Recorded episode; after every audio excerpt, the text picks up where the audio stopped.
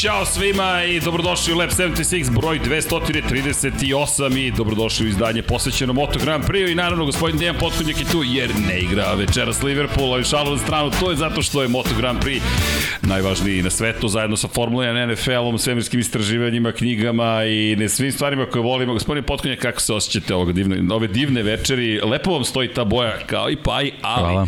ono što moram da primetim Takođe. jeste da vi imate polo majicu, imate specijalno Special izdanje edition, da. koje nije čak ni u prodaj zvanično. Jednog dana nadamo se će biti, i, a morate priznati ta boja još bolja. Ova roza je fina, ali ta nekako, šta je to, losos boja? Ne znam, to je Vanja birao, ne znam, nemam pojma, ali je super. Ali, ali je super boja i naravno tu su nam, dragi dame, Ceca i Maja. Pozdrav za drage devojke koji su ovde, dame, čuvena Kvartararova, Ceco ne zameri, ali Maja ima taj, taj, handle na Twitteru, et Kvartararova, sve sa KV, R, T, R, ova. Ko hoće, neka zaprati damu koja zna mnogo toga o Moto Grand Prix i koja i u 3, 4, 5, 6 ujutru nas koriguje, mog dragog prijatelja Aleksandar Đankić i mene, ili dopunjeva, tako da savršena zajednica, ja mogu samo da kažem da je predivno biti deo zajednice Lab 76 i nadam se da ste dobro, mazite se i pazite se i vodite i vozite računa jedni u drugima, i neku muziku smo dobili, neki fan, neki, neki fan like, nešto, nešto, pri, neko, nešto Vanja priprema, neki Vanja, šta si nam opet spremio negde tamo u pozadnju? Ništa, ma ništa nisam pripremio, ali mi smo mnogo toga pripremili, no pre nego što krenemo, juče sam pričao o tome, ali pričat ću i danas, pošto možda nije ista ekipa, verovatno nije ista ekipa, ljudi, dve stvari, nama mnogo važne. Jedna su, jel te, ljudi uvek su posredi, prva stvar, to je, nisu ni stvar, prva tema, deca. UNICEF za svako dete, UNICEF za svako dete i juče sam to rekao, ponoviću, u prethodnom mesecu smo dosta pričali o UNICEF-u i o tom čuvenom telefonu 9656 porukama 200, 500 na koji način možete da postanete zapravo mesečni donator i nekako uvek sam tu u šaljivom tonu govorio, ne shvatajući da zapravo možda mogu da pošaljem i poruku da to nekako olako shvatam. Ne shvatamo to olako, niko ovde to ne shvata olako, svakako ne, ni Deki, ni ja, ni ostatak ekipe Infinity Lighthouse-a i ne bih da mnogo ozbiljnim stvari, ali ali je mnogo ozbiljna tema. Nažalost, mnogo dece nema priliku da odrasta na način na koji smo mi odrastali, ja mogu da kažem da smo i ovde u grupi Srećkovića koji su imali zaista predivno detinjstvo. Nažalost, nemaju sva deca tu mogućnost i to jeste bila poente saradnje sa UNICEF-om da skrenemo pažnju neke veoma ozbiljne stvari. Konkretno da pokušamo kroz promociju tog telefona 9656 da malo još pomognemo. 200, 500, to je količina dinara zapravo koja se donira tokom jednog meseca, ali postajete mesečni donator. Dakle, konstantno ćete donirati iz meseca u mesec ukoliko kliknete na jel te, te čuvene brojeve i pošaljete poruku na 9656. Šta je pojenta? Poenta je da treba da podignemo svest o tome da nažalost nisu svi u istim mogućnostima. Živimo u brzim vremenima i kada je reč o tome kako da pomognemo, ponekada prosto situacija ne dozvoli baš fizički da sve završimo i onda pribegamo, jel te, čuvenom elektrons, čuvenoj elektronskoj pomoći i ona mnogo znači. Tako da to je bio naš apel, moj apel, koji se nekako preneo na neki gotovo banalan način u nekim trenucima, ali nije banalno i ja stojim pri onome što jeste neki naš stav uvek pozitivno, ali ne zato što je možda situacija pozitivna, već zato što smatram da tim stavom možemo da uradimo stvari, to je da učinimo svet lepšim. Pa eto, to je neka poruka koja mi je važno da prenesem ove nedelje, pošto sam negde sebe uhotio, rekao, čekaj srđane, mnogo si se šalio u nekim trenucima i samo me strah da ne dođemo do toga da banalizujem neke stvari, naprotiv. Tako da, za svako dete, UNICEF ekipa je sa nama, mi smo sa njima, 9656, ko može, 200, 500 i postajete mesečni donator, uvek možete da zaustavite donacije, ali poenta jeste da je to stalna neka podrška koju pružamo i pričali smo o tome, mi već godinama. Zahvaljujući aktivistkinjama koje su me presrelo knjez Mihajlovu šaljemo zapravo SMS-ove automatski i to tako stoji. Ali ima još jedna bitna tema, zašto je gospodin Dejan Potkonjak u bojama u kojem jeste, a ja zato što ovo mesec podizanje svesti o borbi protiv raka dojke i dozvolite mi da odvojim vreme malo da podsjetim, svakog oktobra to radimo, tako će biti i ovoga, cijel mesec ćemo provesti u roze bojama. Dve stvari, to je prva i osnovna stvar, proverite se. Devojke, momci, podržite svoje devojke, podržite svoje prijateljice, podržite svoje lepše polovine, majke, sestre i tako dalje, čerke, koga god. Devojke, podržite s jedne druge takođe i naravno budite jedni uz druge. Zašto? Rana detekcija može da pomogne u potencijalnom izlečenju. Ne garantuje izlečenje, ali može može zaista da učini stvari mnogo boljim i to jeste svrha ružičastog oktobra. Tako da, da, mi pričamo pre svega o Moto Grand Prix, ali ovo je zajednica, ovo je ekipa i ovo su neke vrednosti, neke bitne stvari za kojih mi stojimo i onda želimo da iskoristimo priliku prosto da podsjetimo da je oktobar taj mesec kada više pričamo o tome, negde nas su nas inspirisali drugi sportisti, NFL svakako kao organizacija koja svakoga oktobra zaista se posveti tome da podigne svest i evo, mislim da su uspeli u tome, nas su negde naveli, ej, pa možda i mi treba da pričamo o tome, ajmo da pričamo, ali ne samo da pričamo, devojke, proverite se bez obzira na godište, ima šta sve treba da se uradi u zavisnosti od decenije života u kojoj se nalazite, dakle, od samo kontrole preko ultrazvuka, mamografa, skenera, nisam siguran za magnetnu rezonancu, da li koliko ona može da pomogne, ali saznajte, otkrite i raspitajte se, a momci vi ih podržite, ne samo momci, svi podržite jedni drugi i da nam bude lepša planeta, da nam duže budete svi zajedno zdravi tu. Eto, to je poruka.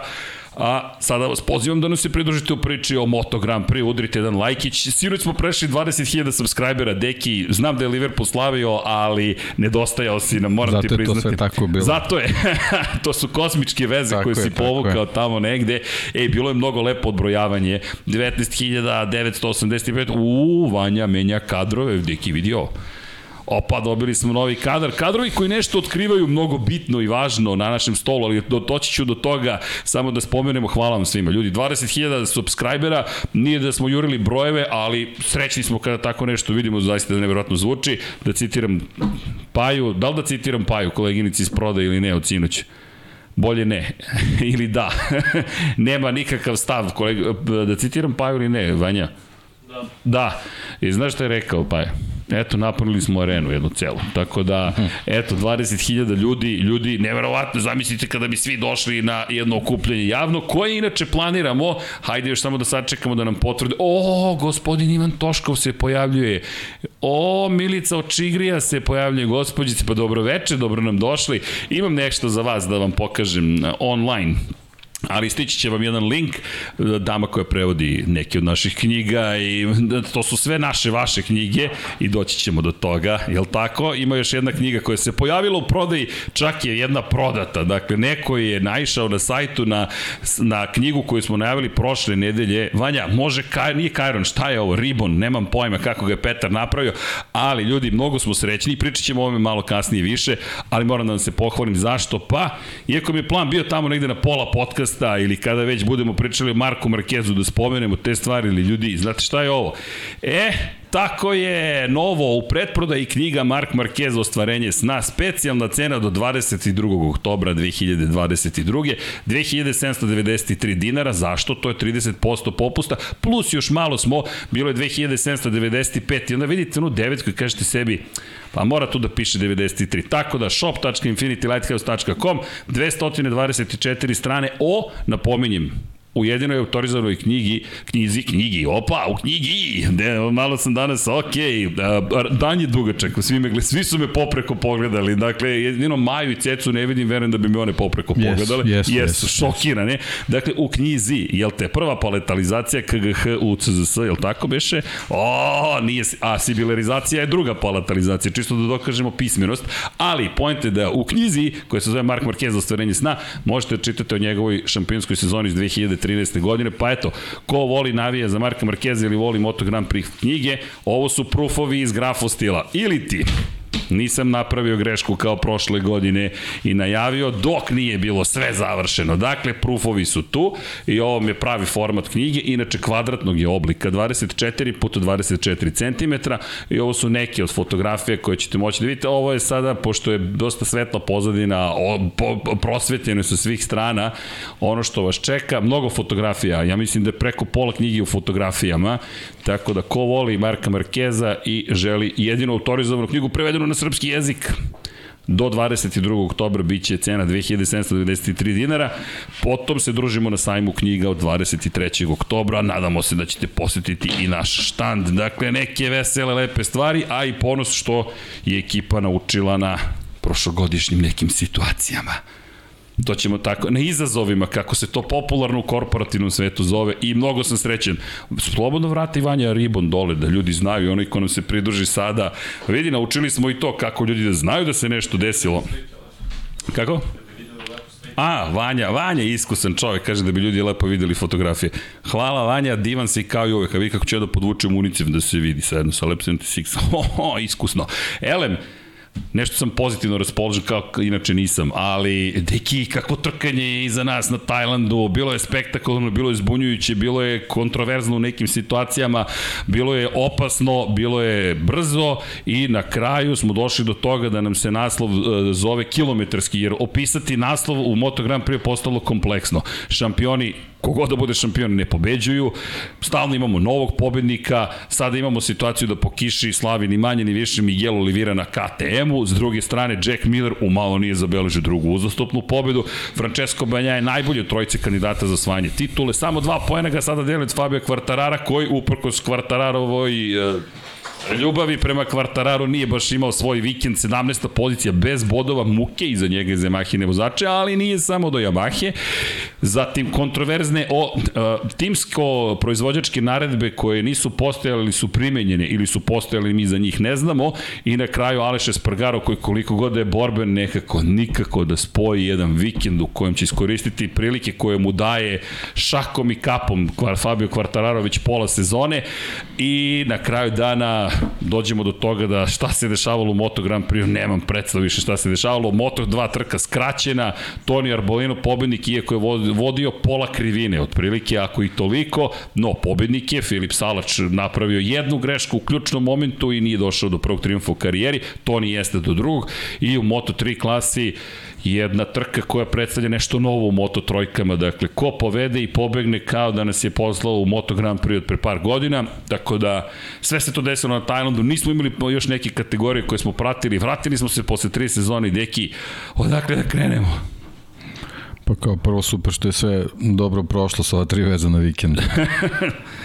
da, i to zaboravljam, tri vikenda za redom. To je bilo onako baš, baš žestok tempo, posebno što nije bio nije bio vezan nisu bilo vezana, vezane tri trke na, na istom kontinentu, što onako baš predstavljalo ozbiljan izazov za, za ekipe i vozače, tako da ovo, eto, dobili smo onako tri jako zanimljive trke, to mi onako nekako sumarum svega, naravno zanimljivost je došla i zbog vremenskih neprilika i zbog te čitave priče sa šampionatima, tako da generalno bilo onako zanimljivo i interesantno kako si ti to lepo sumirao, e, doktorski, lagano i sasvim polako, ali da kre, hoćemo da krenemo od rezultata.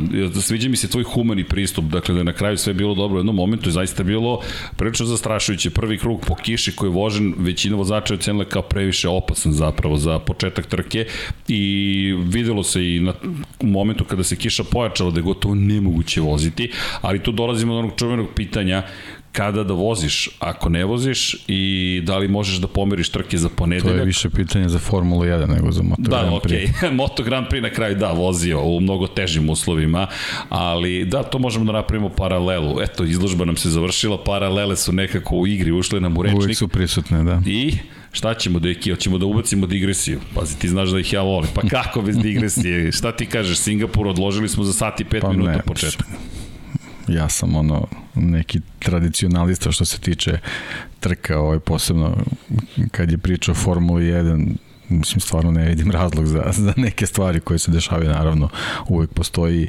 briga za bezbednost, ali mislim da stvarno ovoga puta ne, ne, neobjašnjivo mi je šta se, šta se dešavalo.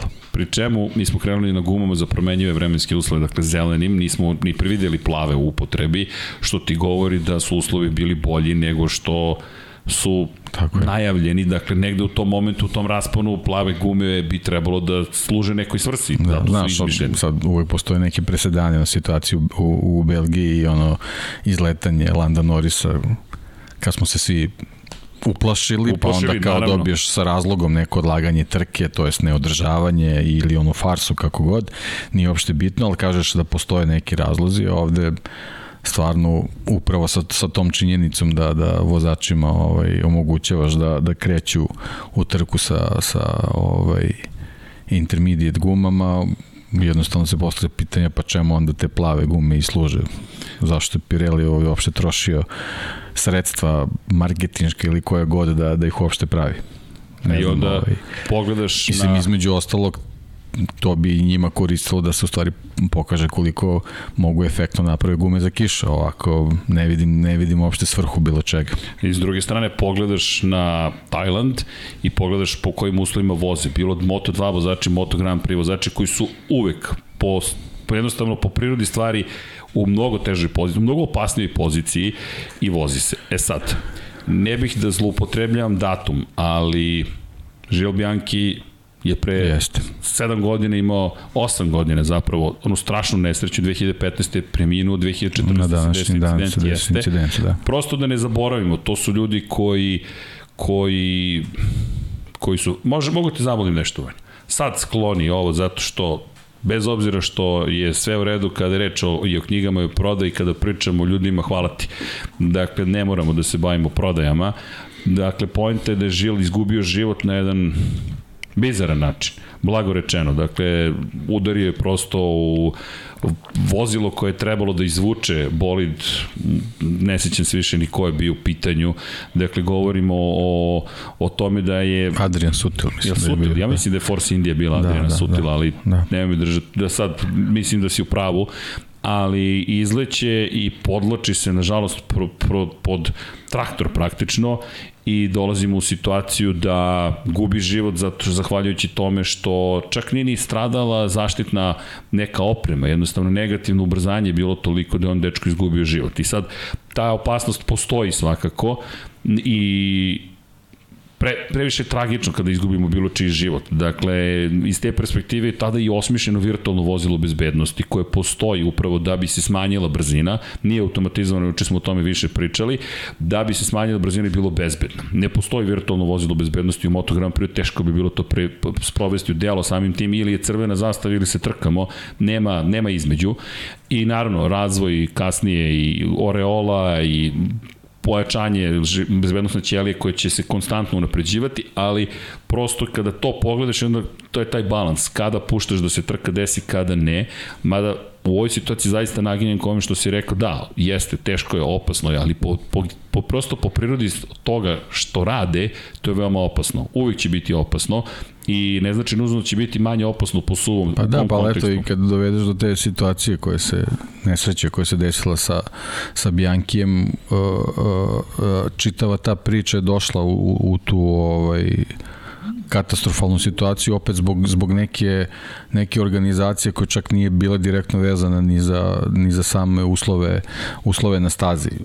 Uvek će, uvek će kiša donositi situaciju da da je teško uporadati bolidom i da ti bolidi mogu da, da, da izlete sa staze, ali generalno povećanje stepena bezbednosti dovodi do toga da, da neko na tim na, na, na, na samom početku trke sad mnogo jednostavnije može da pusti trku da se, da se dešava, pa da se onda tokom trke u stvari procenjuje da li ona može da se nastavi ili ne, kao što je u, u prošlosti bilo. Ranije nije, nije postojala mogućnost da, da, da neko pomisli da trka ne startuje na vreme. Znači trka kreće, kreće i onda se procenjuje da li, da li postoje uslovi da se ona nastavi ili ne, a ovde sad već imamo situaciju da neko gleda u neke prognoze ili ne znam u šta i procenjuje da li trka treba krene ili ne, a onda im ne stavi kišne gume na, na bolide. Tako da ovaj, to su onako sve, sve neke krajnosti koje nekako u poslednje vreme postale moda da, da se često donose pogrešne odluke. Ne, ne znam zašto se to radi, a opet eto, imamo tu, tu situaciju s Moto Grand Prix bez obzira kakva je situacija u mnogo, mnogo ovaj, nebezbednijem šampionatu trke se voze. I to ne da se voze, nego se voze za titulu šampiona sveta. Tako je. Mi ovde pričamo o tome da ova trka može da presudi po osvajača titulu. Ako, ako opet povlačimo one paralele, što se ja Naravno. često ovaj, dotičem toga, ako, su, ako je Moto Grand Prix sada na nekom nivou Formule 90-ih, to je, to je sad pokazala ova trka u Buriram. Da, ali ti bukvalno, da. da. bukvalno, sad si mi ukro šlagvord za, za celu emisiju zapravo. Htio sam da ponavljam svakih 6 minuta šta vam je doktor, doktor Potkonjak rekao pre dve godine, šta je meni rekao svima nama koji volimo i pratimo Lab 76. Dakle, i ja ga pratim, verujte, ja slušam šta govore moji sagovornici, ja učim svakoga dana i Deki koji je pre dve godine rekao ovo je, ovo su 90. u Formuli 1 i ti tačno vidiš upravo to da ćeš mi šlagvort pre vremena o timskim naredbama pošto ću ja da pošizim i ne zamerite, ako sam malo emotivniji po pitanju timskih naredbi, neko me pitao kako ti ne smeta u Formuli 1, a smeta ti u Moto Grand Prix.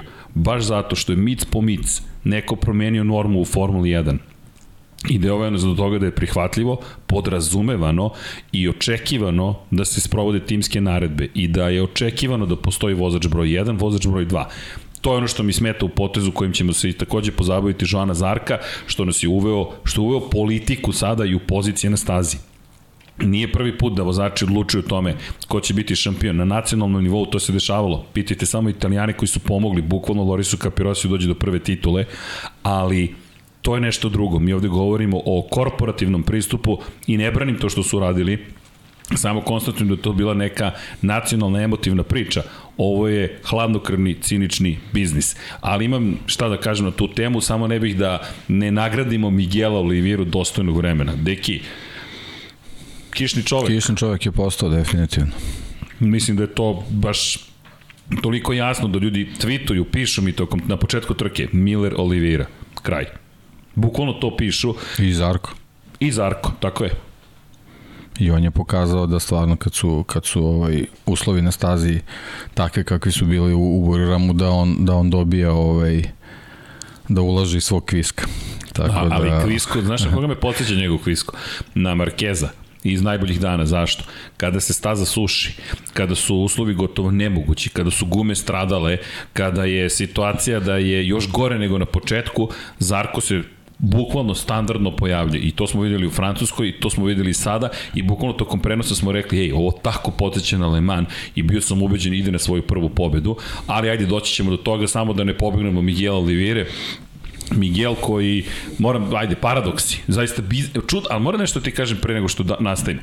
Utisak trke mi je opet čudan.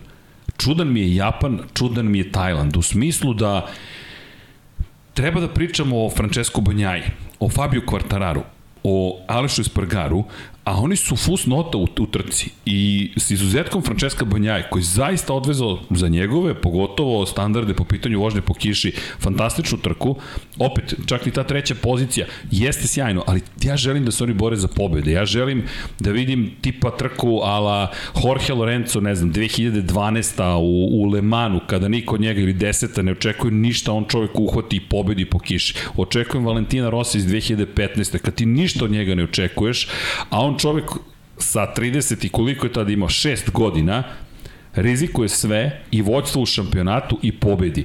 Očekujem Marka Markeza iz Brna da promeni u prvom krugu motocikl i ostavi ljude toliko daleko iza sebe da mi ni nemamo trku, ali očekujem šampiona. A nikako to da dobijemo. U Japanu ih nema, sada ih nema i potpuno mi je potpuno, konfuzija mi u glavi. Ima osjećaj kao da nije to, kao da je trening, a ne trk. Samo utisak želim da podelim jer nekako mi djeluje šta se događa ljudi, zašto u glavnom kadru nisu ovi momci koji se bore za nešto što je najveće dostignuće u karijeri jednog vozača, titula šampiona sveta Moto Grand Prix klase. Gde su? Bukvalno gde su? I kako mogu, mogu dva, dvojica od njih da dozvole da čovjek koji je tek operisan i jedva oporavljen bude ispred njih. Bez obzira na uslove, pričat ćemo i o Michelinu i toj francuskoj vezi koja ne postoji, to jest jeste Francus Fabio Quartararo, Quartararo ali mu ne pomaže Michelin, to jest navodno, ali to je moj prvi utisak. Znaš, ne mogu da se nikako otrgnem tom utisku da sve super, ok, super, imamo neizvesnu borbu za titulu šampiona sveta, ali šta pišemo u najavi za Australiju? Pobedit će Jack Miller, drugi će biti Joan Zarko, treći će možda biti neko od vodeće trojice u šampionatu, pa ćemo vidjeti kako će se složiti kockice i ko će sabrati na kraju najviše poena. Možda tražim previše, ne pa, znam. Znaš kako, generalno ovaj utisak sa trke se svodi na, na taj neki utisak koji imamo u poslednjih nekoliko sezona, a to je da imamo Moto Grand Prix sa velikim brojem jako izjedančenih vozača po, po svojim kvalitetima vožnje. Uh, nemamo, nemamo trke, ono, bukvalno, eto, još od pre korone da, da tu postoji neki vozač koji se ovaj, izdvaja, poslednji koji je, koji je to radio je bio Mark Marquez sa njegovom povredom smo izgubili to, Valentino Rossi je već bio vozač koji polako krenuo sa nekim drugim, drugim interesovanjima i same, same performanse motocikla nisu dozvoljavale da, da on bude na nekom nivou kao i ranije, a sa samim rastom ove generacije motocikala koji sad imamo, dobili smo jednostavno grupu vozača koja koja se e, e, koja se kako bih to rekao uklapa uklapa u taj profil modernog Moto Grand Prix-a gde jednostavno zbog pre svega velikog broja trka je jako teško očekivati da neko u, u standardno visokom ritmu vozi čita šampionat.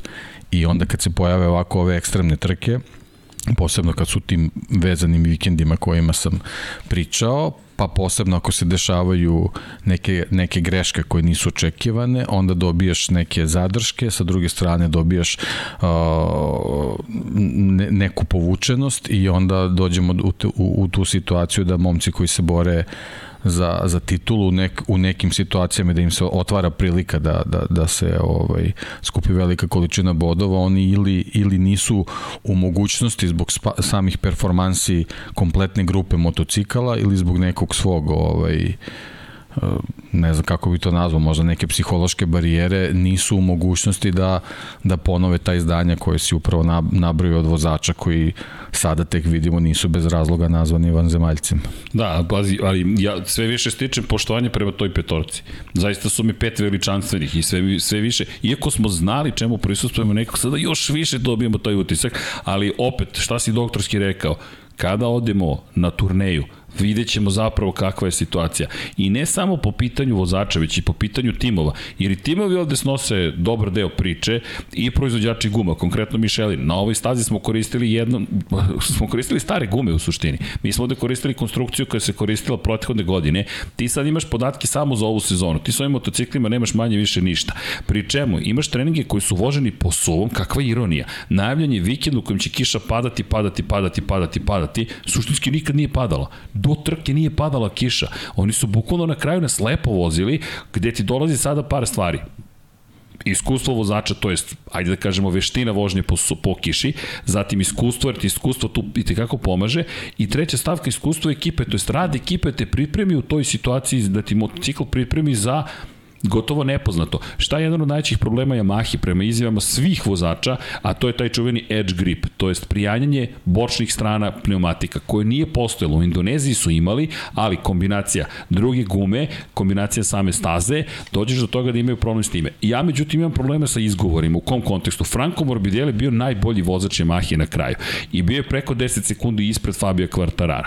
Ja se, meni je zaista žao, ali ako Fabio Quartarara hvalim zato što je na istom motociklu jedan jedini u vodećih 10, onda takođe ću da ga kudim kada nije najbolja Yamaha.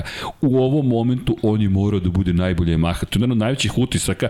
Paja je čak gledao trku koji, koji ne prati toliko Moto Grand Prix, dolazi i kaže, ok, utisak broj 1, bez obzira na timske naredbe, rekao mi je, razumem tvoj gnev, ali meni najveći utisak Fabio Quartararo. I jeste jedan od najvećih utisaka odsustvo čoveka koji cele godine, to jest ne, prvu polovinu sezone rešavao u svoju korist. I mi sad imamo čoveka koji je u ozbiljnoj situaciji, toliko ozbiljnoj, da je odbio da da intervju po završetku trke. To nisam video, ne pamtim deki. Fabio Quartararo se nije po, pojavio, Massimo Meregali je morao da izađe da predstavlja Yamahu. Za mene je to još veća stvar nego šta se desilo u trci. To znači da nije uopšte sitnica u pitanju. Kada Fabio Quartararo, koji se uvek suočavao sa svim problemima, direktno, head on, što kažu amerikanci, ideš u sukob sa, sa strahom, problemom, njega nema. I to, a ti si vodeći u šampionatu sveta. Što je, to je, to je nemoguće. Da, ja sam, ja sam kao jedan od njegovih najvećih kvaliteta navodio upravo to. Da je spreman uvek da se suoči sa, sa ovaj, nepredviđenim situacijama koje su onako debelo na, na njegovu štetu, a ova, ova situacija i ova trka za koju, ne znam, mislim, oni koji, koji mnogo bolje ovaj, prate Fabija Kvartara će se možda složiti, možda neće. Ja, ja Neće sigurno. ne sećam se da, da je vozio ovako lošu trku, da ne kažem Jest. da je možda njegova najgore trka u Moto Grand Prix o, ja od kada... Od kada... Apsolutno u kontraritmu sve vreme. A ovraćamo se na Japan. Upotrebio si tu istu reči za Japan. Kontraritam. Mi imamo da. kontru neprekidno. Mi imamo situaciju u kojoj ti treba da radiš nešto sasvim drugo ovome što radiš. I za mene najveći problem je bilo to odsustvo po završetku trke. Poređenje radi. Par stvari. Valentino Rossi, Ne, nije se pojavio na dodeli Pehara 2015. ali dao svoju izjavu za medije kada se završila trka u Valenciji 2015. kada je izgubio šansu da postane 90-ostruki šampion sveta. Jedan od najvećih udaraca u njegovoj karijeri, daleko veći od ovoga, on se pojavio, dao izjavu i to je to profesionalizam na, na neverovatnom nivou. Lewis Hamilton prošle godine u Abu Dhabiju, ne ulazim uopšte u tu priču, nego samo hoću da kažem čovek je podneo poraz tako što je prišao Maxu Verstappenu, njegovom ocu, čestitao, izašao na pobedničko postolje, dao intervju pos, posle trke i potom se negde izgubio u momentu kada je izgubio šansu da postane osmostruki šampion Formule 1 i najuspešniji svih vremena po tom pitanju. Ti si izgubio jednu trku i još ima četiri do kraja, zapravo sada tri, oprostite, tri do kraja. Ti moraš da se pojaviš kakav god da je problem, ne možeš sada da dozvoliš, pogotovo što ti sad pokazuješ i slabost tvojim rivalima. I meni je to, ne kažem za smet, smeta mi svakako, ali ne osuđujem ga, samo sam, samo ističem da je tu mnogo veći problem i mislim da je pokazao Iskreno, mnogo ja sam, ja sam mislio posle, posle one ovaj, neverovatne situacije u Aragonu sa, sa Marko Markezom, mislim da sam to i u podcastu ovaj, rekao, da, da stvarno očekujem da, da, taj, da taj trenutak i taj, taj nesrećan pad i, i, i povreda na, na, na kraju krajeva, da će u stvari samo da bude ovaj, za njega još veća inekcija da, da, da, da, da se da se u nastavku to, to, Bude to, tog vezan, tih vezan, te vezane te tri trke da, da upravo pokaže da je, da je šampion u stvari da, da tu pronađe motivaciju da, da izvuče ovaj, trku u Japanu i, i, i ovaj, Uh, i na Buriramu uh, s tim što više ni te kišne trke nisu ne bi trebalo da predstavljaju prepreke za njega zbog zbog Indonezije gde, gde, gde se čak sa, sa, sa Oliveirom borio, borio za pobedu. Međutim, sve, sve je apsolutno ovaj, krenulo na, na, na, na kontrastranu i prosto je neverovatno da, da svake godine taj Aragon i, i, i te neke nepredviđene situacije koje se dese na toj stazi njega toliko poremete da, da ima veliki problem da, da, da se vrati u svoj ritam u, u, u nastavku sezone, to jest u finišu sezone. Ja, vidiš, sezone je tu. Mi ne, pa više ne postoji to, da, finiš, ja ne znam šta je finiš sezone ako nije ovo. Sad praktično krećemo od nule, ovo je početak sezone u stvari. Pa, da, ovo je zapravo lepo rečeno, početak sezone. I ti imaš tri sprint trke, ti imaš sprint šampionat. Imaš tri trke, dokaži i pokaži šta možeš da učiniš. Pri čemu, život mu je sve teži i teži. Jer sada dolazimo i do toga nekako beži mi Olivira, ali ljudi, ajmo, ajmo da ispuštujemo Miguel Oliviru. Ponovit ću manje više što je Deki rekao, nema tu mnogo što se priča. Ovo su trke Miguel Oliveira. Ako pogledamo, svaki put kada mu se ukaže ovakva prilika, Miguel dođe do izražaja i evo, tempo kroz trku koji ima Miguel Oliveira. Hvala Dragoju Stanišiću, hvala svima vama za svu pomoć koju nam pružate, hvala za podršku. Dakle, Miguel koji je oborio tempo sve do osmoga kruga vrlo ozbiljno, potom blaga stajka, da tako kažemo, i potom opet tamo do 17. kruga vremena koja su za one uslove zaista impresivno. 39-6, 39-8, 39-8, 39-8, opet tri kruga, sve više imam, imam utisak da moraš da održiš tri uzastopna kruga u kojima si savršen i da to ili lomi konkurenciju ili nastavite dalje pa zajedno. ili lomi konkurenciju ili lomi njihove gume.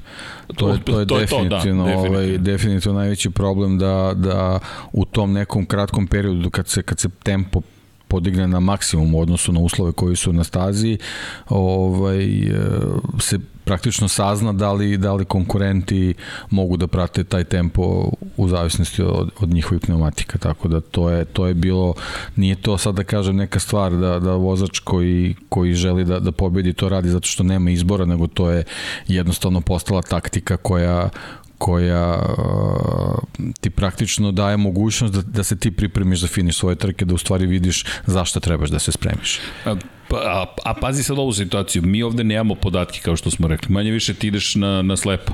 Ti ideš na osjećaj i mene, mene u ovih trci A dobro, da, ali generalno to... podaci su mnogo važniji kad su idealni uslovi na stazi zato što onda dobiješ maksimalne Upravo performanse, to. a ovde više do izražaja, izražaja dolazi taj neki osjećaj vozača, ne, ne, ne toliko nužno njihova veština vožnje, koliko, koliko osjećaj za, za, za uslove i, i za to prijanjenje, za taj famozni pritisak u prednjoj gumi i tako dalje. Jest, tako dalje. čak i po kišnim uslovima igra veliku ulogu, ali ono što je fascinantno u celoj priči, Miguel Oliveira je 11. bio na početku trke.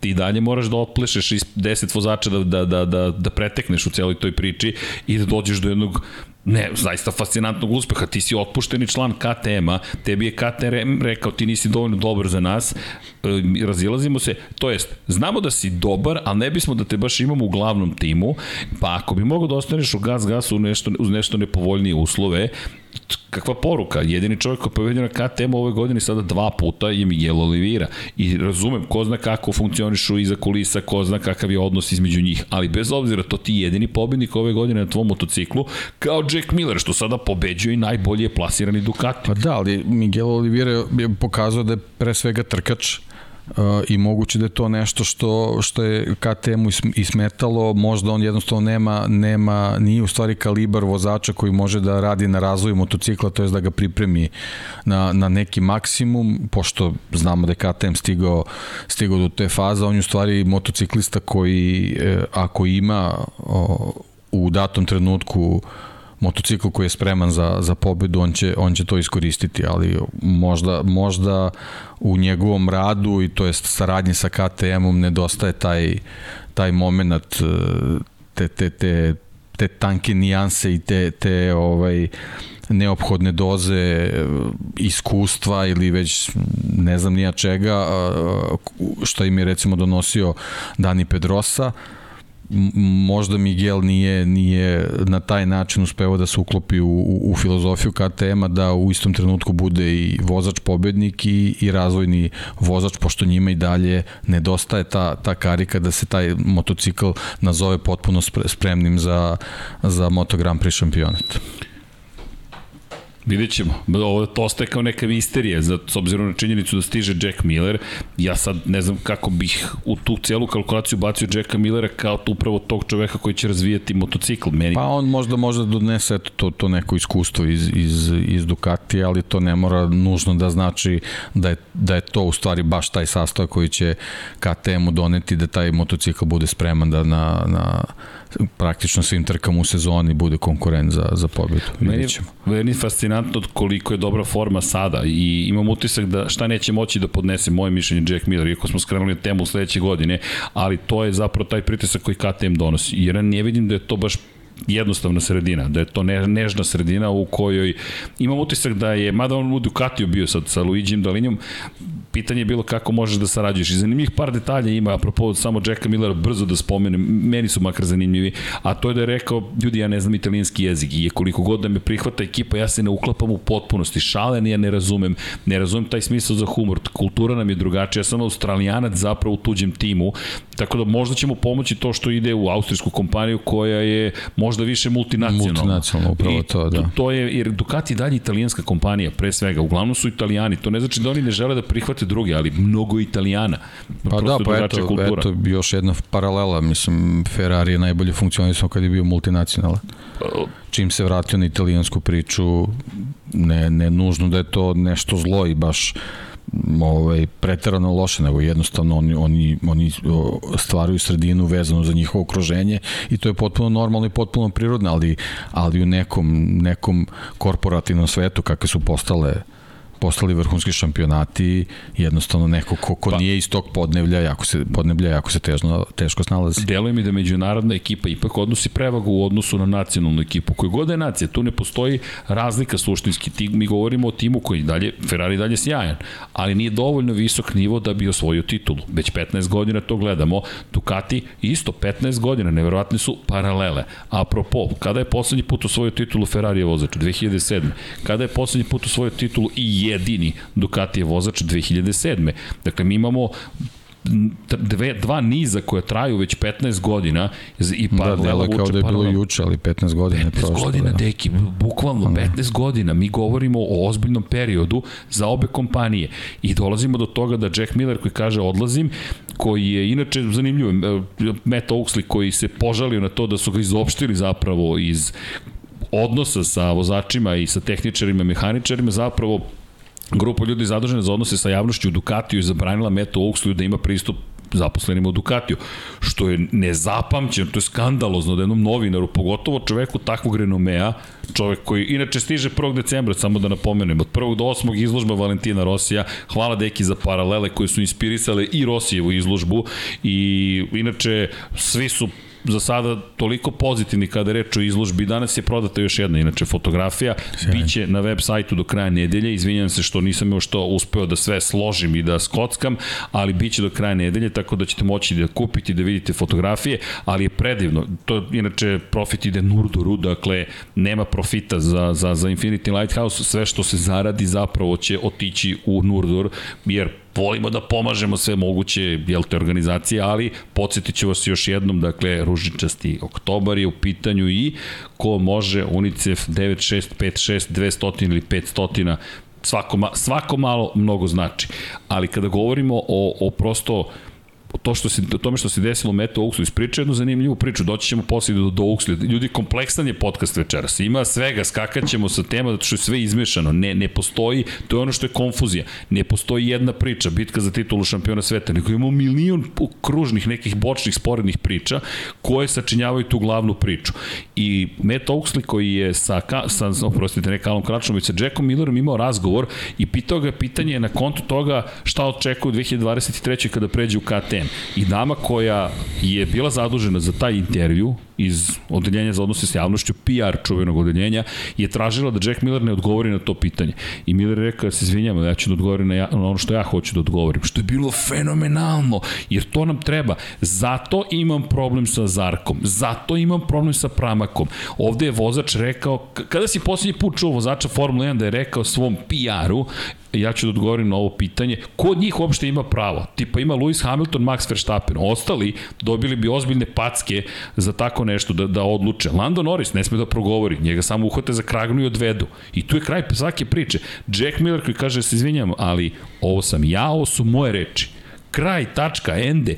I meni se to mnogo dopalo. Ali šta govori? Govori o tome da, da Ducati pokušava da opere svoj imidž.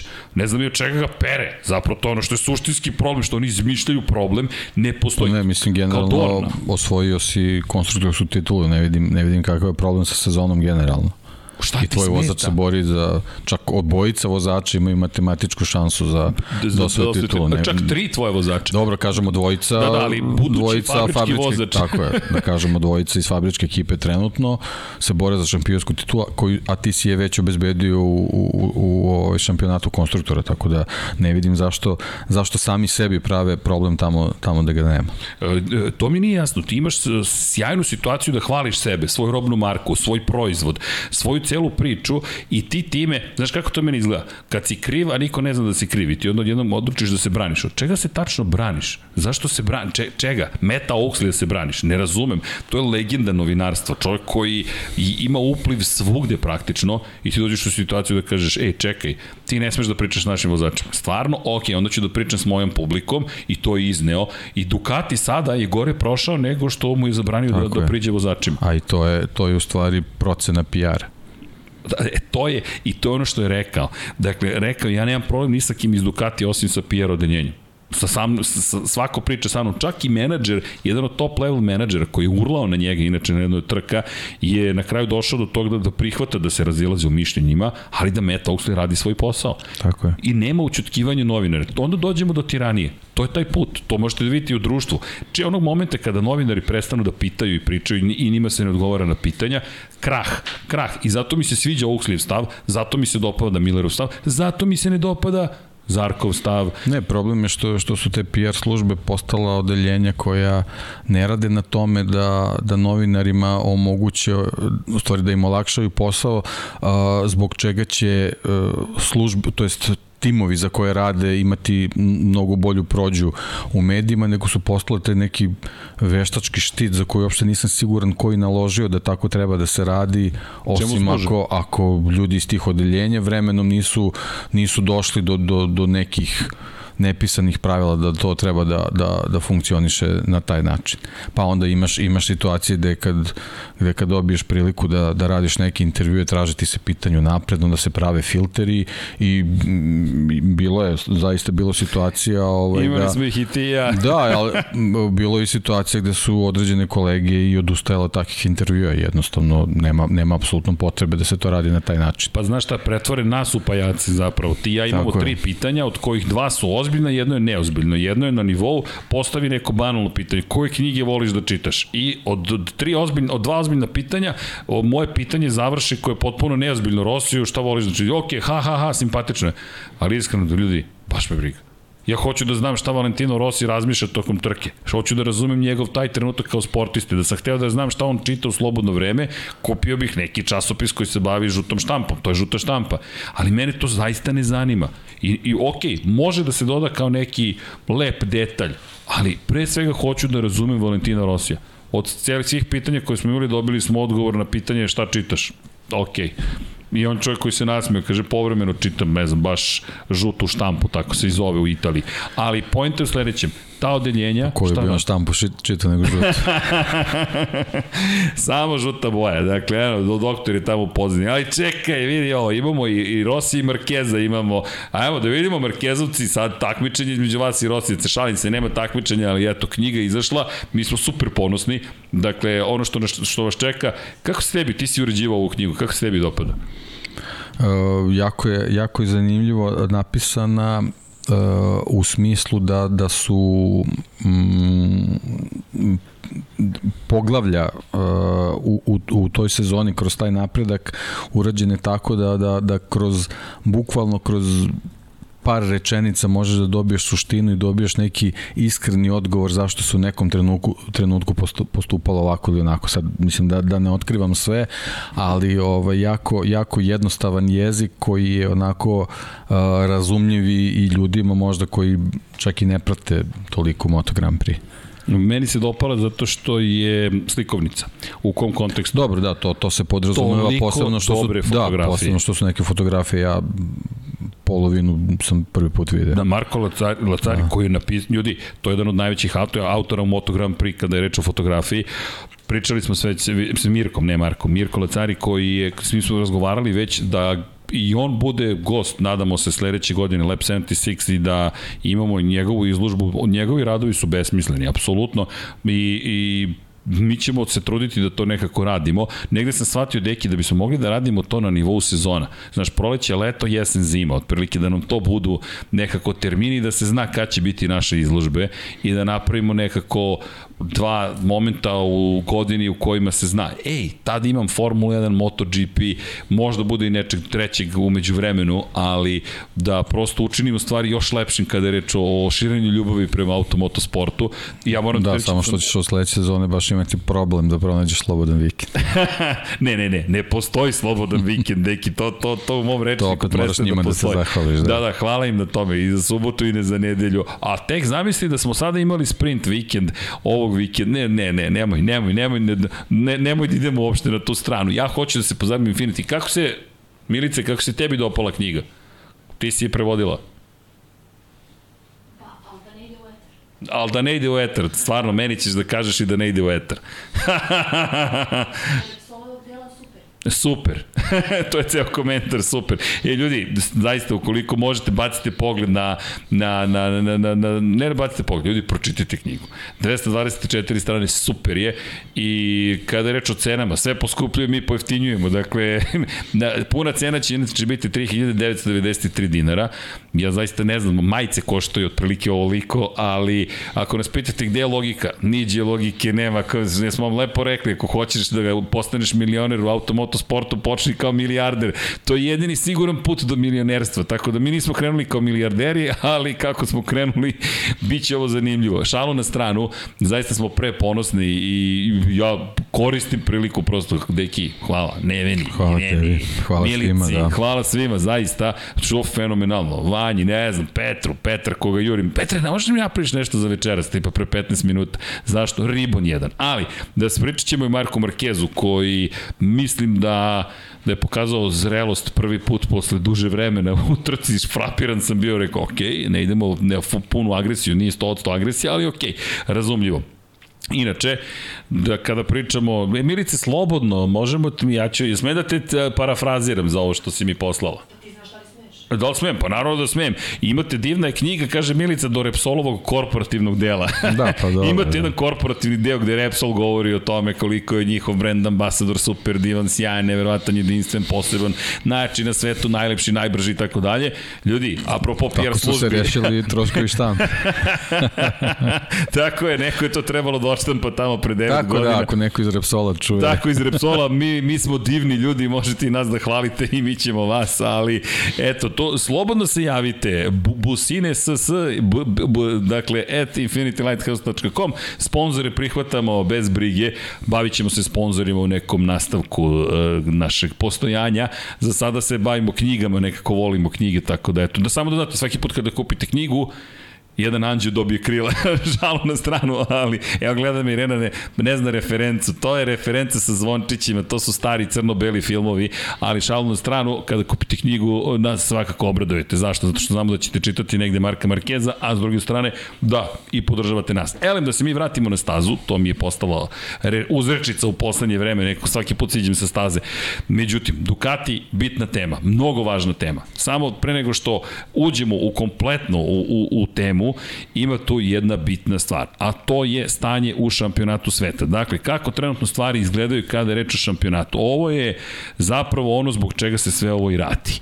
Dakle, poredak u generalnom plasmanu je ono o čemu mi treba zapravo da pričamo i to je ono što mene zbunjuje kada je reč o svim ovim trkama, što cela trka se odvija i suviše bitno ono što radi Olivira, Miller i bilo ko drugi, a ti moraš van kadra da pričaš o tome šta se dešava sa vodećima u šampionatu. Oni nisu sastavni deo kadra, naproti ti pokušaš da ih negde nađeš. Hvala Vanja. 219 poena za Fabio Kvartarara, 217 za Peka Banjaju, važan skok crvene linije, zelena je nekako uh, počela da stagnira, Aleš Espargaro na 199 poena, to je ta bitka. I da, ima tu još vozača. Dakle, ono što je Reki rekao, Enea Bastianini zaostaje 39 poena. Ljudi, tri trke pre kraja, 39 poena u ovakvom šampionatu uopšte nije tako mnogo. Enea je imao jednu od loših trka, loših suštinski, šesta pozicija, da je bio sada u borbi za plasmano pobjedičko postoje.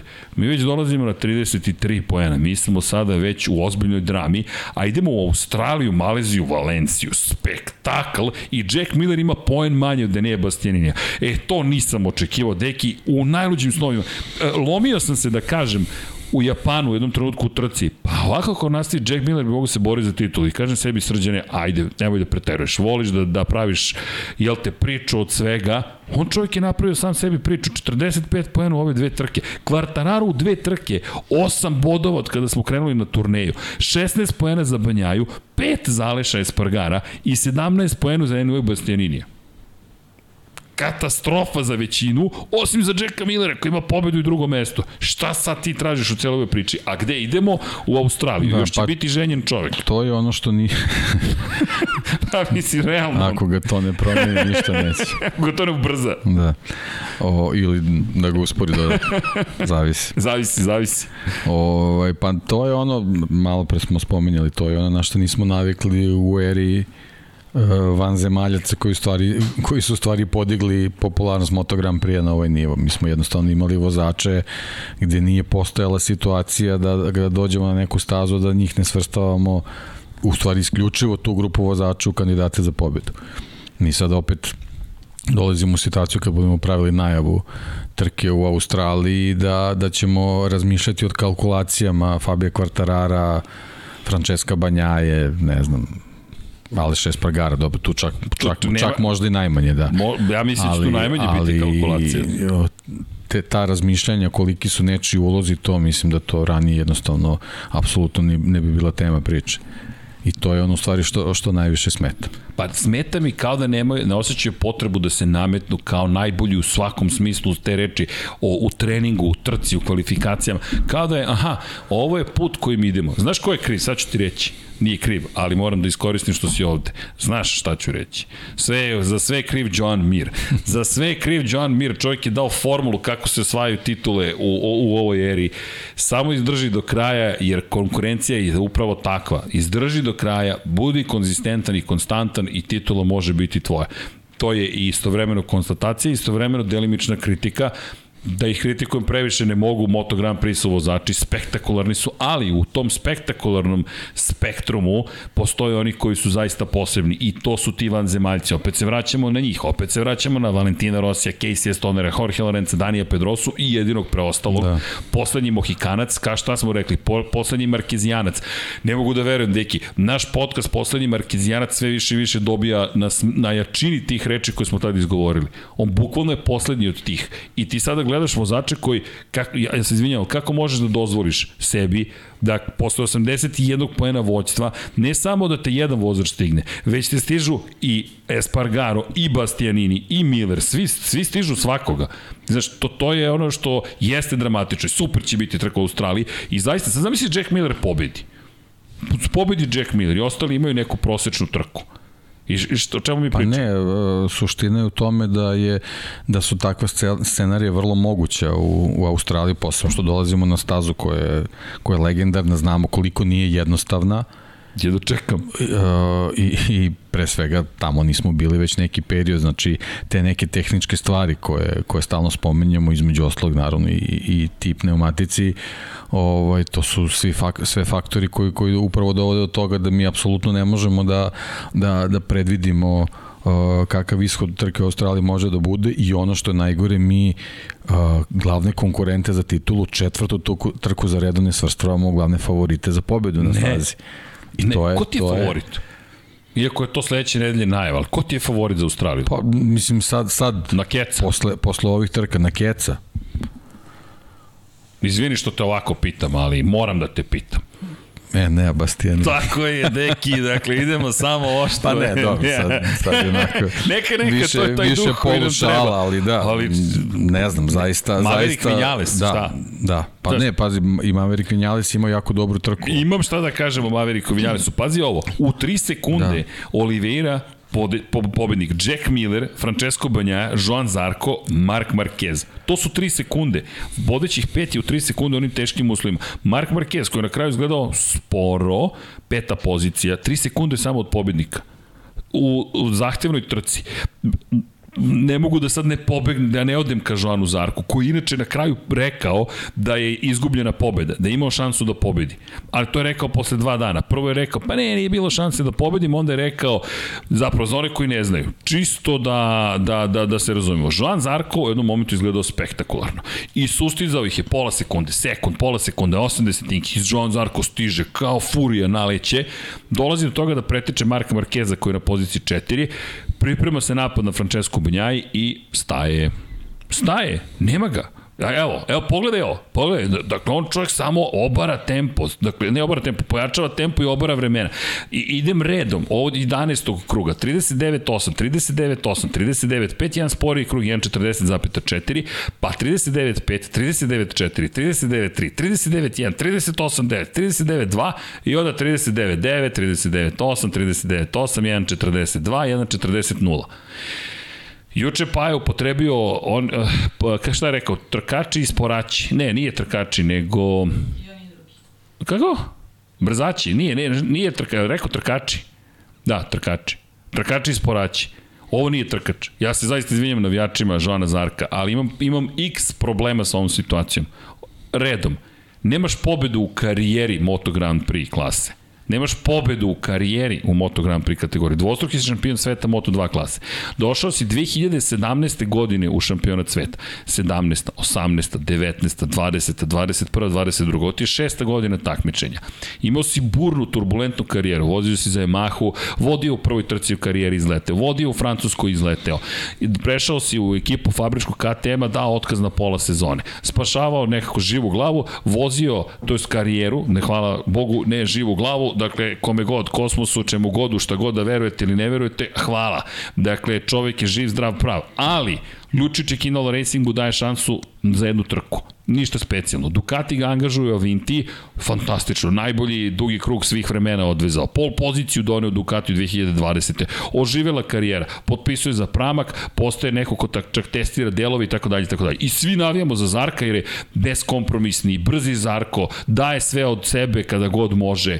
Ukoliko se ukaže prilika napašće, borio se s Rosijem, s Markezom, ukrštao, jel te, oružje s kim god je stigao, dođe prilika da osvoji da zabeleži prvu pobedu u karijeri, on kaže, pa, to je ipak banjaje da ga ja ne napadnem. I sad, gde imam problem? Ok, imaš pravo, to je tvoje pravo, možda radiš šta god hoćeš. Ali to je bila suština Moto Grand Prix-a. Trkamo se. Trkamo se za pobede. Ti je nemaš. Još jedan problem imam. Zamisli da sam ja sponsor Pramak Ducatija.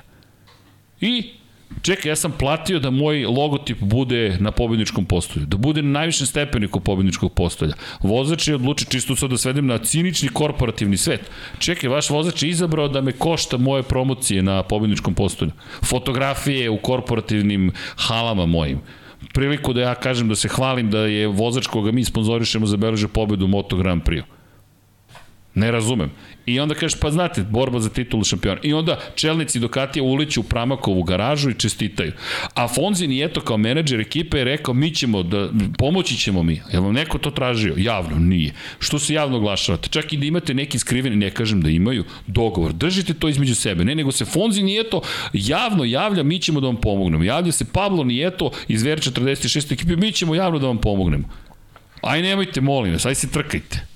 Aj pustite borbu za titulu onima koji se bore za titulu šampiona.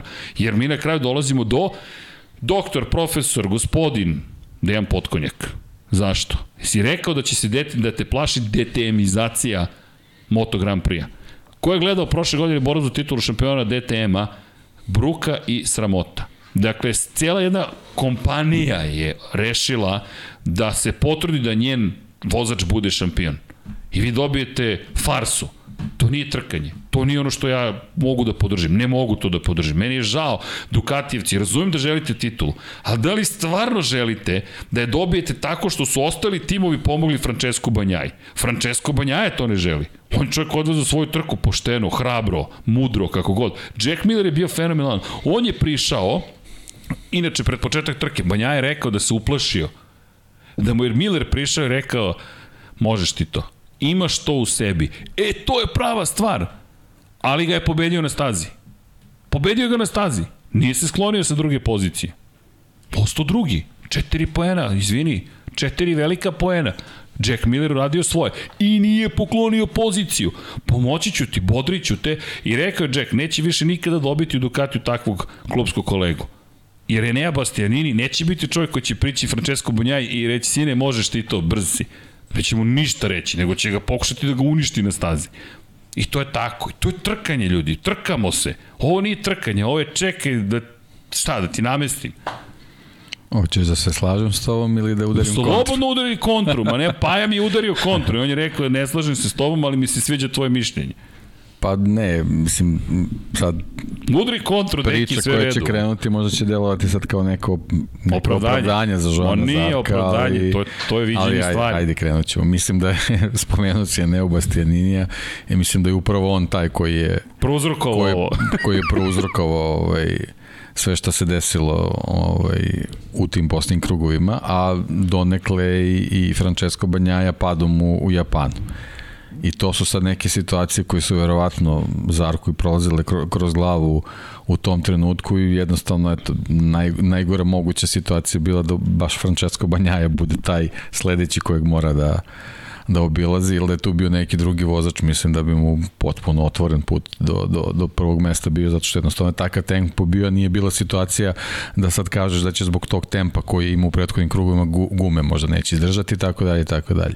Ali generalno, ako Enea Bastianini ne radi to što je, što je radio Joan Zarko, to je upravo zbog te situacije, on je već potpisao svoje mesto u fabričkoj ekipi Ducatija i jedina poruka koju ne, ne treba da šalja, to smo već pričali, je da je spreman da, na ustupke.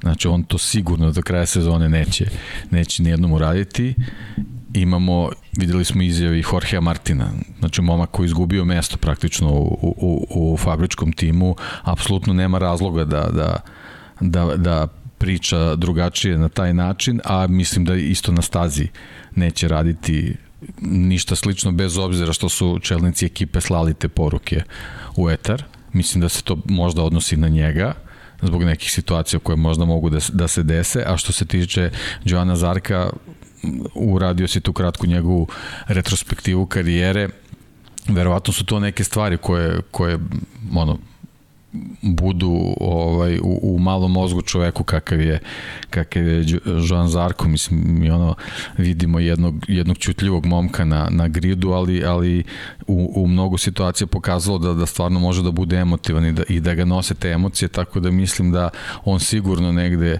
u glavi ima tu informaciju da je Ducati ekipa koja njega koja mu je praktično spasila Moto Grand Prix karijeru. Jel da nije bilo Ducatija teško da bismo posle, posle te epizode sa, sa Moto Grand Prix, sa, sa KTM-om uh, viđali Joana Zarka ovaj, u, u, u Moto Grand Prix-u, a onda je dodatna ta pozicija vozača koji razvija delove KTM-a ga praktično čine mnogo više timskim igračem nego što je nego što su to u ovom trenutku je Nea Bastianini recimo ili ili na primer Jorge Martin.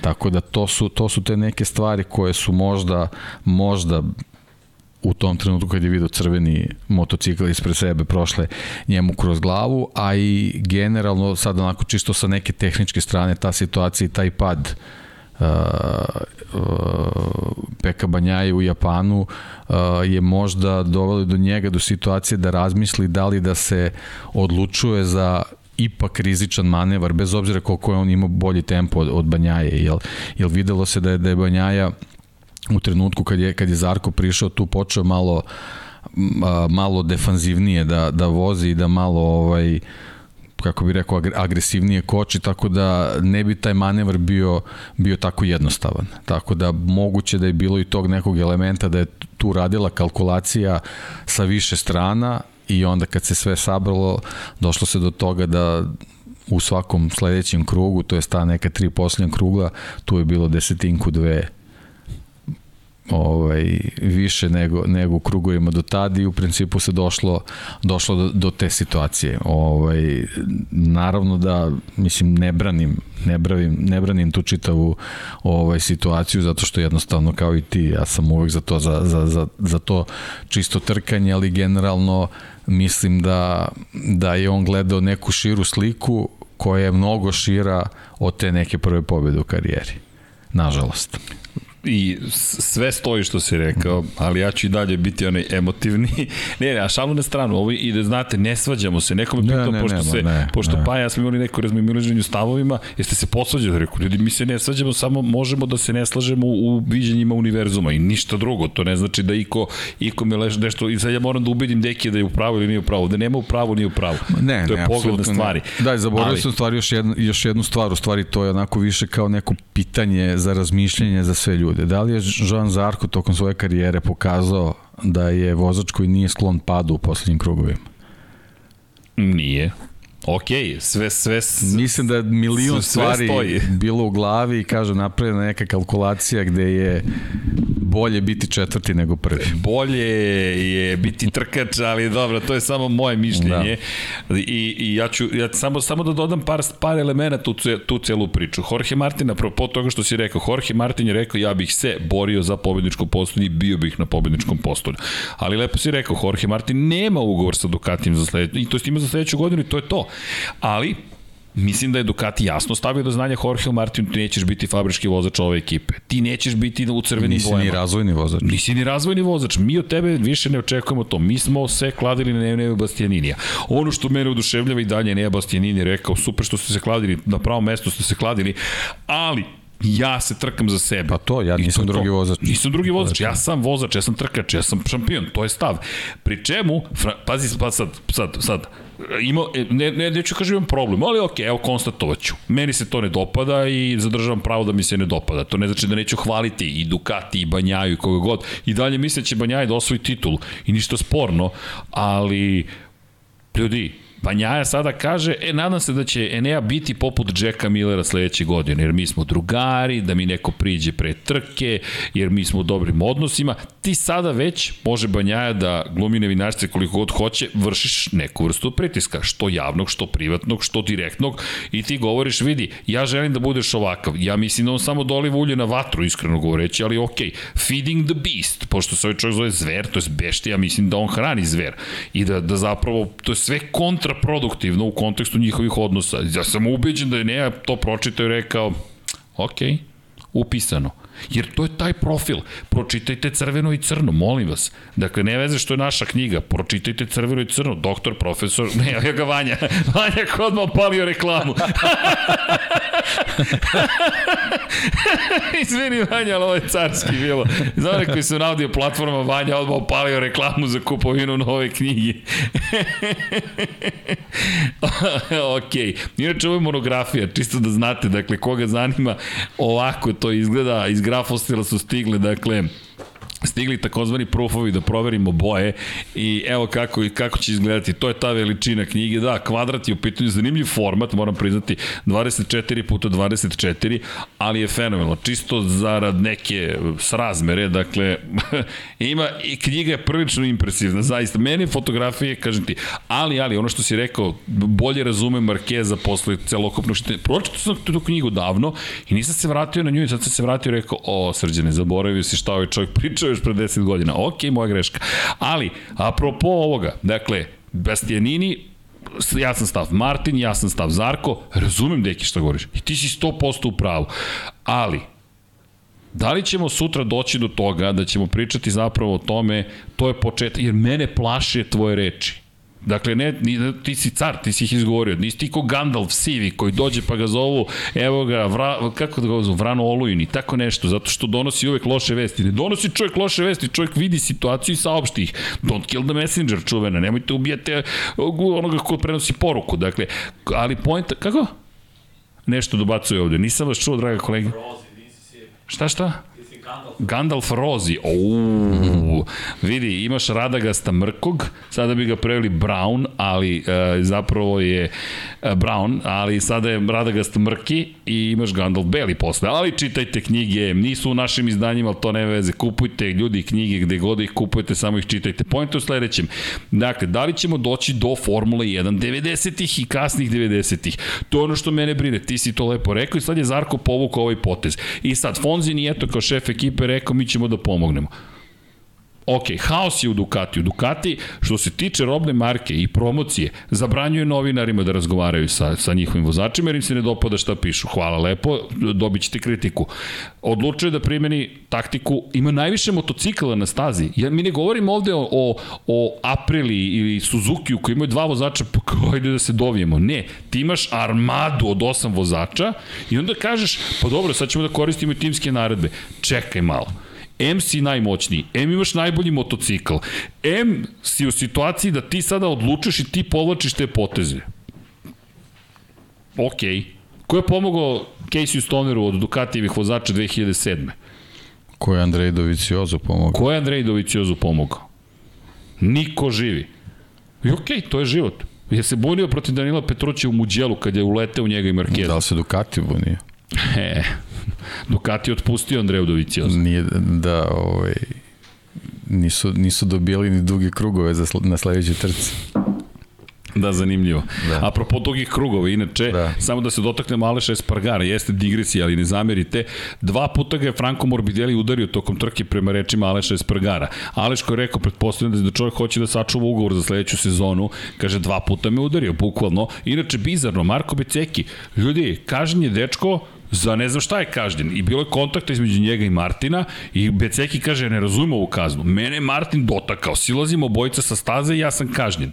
Ne, ne razumem. Pri čemu nisam siguran gde bi završio, pretpostavljam da bi opet spalio gume u da, da, momentu. Da, da, jednostavno ali, tako je izgledalo, ali vjerojatno bi uzao neke bodove. Nešto bi se pozitivno desilo. Ovako je bio van bodova. Da. Tako da. je. Tako da Marko Beceki dobija kaznu dugog kruga. O, o, hoćete ja da budem onaj najgori? Pa zato što je Marko Beceki. Njega je lako kazniti. Nad njim ćeš trenirati strogoću. Baš bih volao da vidim da kazne u tom momentu nekog od trojice vozača koji se bore za titulu. Ili neku od mega zvezda. Ali dobro, jedina mega zvezda, bukvalno jedina, Mark Marquez, trenutno i da ga kazne, ne, to nije nikakav problem za njega. Jer čovek trenira ruke svoje zapravo bukvalno trenira ruki, to je sve čime se trenutno bavi. I to mi je bilo impresivno iz te perspektive, zbunjujuće, ali impresivno, jer sam gledao, Marquez je razmišljao, ovaj čovjek ošte nema namjer ovde da napadne. Ja mislim da on rekao, ej ljudi, ovo je vaša priča, samo vi rešavajte to između sebe, uopšte neću da ulazim u to, neću da povećam sebi rizik. Ja bijem drugu bitku. Ja vežbam moje ruke, učim ponovo da vozim i na 3 sekunde sam od prvoplasiranog u ovom stanju. Za dve nedelje u Australiji, kada se telo dodatno oporavi, kada se mišići dodatno izgrade bukvalno, a vrlo dobro znate kogod je fizički aktivan bio, sada već govorimo o 5-6 nedelja oporavka ne, za Markezu. Indikativno je, vide se, videli su se kadrovi tokom čitave trke, on desna ruka se više ne krije, on apsolutno je koristi bez, bez ikakvih ograničenja. Bilo, bilo je par nekih tikova kao da, da namešta ovaj, ruku, ruku ali, ali generalno mislim da mu je to ostao neki uslovni refleks verovatno iz nekog perioda oporavka, ali, ali zaista deluje da, da tu više nikakvi problemi ne postoje, nego sad je samo stvar tonusa i generalno njegove fizičke pripreme kompletne. I još jedna stvar, još, vidi, moje mišljenje je da mu još tu nedostaje snage i malo brzine, ali to se gradi, ljudi. On će nerve svoje ponovo naučiti. Dakle, imate vežbe za nerve. Pa da, potrebno je to i potrebno je kroz trke, pošto ne postoji drugi način, a, a, znamo naravno kako on funkcioniše, a, verovatno će uvideti ako negde bude postojalo neko ograničenje u odnosu na stil vožnje od ranije, da, da tokom trka u 2022. u stvari a, a, analizira i sazna u stvari šta je neophodno da se recimo možda negde neka, neka tehnika vožnje koriguje i prilagodi ovaj, postojećem stanju da bi mogao i taj motocikl za sledeću godinu da se pripremi na, na, na adekvatan način, tako da ovaj, što se njega tiče, samo su kilometri bitni do kraja, do kraja sezone. I to ima, ali ja mislim da će se vratiti na starog dobrog Marka Markeza u Australiji koliko već i mislim da tamo mogu da ga očekuju na jedan ozbiljni način jer to je trkačka staza i mislim da tu nema šanse da se on povuče. Ovaj Tajland bio u po kiši, malo drugačija situacija.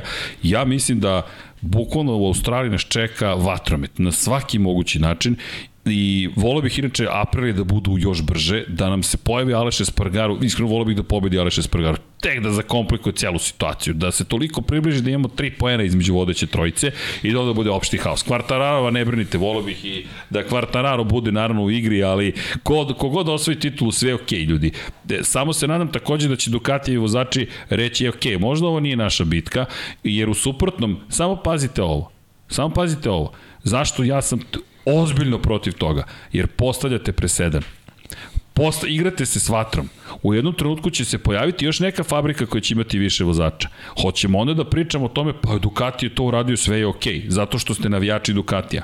Ja imam problem sa time ozbiljan. Ja se pribojevam, ozbiljno ti kažem, meni je strah da ćemo zaista doći do Formula 1 Moto Grand Prix. Bukvalno. Da ćemo doći u situaciju da sutra Honda kaže, e, čekaj, Pa znaš šta, možemo mi sad tražimo od naših vozača da zakomplikuju život ako im se ikada ukaže prilika da nekog, nekome zakomplikuju život. Da dođe Yamaha. Pa dobro, pazi, ovo nije bilo, nije bilo komplikovanje života bilo kom drugom vozaču na stazi. Ovo Činjenica. jednostavno samo je to bio ali, neki ono kao... Ali kako kreće vatra, deki? Da. Ti si povukao jedan potez, ja ću da povučem drugi potez. Ne mora ti komplikovan život. Ali Znaš kako, mogu ja da kažem, evo, ja ću da budem onaj ko sedi, čeka, čuva leđa i tako dalje. Jer moj utisak je takođe da je Zarko takođe, kada je stao između Banja i Markeza, radio dvostruki posao sprečio i Markeza da napadne za treće mesto. Pa da, to je verovatno bilo dovoljno s njegove strane. je. To je bilo to. Mislim, to, to, to su verovatno bili ti pogledi u stvari na, na tu trku. Markeza imao neku, ne, neki svoj cilj, a očigledno da je u, u tom datom trenutku i, i ovaj, Zarko dobio svoj cilj i on je shvatio stvari šta treba da uradi i šta ne treba da uradi više od toga. Evo ovde odgovaram na poruke, sa svih strana stižu razne poruke, ali činjenice da, da apropo ovoga, dakle da, mislim da je Zarko bio svestan i da je, da je, da je, da je, da rekao ok, zato se pribojavam deki. Zaista, jer mislim da, znači na šta me podsjeća? Vratit ću se, DTM, smo spominjali Ducati, KTM. Ko je prvi rastegao pravilnik u Moto3 kategoriji? KTM. Honda je napravila motocikl koji je jeftin za proizvodnju. Prva Moto3 verzija Honda je bila jeftina za proizvodnju. KTM je došao i napravio jedan predivni proizvod od pola miliona evra. I rekao, Vi dalje plaćate samo 23.000, a ova razlika od 477.000 to ćemo mi da pokrijemo iz marketinškog budžeta. I Honda je rekla, čekaj, to je protivno duhu pravilnika.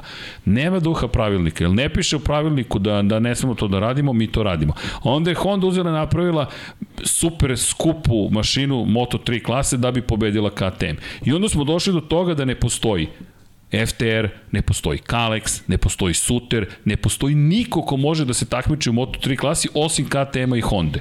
Jer je KTM rekao je mi smo našli rupu u pravilniku, mi pravimo zapravo super ekskluzivne prototipe. Pa dobro, evo, evo ti, u ovu godinu smo doveli primjer u Moto Grand Prix, Suzuki je odustao od priče zato što jednostavno ne može da prati to.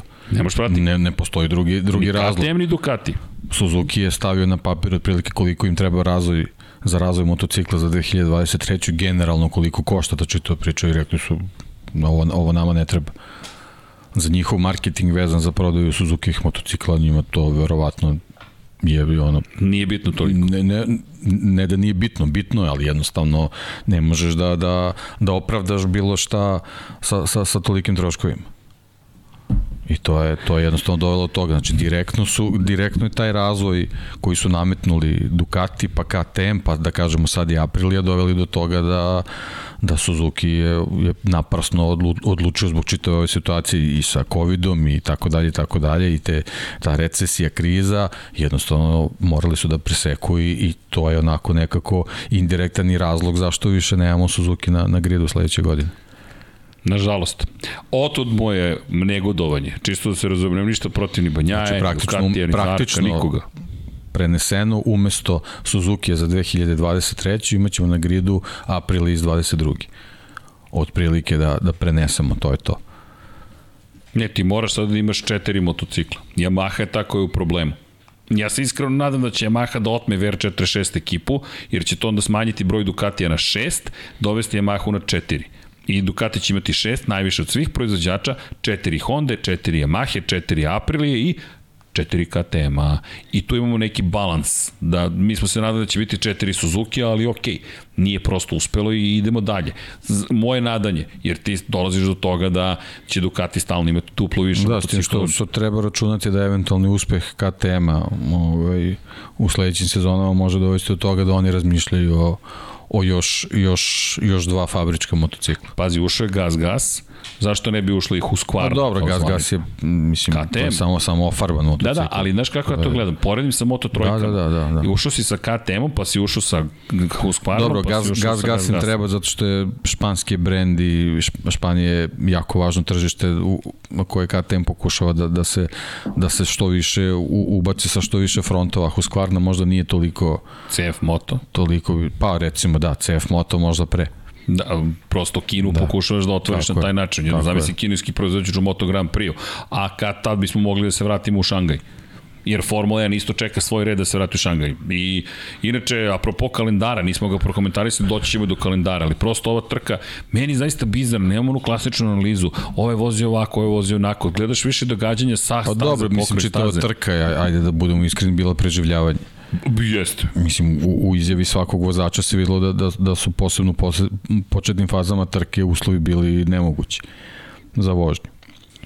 Brad Binder je nešto izjavio tipa kao da mu je neko ćebe bacio preko, preko glave u trenucima kad je prolazio satno ciljnim pravcem, bukvalno se ništa nije videlo i to je onako stvarno, stvarno nezgodno kad si na dva točka, a ajde kad voziš punim gasom i nekako, ali kad dođeš do tačke kočenja koju ne vidiš u stvari, ne znaš ni gde je, to, ne, ne, to baš pa, i nije, nije prijatno. Divna fotograf, divna, zastrašujuća fotografija, pronađi reference, pronađi tačke kočenja. Ja, nisi bio juče tu da me gledaš kako vozim Suzuku. Ja, moraš da pogledaš, poslaću ti, poslaću ti time kod kad se vozi Suzuka, deki, znaš kako je, uf, prelepa je. Ali ovde ti prilaziš i bukvalno ćebe, šta god hoćete, zavesu, imaš neprobojni zid praktično vode kada je reč o, o, o svetlosti koja će proći samo svetlost, neće proći mnogo više podataka od toga.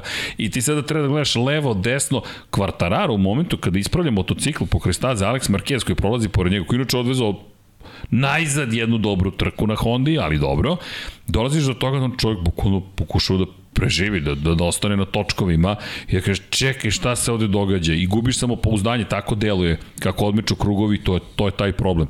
No, no, kada sve podvučemo, kada sve sagledamo, kada se, kada se sve, kada se slegne prašina, vraćamo se opet u tu borbu za titulu šampiona sveta. I to je ono što je najvažnije i nekako, ne, ne kažem da su manje pobede, pazi, Čekova postaje mnogo velika, Oliveri na meni postaje jedan čudan znak, ti se odričeš vozača koji ti beleže pobede, Ducati se odrekao Jacka Millera, ali istovremeno ti vozači dolaze do izražaja tek kada izgube pozicije. Jer ako pogledaš Oliveira, u momente kada je dobio otkaz, deveti, deveti, deveti, deveti, šesti, 12. 10. 10. ne, 11. 11. peti pobeda. Nijednom nije bio bez bodova. Među vremenu, Brad Binder slične rezultate ima. 10. 8. 7. 8. 7. 5. 11. 7. 8. 4. 2. i sada 10. Znaš, ne, ne vidim neku veliku razliku između Olivira pa i Pa dobro, to je ta generalno očigledno realna pozicija KTM ove godine. Tako da 6. 7. 8. mesto, a pobeda dolazi u tim nekim ekstremnim situacijama gde, gde do izražaja dolaze afiniteti vozača. Binder dva tako druga da, mesta. Da, tako da ovaj, očigledno da su oni, obojica su vozači koji imaju jako, jako važnu karakteristiku, a to je da koriste svoje prilike u situaciji kada im se sve poklopi, kada im, kada im legne neka trka. Oni jednostavno ne, ne propuštaju te prilike da zabeleže visoke plasmane i ja, ja to gledam kao onako kao jednu pozitivnu osobinu. Da, šta ćemo sa Alešom i Spargarom? Pa, a, s obzirom na izdanje Maverika Vinjalesa, možda je mogao i on da uradi nešto više. Pa, rekao bih da je morao da uradi nešto više. 4,5 sekunde zaostaje na kraju odnosu na Vinjalesa. Ako si ti vozač broj 1, a jesi, ako si ti boriš za titulu šampiona sveta, nekako... Da, imao je, dobro, da... je on taj neki duel sa, sa Binderom, ovaj, nekako kao, pa ne, to je koštalo, kao magneti dug, su bili. Dugi krug. Da, da, da. Znaš, ti dobijaš dugi krug. Da. Tako da to je... tvoje komentara za Danila Petruća. Da, da. Danilo Petrući isto to izveo protiv Marka Markeza i, i Andreja Dovicioza. Pokolno identičan marevar je u pitanju. Pri čemu vraćamo se na zašto pričamo presedanima. Šta smo rekli kada su kaznili Fabio Quartarara za incident u Holandiji? Fantastično. Sad ste postavili presedan. I sada, kao nezreli ljudi, bukvalno, umesto da kažeš, ej, znaš šta, pogrešili smo. Pogrešili smo, ne, ti ćeš svoju grešku da pokriješ još jednom greškom, pa još jednom dok to ne postane norma. I odjednom si promenio bukvalno normative trkanja. To sada više nema onog trkanja, koje je dovelo do toga da Moto Grand Prix bude toliko popularan, a ti zapravo sakrivaš svoju grešku. Stojim pri mojim rečima. To je bukvalno sakrivanje greške. Jer imali smo Banjaju koji eliminiše Martina, imali smo greške od početka godine, od početka godine, kroz istoriju šampionata koje nisu kažnjene. E ti si kaznio vodećeg u šampionatu sveta, specifične okolnosti. Da, je, sad, sad opet kad se pogleda iz ove perspektive, indirektno si ovaj, se uključio u, u scenariju da, izgradnje borbe za titul. Tako je. U tom trenutku to nije bio slučaj. Što liči na Formulu 1 da. iz prošle godine. Da. Dakle, ti praviš dramu, praviš show. Inače, apropo odlaganja trke u Singapuru, ajde, ja ne znam da li delimo isto mišljenje, to je sve samo deo spektakla Ti samo pokušaš da, da. napraviš spektakl. Dve stvari. Tamo da ga nema, mislim, spektakl treba bude na, na stazi. Tako je.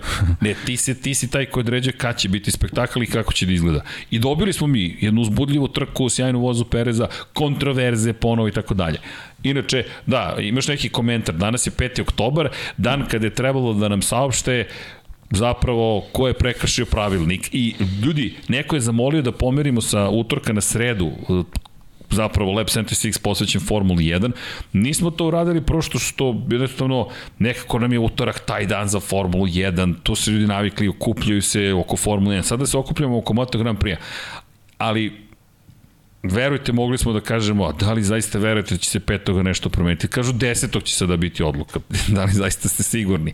Ako stignu da se dogovore umeđu vremenu, što uopšte da rade u ovoj situaciji i ne mislim nužno na ljude koji su vinovnici bilo kakvog potencijalnog prekršaja, već sama federacija, mislim da federacija nije sposobna da donese odluku i stane iza nje, već da pokušava da izvaga, a šta će biti najbolja opcija u, sklopu onih pravilnika, to je članova pravilnika koje smo mi napisali. I tu dolazimo opet do Moto Grand Prix. I, i umorio sam se od te politike, zato mi se nije sviđa to ono što se desilo. Zato što te treba bude trkanje. Jednostavno je. Izađeš na stazu, odvezeš najbrže što možeš, dobiješ svoj rezultat i to je to. I to je to je suština trkanja. A ne, znaš, imam ugovor sa ovim... Ali neće biti tako. Znači, neće biti tako. Uh, hoćemo opet da... Ajmo opet. Pravimo idemo. paralele. Pa, trenutno Moto Grand Prix ima svoga Jean-Marie Balestra.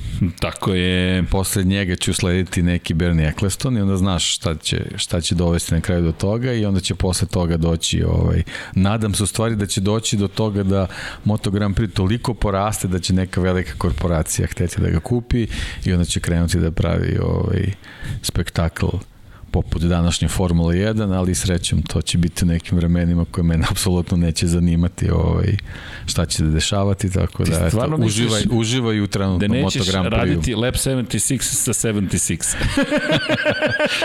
tako da ovaj, uživaj trenutno Moto Grand Prix. Da, pa, pa želim da uživam, ali znaš, opet, strahovi strahu. Da, nadaj se da će sledeće godine da izrodi nekog, nekog novog vanzemaljca. Pa, zna, pa evo, možda će i ovaj vanzemaljac, čiju knjigu smo objavili, biti taj koji će reći, e, znate šta, ja imam svoju agendu, a zove se želim devetu da. titulu šampiona sveta. Ko želi da me sledi slobodno. Tako je.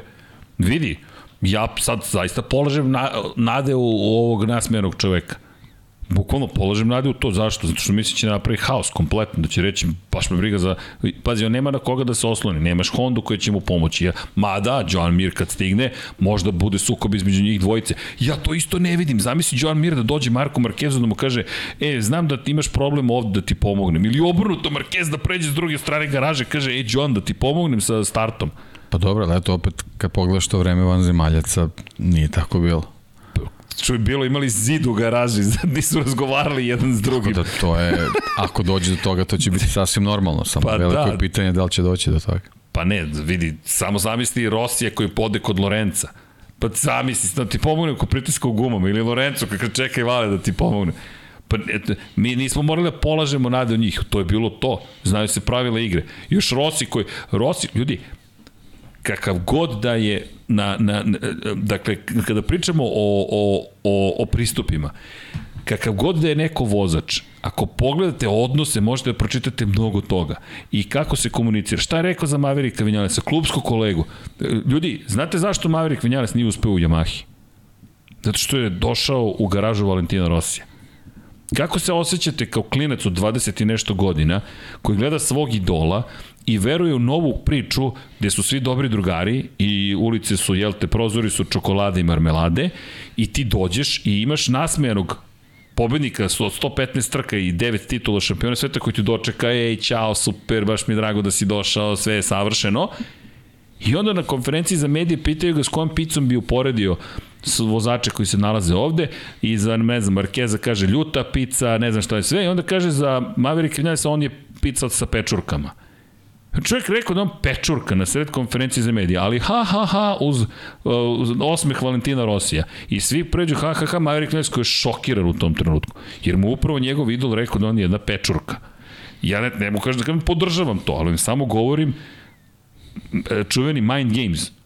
Ljudi, on je ušao tom čoveku u glavu. Deki smo mi prisustvovali kako Vinjales seda na konferen... na debriefing Valentina Rossi. U životu nisam vidio da vozač seda na debriefing drugog vozača kamoli klubskog kolege. Nikad u životu to nismo videli. Sad se u Erik Covid to promenilo, pošto svi dolaze na isto mesto, više to nije u njihovim domaćinstvima, ali to je potpuni šok.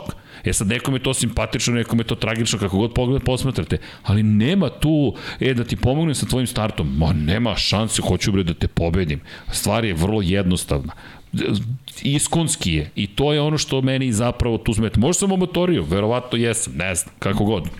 Ali idemo dalje, ide MotoGP svojim putem pa ćemo da vidimo šta će na kraju da se desi. Australija mislim da će ih sve naterati da ne mogu ovo da rade, jer Australija je takva staza gde na Philip Islandu se igraš, na ostrovu Filip ćeš da se igraš tih igara. Srećno s time srećno, bukvalno srećno, jer to je ljudi brza, hiper mega giga brza staza, pravac 350 km na čas, krivine, ne zna se ko je brže, ne zna se ko je luđe, ne zna se ko je zahtevnija, greška, to, to, to je samo u Hondi ako napraviš grešku, to je četvrta krivina, ima šansu da se izvučeš. I idemo dalje. Da pohvalimo samo kratko, apropo, Aprilije Maverika Vinjalesa. Teki zaista je odvezao najbolje što se moglo dati u datim okolnostima odvesti. Imao je malo gestikulacije po suvom nezadovoljstva, ali na kraju, ej, šesta po sedma pozicija, lepo je to izgledalo. Pa, I nije bio spor. Bilo kakvi bodovi posle kvalifikacija su bili okay, puna pošteno. kapa, sedmo mesto pošteno. je onako, stvarno posebno kad se, kad se poredi s tim izdanjem Aleša koji ima mno, mnogo problema tokom trke, njegovo je bilo onako prilično čista, to je onako super stvar. Izvini, ja ovde nešto gledam, sam mi da, je palo na pamet. Digresija. Neke, da. Ej, moram nešto da kažem. Ljudi, nek zameri se na digresijama, ali mi se ovde lepo zabavljamo uvek moram da, pohval, da ne, ne, ne pohvalim, da se zahvalim, nemam reči. Dakle, Ceca i Maja su nam došle u posetu i donali nam potpisanu fotografiju Mika Šumahera i Fermina Aldegera. I hvala devojke na tome, zaista niste morale, ne znam kako da se zahvalimo, ali ovo je čista emocija i ovo je pojenta cele priče. Dakle, samo uživajte. To što je neko kritikujem ili ne, nemojte da spreči da uživate u svojim herojima i tako dalje.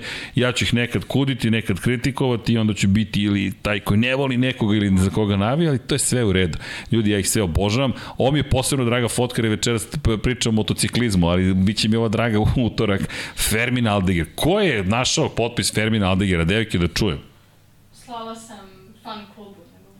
Dakle, Maja Kvartararova je uzela i poslala klubu obožavatelja Fermina Aldegera zahtev za potpisom. I čekaj, ti si poslala fotku ili su ti oni poslali? Oni, ja sam slala poštu.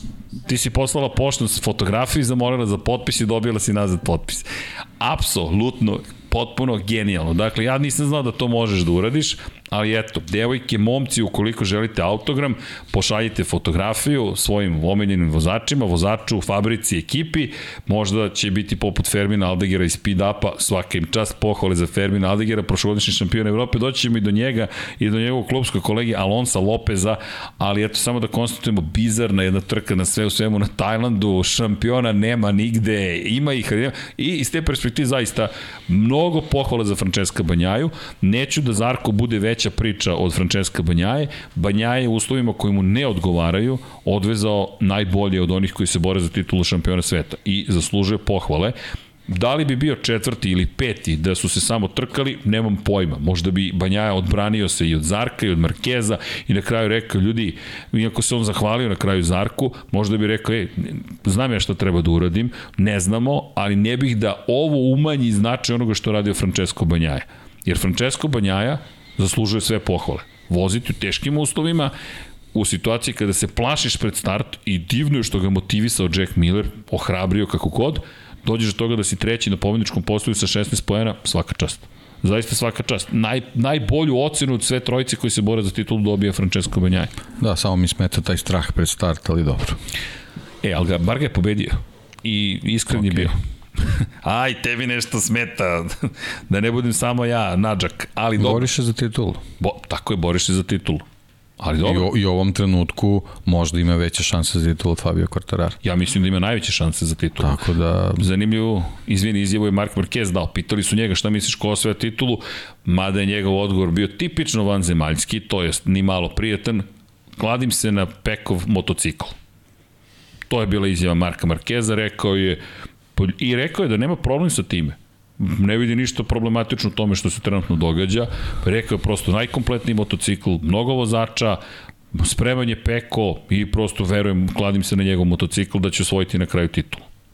Eto, to je izjava Marka Markeza ne kažem da je stekao novaj prijatelj u Ducatiju ili sa Pekom Banjanom, niti da pokušao da ih stekne, rekao ono kako on vidi stvari, to je rekao ono što mislim da takođe postavlja scenu za sledeću godinu, neće to biti nikakvih nekih nežnih odnosa i sve ok, idemo dalje, ali eto samo da konstatujemo šta je izjavio i Mark Marquez u celoj priči. Peta pozicija inače za njega, čisto da ne zaboravim, da ne znam da sam spomenuo svemu ovome zapravo i njegovu poziciju. Inače Alex Marquez, samo da napomenem, to osmo mesto, osam poena, to je kao čudo u ovom trenutku za Alexa Marqueza, u jednom momentu zaista izgledao dobro.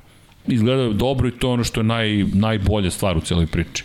Pa dobro, ali on je u prošlosti pokazao da, da može da vozi po, po vlažnoj stazi, ali to ne znam, meni, meni nije, nije ovaj dovoljan reper za, za, za sve ono što negativno što je bilo u sezoni, tako da ok. Ne mislim da se iskupio, ne, i sve ok. To, ali bukvalno to, to. to. Ali ništa više od toga, ništa manje od toga.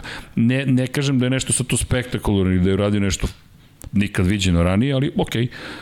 Na kraju dana smo dobili situaciju u kojoj jednostavno imamo čoveka koji ko je odve, iskoristio priliku da odveze lepu trku. Eto, neka, da ne idem dalje od toga, mislim da samo ponavljam već ono što si rekao, a nema potrebe za time.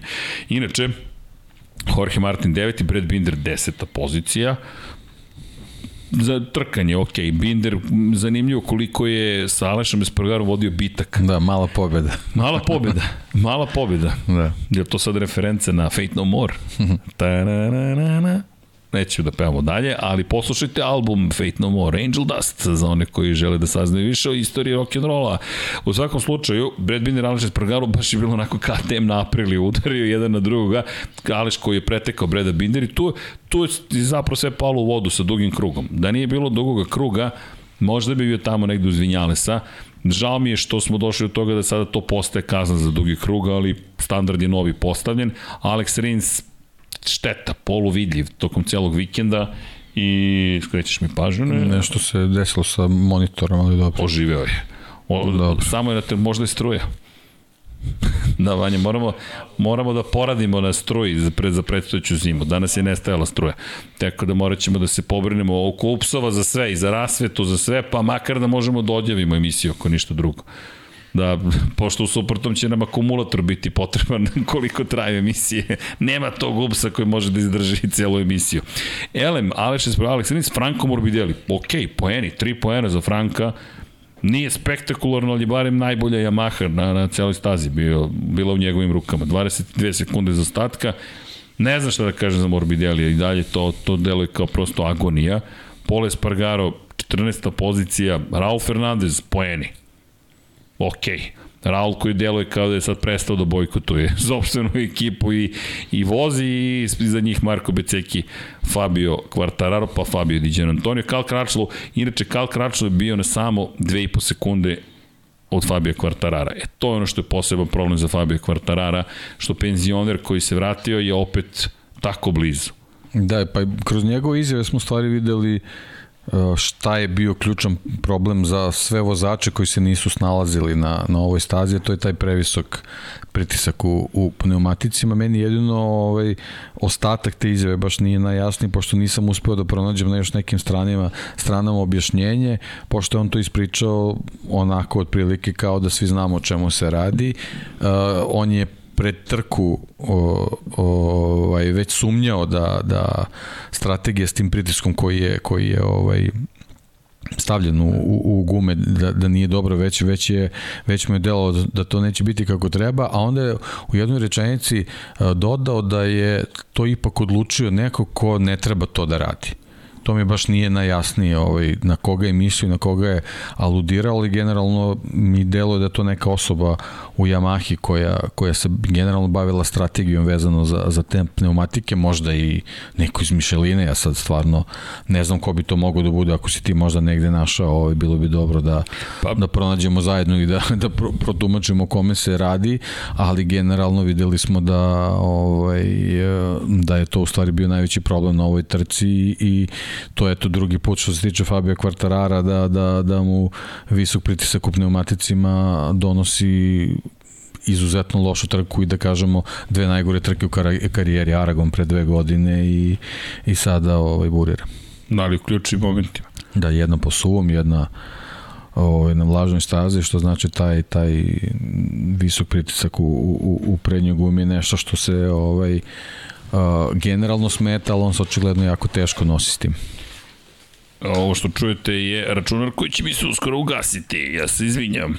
Ne, ne treba punjač, koleginici iz prodaje vodi računa, ja imam sve spremno. Evo, ko želi da vidi kako izgleda jedan ranac, dakle, uvek spremni za sve, eventualnosti i situacije, inače ovo je Kokun, neko me pitao koji je to ranac. Kokun, pa ne znam da li ćete uspeti da ga nađete kod nas, kupim ga kad god negde sam na polju, ali unutra možete da spakujete sve i svašta, kao što ste mogli da vidite. Apropo Mišelina, da, to, to je prilično ozbiljna tema. I zato sam napisao Frank Quartararo nema francusku vezu. Jednostavno nema to nikakve veze. To je splet okolnosti i to bočno prijanjanje je napravilo ozbiljan problem, pritisak u gumama, Znaš, ali to su sve opisi onoga što se desilo. Koliko god zahtevano postalo trkanje, posto, postalo je trkanje, ti se boriš za titulu šampiona sveta. Znaš, ti moraš biti u najmanju ruku najbolji Mahin vozač u tom trenutku. I to je ono što ga je krasilo, lepo si rekao. Ne znam šta se događa. Iskreno nadam se da nije upao neku krizu kao te godine. Jer kao što si rekao, kada pogledaš Aragon 2020 u tom momentu on je čovek od koga očekujemo da se bori za titulu do kraja šampionata. Na kraju on nije bio ni blizu zapravo osvajanja titule. Franco Morbidelli je bio bolji na kraju sezone na, na, na, na, na Yamahi. Nije bio čak ni najbolji Yamahin vozač. I nije prvi put da se tako nešto desi Quartararu. Ne kažem da je upao u tu situaciju, ali postoji neki rezultat koji može da se poveže sa onim što se trenutno dešava. Pogotovo uz to odsustvo na, sa konferencije za medije. Ne, mora, mora da nas demantuje samo jedini problem što je sad ove razlike u šampionatu postala malo, stvari praktično je praktično i nema, tako da ti ovaj ako želiš da zadržiš poziciju na kojoj si praktično čitavu sezonu, ti jednostavno moraš da u svakom trenutku konkretno budeš na stazi bolji od uh, Francesca Banjaje, a to je ono verovatno na što je aludirao Mark Marquez. Znači, os, osim Francesca Banjaje, Fabio Quartararo mora se bori protiv Ducati, pošto njegova Yamaha očigledno suviše suviše ovaj, uh, loših elemenata ima koji se na razno razne načine ispoljavaju na različitim trkama i on, je, i on protiv svega toga mora se bori a sad dodatno sa ovim smanjenjem bodovne razlike a, zaista mora mnogo više računa da vodi o Peku Banjaji. Pa Peko Banjaje je postao za mene favorit. Ne znam da li za tebe, ali meni je on pa, favorit. Pa kažem, u ovom trenutku što se tiče trke u, u, u, na Phillip Islandu, znači da ne idemo dalje do kraja sezone, Peko je u prednosti. Ja mislim da je u ozbiljnoj prednosti. Zaista, kad dođemo u Maleziju... Nisu pa ne, ne pričamo o ozbiljnoj prednosti upravo zbog tog straha o kojem si pričao pred početak trke. Znači, čovjek okay. koji se bori za titulu, to jednostavno ne, ne bi trebao da ima vremena da razmišlja o tome zato što treba se koncentriše na svoje izdanje na, na stazi. Dobro. Dramska pauza. Da. Moram ti reći Tadam. da, da, da, pa da, razmišljam, znaš, da u toj situaciji jedan i drugi zapravo imaju svoje uslovno čerlo, neću reći strahove, ali ni jedan ni drugi nisu na, na onom nivou koji treba da Ja zaista mislim da, zašto, zašto gledam Karoša Spargaro, njegova borbenost je za, za, za služimo na čast. Ne, za razliku od njih on nema šta da izgubi. A vidi, ok, niko ovo nije očekivao, budimo realni. I, I zato, ne znam, možda ja previše verujem u bajke, ali gotovo sigurno, ali deluje mi da, da u tom njegovom borbenom duhu Aleš Espargaro može da nađe nešto što se redko viđa, a to je da outsider pobedi zapravo tako da još i španac ok, sad ne znam da kako da, ok, ne, aha, ok, ima, ok, imamo da Francuza, pa, Italijana, da. Bajke, scenarija. ok, da. ok, ali pazi, samo zamisli sledeće, pobedio u Argentini, Australija bi trebalo da odgovara slične konfiguracije u kontekstu kako koristiš motocikl, nije slična u kontekstu kako izgleda, ali kada pogledaš koja se guma opterećuje, zadnja guma se opterećuje. A kada god je zadnja guma, tako igra glavnu ulogu, Aprilia je dobra, kao na Silverstonu. Tako da tu gledam... Dobro, treba gledati i u Mugello, kad gledamo Philip Island ok, ali, ali opet neki malo ipak, do, pogotovo poslednja krivina.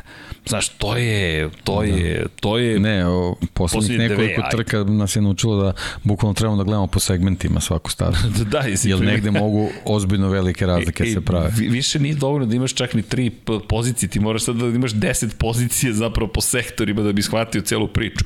Jer ti imaš čoveka koji na prvoj poziciji njega nema nigde među vodećom trojicom po sektorima. To, to, isto, to je isto nešto što se nije dešavalo nikada, ranije se znalo. Najbolji mora da bude bar u tri sektora. Ne, sada ti spajaš neki krug koji je naj, najprosečniji. O, čekaj, na šta me to podsjeća?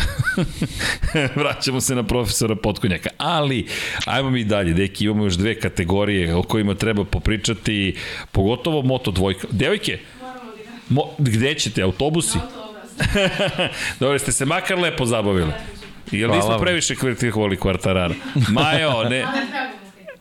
O, pošteno, kaže, trebalo ga je. Ali, očekujemo tweetove. Ceco, tebe čekamo isto na Twitteru. Čekaj, za koga Ceca navija? Uh, pa. Mir. Mir, o, bravo. Ej, čekaj, čekamo da se vrati, da ga vidimo Repsol Hondi. E sad, Kvartararo ima tu podeljenu ljubav. Ja mislim da je to, pošto ste obi tinejdžerki, dakle, to je to... Niste tinejdžerke, ok, izgledate kao tinejdžerke, ne zamerite, ali to u svakom slučaju mlade ste i onda to je podeljeno srce, Kvartararovo pre svega, ali ima tu još nekih simpa... I ko je simpatičan još?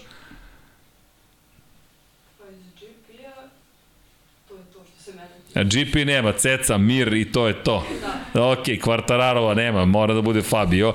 E, možda ćemo ti javiti ne, nešto pozitivno u skorije vreme, apropo Kvartarara ali to koleginici iz prodaje će da otkriva, ne smem ja ništa da kažem. Devojke, hvala što ste bile i želimo le, lepo veče i da stignete naravno na autobus. Gde god da vas nosi taj autobus, Devojke, uživajte. Hvala. Hvala. Ćao, čao. čao. I divno, nisam znao da će, da će da, jer Maja non stop tweetuje tokom, tokom trkačkih vikenda i toliko smo već naučili na Kvartararovu i sad upoznaš e, devojku i kažeš ok, čekaj, to je lice iza svih onih tweetova. Inače, hvala vam svima, dakle, koji nam tweetujete, šaljete poruke, po, pokušavate da nas popravite, ponekad i uspete u tome, dakle, činjenica je da je to, da je to nešto najlepše što možete da doživite i, i Maja koja ekspresno nam šalje poruke kako izađe nešto na motogp.com, fum, samo stiže informacija do nas dvojici kao ok, ovo je, ovo je najbolja, najbolja produkcija ikada, imamo crowd production zapravo ali iz perspektive, hajde, malo se šalimo tih, tih emocija, lepo mi da čujem i da, da ima navijača Joana Mira. Jer već smo ga zaboravili, deki, toliko ga dugo nismo videli da mi o Miru praktično ni ne pričamo, jer samo čekamo. E da, da ne zaboravimo, njegova zamena, Danilo Petrući. Čekaj, lepo je bilo videti Petruksa, makar na trenutak nije... Pa dobro, da, lepo je bilo videti Petruksa i eto iz, iz njegove perspektive, iz njegovih usta čuti koliko nije jednostavno vratiti se na motogram pri posle pauze. Tako je. A, pa, pa, da. pauze, on je vozio superbike u Americi. Da, da da, to da. izgleda kao pauza. Zato meni Karl Kračlo jeste toliko nevjerovatan. Karl Kračlo na 2,5 sekunde od Fabio Kvartarara. Ljudi, to, to nije to nije prihvatio, to nije normalno, to ne sme da se do... On čovjek ni, ni po kojem osnovu ne bi trebalo da bude toliko brzo. On osvaja da. poene, on je bolji od Andre Dovicioza, on je na nivou Fabija Kvartarara po kiši. Čekaj, deki, jel, te, jel trebalo da ode? Šta je Danilo Petrući rekao? Da sam imao ovaj motocikl prošle godine, produžio bih svoju karijeru Moto Grand Prix vozača. Da. To, isto zanimljivo. Pohvala za Suzuki. Pohvale za, pohvale za, za, tehnički, za tehnički deo Suzuki, pohvale za njih. Elem, idemo Biće mi... interesantno da vidimo gde će ti momci da nastave ovaj, svoje karijere. Pa da, Superbike najverovatnije, od Doaka Dakaru ga ponovo očekuje. Ne, ne, pričam za, za, A, za tehnički, tehnički deo Suzuki. To je, to, to, to će biti, ja, ja ok, to je velika bitka, ali to baš me zanima gde će da se složi cela priča i ko će na kraju najviše da angaže Suzuki u vozača. Meni bi bilo logično da Honda to učini. Iskreno, bez obzira na V4, ti dobijaš vozače s kojima se oni poznaju. Ti već dobijaš... Inženjere. Inženjere. Da, to je, to je zlato. Taj odnos između vozača i inženjera je zlata vredan. Znaš, mene, ja bih volao da vidimo što da vidimo neke od njih, da se raštrkaju po svim mogućim timovima, ali mislim da će Honda tu da povuče potez, mada naravno to je samo, to je samo mišljenje. Nego, mislim da će biti uzbudljivo u Moto2 kategoriji. Mišljenje sam da jedan i po poen razlike odavno nismo imali, dakle, sve se kad dalje moguće podelit ćemo poen. Formula 90. deki, deki, nevjerovatno. 238,5 za Augusta Fernandeza, 237 za Aja Oguru, Deki nema, više ništa njih dvojicu ne razdvaja, oni su sad rame uz rame jedan s drugim. Pa odličan scenarij, zaista. Ne može bolje od ovoga. Toni Arbolino jeste pobedio 12,5 pojena Posebno za Tonija. Posebno što isto Philip Island Moto dvojke jednako spektakl po meni. Zaista. Apsolutno. Ali pazi sad ovo, izvini, moram jače od mene. Filip Salač na ostrovu, Filip posle prvog plasmana posle Moto2 da. klasi. E, imaš jednog Filipa, čovjek je došao do pozicije. Filipovo ostrvo, da. Filipovo ostrvo, pazi sad to. I, I još jedna bitna stvar, Filip Salač koji je mogao za, pram, za pramak, za, evo u pramaku, za Gresini Racing, da dođe do pobede, ali jedan silazak za stazi, još je on rekao, sišao sam sa staze. Inače, ta pravila su promenjena pre par godina, ne vraćamo se više krugu nazad, već ko prođe kroz liniju cilja, beležimo se ta pozicija, oni koji nisu prošli liniju cilja do crvene zastave se zapravo klasifikuju prema poredku koji su imali u prethodnom krugu, tako da pola-pola je zapravo pravilo i pošto nismo prešli dve trećine, na kraju podelili poene, dakle, pobjeda za Toni Arbolina, drugo mesto za Filipa Salača i fenomenalno bilo vidjeti, kažeš, čekaj, Filip Salač, od kako si se ti ovde stvorio? Hrabro se stvorio i, zaslužuju sve pohvale. Zaista mi je bilo lepo, iskreno, lepo mi je bilo da vidimo čoveka koji, koji se izborio za svoju poziciju. Aron Kane, Oh, agonija. Pa dobro, ali... Treće mesto. Agonija, tu je. On a, stalno je tu. A, da, upravo je to da. agonija, stalno da. je tu, osim pa, kada dobro. vodi. Ali znaš kako, ovaj, osim kada vodi, što možda nije sad tako ni često, ali, ali je njemu veći problem što se u nekim njegovim dobrim trkama uvek neko pojavi ispred njega. Toni Arbolino. Da. Filip Salač. Ko ste vi isto da. tražite ovde? A tamo kada je pomislio sam, ne, pomislio sam Alonso Lopez. Rekao Alonso Lopez, evo ga opet. I opet me preverio. Alonso Lopez još uvek, kao i Japanu, nije još uvek sposoban da vodi trku. Bio je sposoban u Mizanu i to je otključao stazu definitivno, ali izvini Alonso Lopez kada pogledaš sve kako šta čovek radi, ozbiljno poštovanje za, za ceo rad. Pazi, ti sad imaš čoveka na koga možeš, moraš da računaš. On je peti bio u celoj ovoj priči. On je, on je bio ispred i Jaja ne, na, i Augusto se gen, generalno pa se nametnuo i već sledeću sezonu kad, kad budeš pričao na početku godine Alonso Lopez je momak koji je u ozbiljnoj priči. Tako da, je. Da, da, da. A pazi, Jake Dixon mu se pridružuje koji je bio četvrti, koji je produžio ugovor sa Gas Gasom.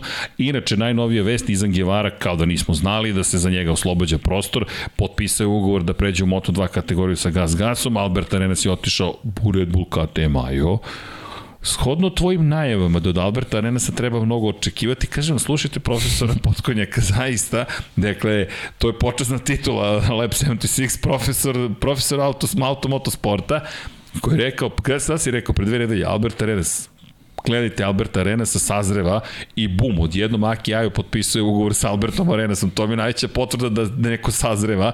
Pazi, Albert Arenas sa Pedrom Akosnom sledeće godine. Ovo, dobra kombinacija. I Mislim da će se oni baš lepo boriti za titulu, pri čemu Aja Ogura ostaje u kategoriji, a i, izvini, pohvale za Aja Oguru. Ok, šesta pozicija u teškim uslovima, i moglo je to da bude i bolje za Aja Oguru, ali je opet pobedio Dobro, ovo je, ovo je klasičan proračuniti Aja Ogura, a Augusto Fernandez u ovoj situaciji njemu su nedostajali krugovi zato što on jednostavno ne, ne vozi Potrebi drugačije. Da, on ne vozi drugačije nego, nego ovaj, u finišu trke u stvari dolazi tamo gde treba da bude, a u ovoj čitovoj situaciji njih dvojica su onako upalili kalkulatore i to je to je ovaj, jednostavno bilo to. Da, ali ima tu još jedna da. bitna stvar u Mislim da nikakav rizik ne bi, ne bi dolazio u obzir. A to je da kada pogledaš trku, ja sam ubeđen da bi se njih dvojica probijali napred, zahvaljujući tome što su zajedno. I to da. ono što mi opet nedostaje u celoj priči. U Japanu smo makar imali Quartarara i Banja u jednom momentu zajedno u Moto Grand Prix, a ovde, ovde su u Moto dvojkama opet njih dvojica zajedno. Ti gledaš dva vozača koji se bore za titulu šampiona sveta, opet smo zajedno. Mi kažem sa, sa tim sličnim stilom nisu, nisu vozači koji na početku trke rešavaju sve, nego jednostavno prate situaciju i na osnovu nje grade, grade svoju poziciju u finišu. A to je obično ove godine sam vrh. I, i, i iz te perspektive ja, ja sam presrećan koliko Ajo Gura sazreo, jer sam se pribojavao da on može da nam pruži otpor, da može da pruži otpor Augusto Fernandezu i da može toliko da napreduje. Sad ovo nema više čemu da razmišljam, pogotovo posle pobede u Japanu, super, još Alonso Lopez uključio bitku, Aaron Kane otkrio inače zašto nosi leptir mašnu, to nismo prokomentarisali. Žao mi je što nije pobedio pa otkrio, ali on se umorio od čekanja. Umorio se, da. Umorio se, isekao je leptir mašnu, za one koji su propustili, poruka je zapravo bila da je nevažno kako ste obučeni i kako izgledate, možete staviti leptir mašnu i da ne stavite i dalje ste isti čovek. Zašto? Rekao je da je imao često pregovor, da ima dosta pregovora sa drugim timovima, čak iz Moto Grand Prix klase koji su okončani zahvaljujući činjenici da je istetoviran preko celog tela. Ok, na ličnom nivou imam apsolutno problem, naravno, kada nekoga osuđujete na osnovu njegovog izgleda I to je njegov izbor. Žao mi je, tako je to njegov izbor, ali s druge strane ne branim nikoga ko, ko nije htio da mu ukaže šansu, ali isto tako to objašnjavali su to i drugi vozači, žao mi je što se to dešava, ali postoje robne marke koje ne žele da imaju tu vrstu imidža. I mi pričamo o imidžu. Da li je fair ili nije fair, to nije pitanje uopšte. Dakle, kada govorimo o imidžu, ljudi vole, ne znam, evo, Mark Marquez, nasmejan, očešljan, opeglan, obrijan, to je neki imidž koji plasira Mark Marquez, koji Repsolu, na primjer, odgovara. Ali ako dođe istetoviran sa minđušama i tako dalje, možda nekom ne odgovara. Ako pogledate, McLaren dosta dugo nije Lewisu Hamiltonu dozvoljavao da radi bilo šta što izlazi iz neke njihovog imidža. Ne, ako primetite dok je Ron Dennis bio u McLarenu, vozači su izgledali kao vojnici. Tako je. I to je bilo pravilo. Dakle, ti želiš da voziš za ovu ekipu, ovo su pravila igre. Kada je Lewis Hamilton počeo da menja svoj imidž? Kada je otišao Mercedes? koji ima neki drugi pristup celoj situaciji. On je istetoviran, ima minđuše, probuše nos, ne znam, prstenje, sato, meni men to je potpuno to je vaš lični izbor. Ali samo govorimo o tome da postoje timovi koji ne umeju da se nose s time, što ih, kažem, ne opravdava, možda su prekršili neki zakon o radu, ne znam, to treba, ako zaista postoji problem da vidi sud, da vidi Aron Kane da li želi to da nosi da, dalje. Nije, ali nije on dobio otkaz zbog Tako toga, je, on nije samo dobio priliku. Nije e dobio sad, priliku, ali da. kažem, ne, ne, ne mogu da. da ti kažem da li je, to ću da pitam advokate za sledeći podcast da budem spreman iz te perspektive, ali ono što je poruka bila je zapravo da je nevažno kako izgledam. Ono što je pojenta jeste kako vozim. I tu ja dolazim do problema. Ne problema, ali mislim da bi i Repsol prihvatio, ne kažem da je Repsol odbio njega, ajde neću da spominje Repsol da ne bude ljudi da asociram sa nečim negativnim, ali ne mislim da je jedna ekipa odbila Kanea samo zato što je istetoviran, već ti ne pobeđuješ, a hoćemo neki imidž pride. Da je on zabeležio 10 pobjeda ove sezone. Nešto je moj utisak da bi bio mnogo lakši u pregovorima sa drugima da bi drugi rekli, ej vidi, ok, ne možemo ti kažemo ne. I kažem, društvena smo bića, meni se to ne dopada, nemam problem sa ljudima koji su istetovirani, imamo drugara, mi, našeg Gicu, koji je istetoviran čovjek, bavi se to važno, to je profesija, I ljudi na prvi pogled ga se plaše. Dakle, to je neka stigma koja se nosi, ali to su samo predrasude. Dakle, sa tim, sa tom porukom se slažem, ljudi, ne, nemojmo imati predrasud na osnovu korice, jel te, ne sudi knjigu po koricama. Ali tema koju je otvorio Aron Kane, isekao je leptir mašnu i ja mu želim da počne da pobeđuje i da kaže svima, ok, sad znate šta ste propustili zato što sam istetovirano odbili ste me. Ako je to naravno bio slučaj, sad kažem, to je njegova reč, nismo čuli drugu stranu, pa ne znamo tačno šta se događa. Pa ne znamo ni koja je druga strana. Ne znamo, tako da, to nemamo ni koga da, da pitamo. Ali tema koja nije mala i spojio bih je sa temom koja je mnogo bitna, o kojoj smo pričali, to je nasilje kojim smo prisustvovali u snimcima iz 2019. sa trke u Tajlandu, Tom Boot Amos koji je bukvalno pretočen u svojoj garaži zato što je negativno prokomentarisao motocikl u trci u kojoj se motocikl pokvario. Mehaničar koji ga pretokao, ne znamo mu ime, je otpušten to je, to je najnovija vest od danas. Max Racing je otpustio i njega kao mehaničara i dvojicu mehaničara koji su zaustavili Adriana Fernandeza u pokušaju da izađe na stazu u Aragonu. Dakle, došlo je do fizičkog kontakta sa Adrianom Fernandezom, vozačem teh tri ekipe. Sva trojica su dobila otkaz, sticajem okolnosti, sva trojica iz Max Racing ekipe.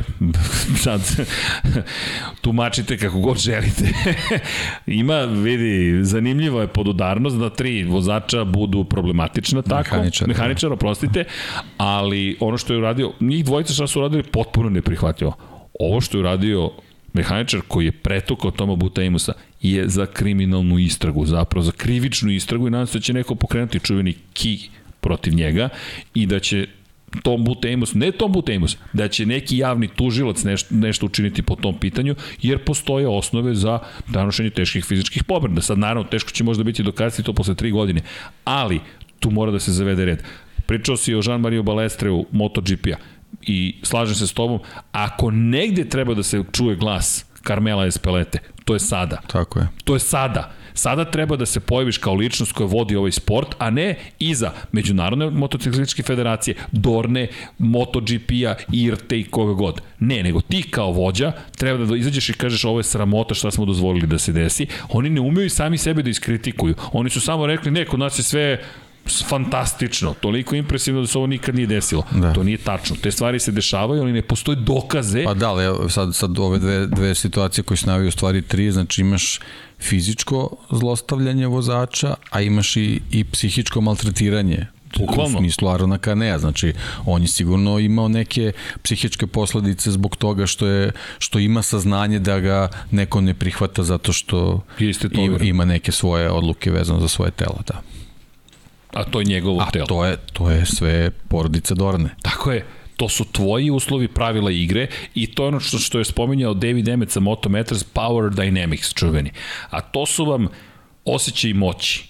I to je ono što imam opet problem sa pramakom, a to je na nivou toga da ti tebi ne traži šef da nešto uradiš, ali brže bolje ti ćeš to da uradiš. Autocenzure su najgore. Autocenzure i upotrebio ih težo reći, ali ću pokušati za sada da ostane. Rezervisan ću biti, spomenuo Popi malo kafe. Popit ću malo kafe. Izvinite se, mogu da dobijem još kafe ako nije problem, molim vas.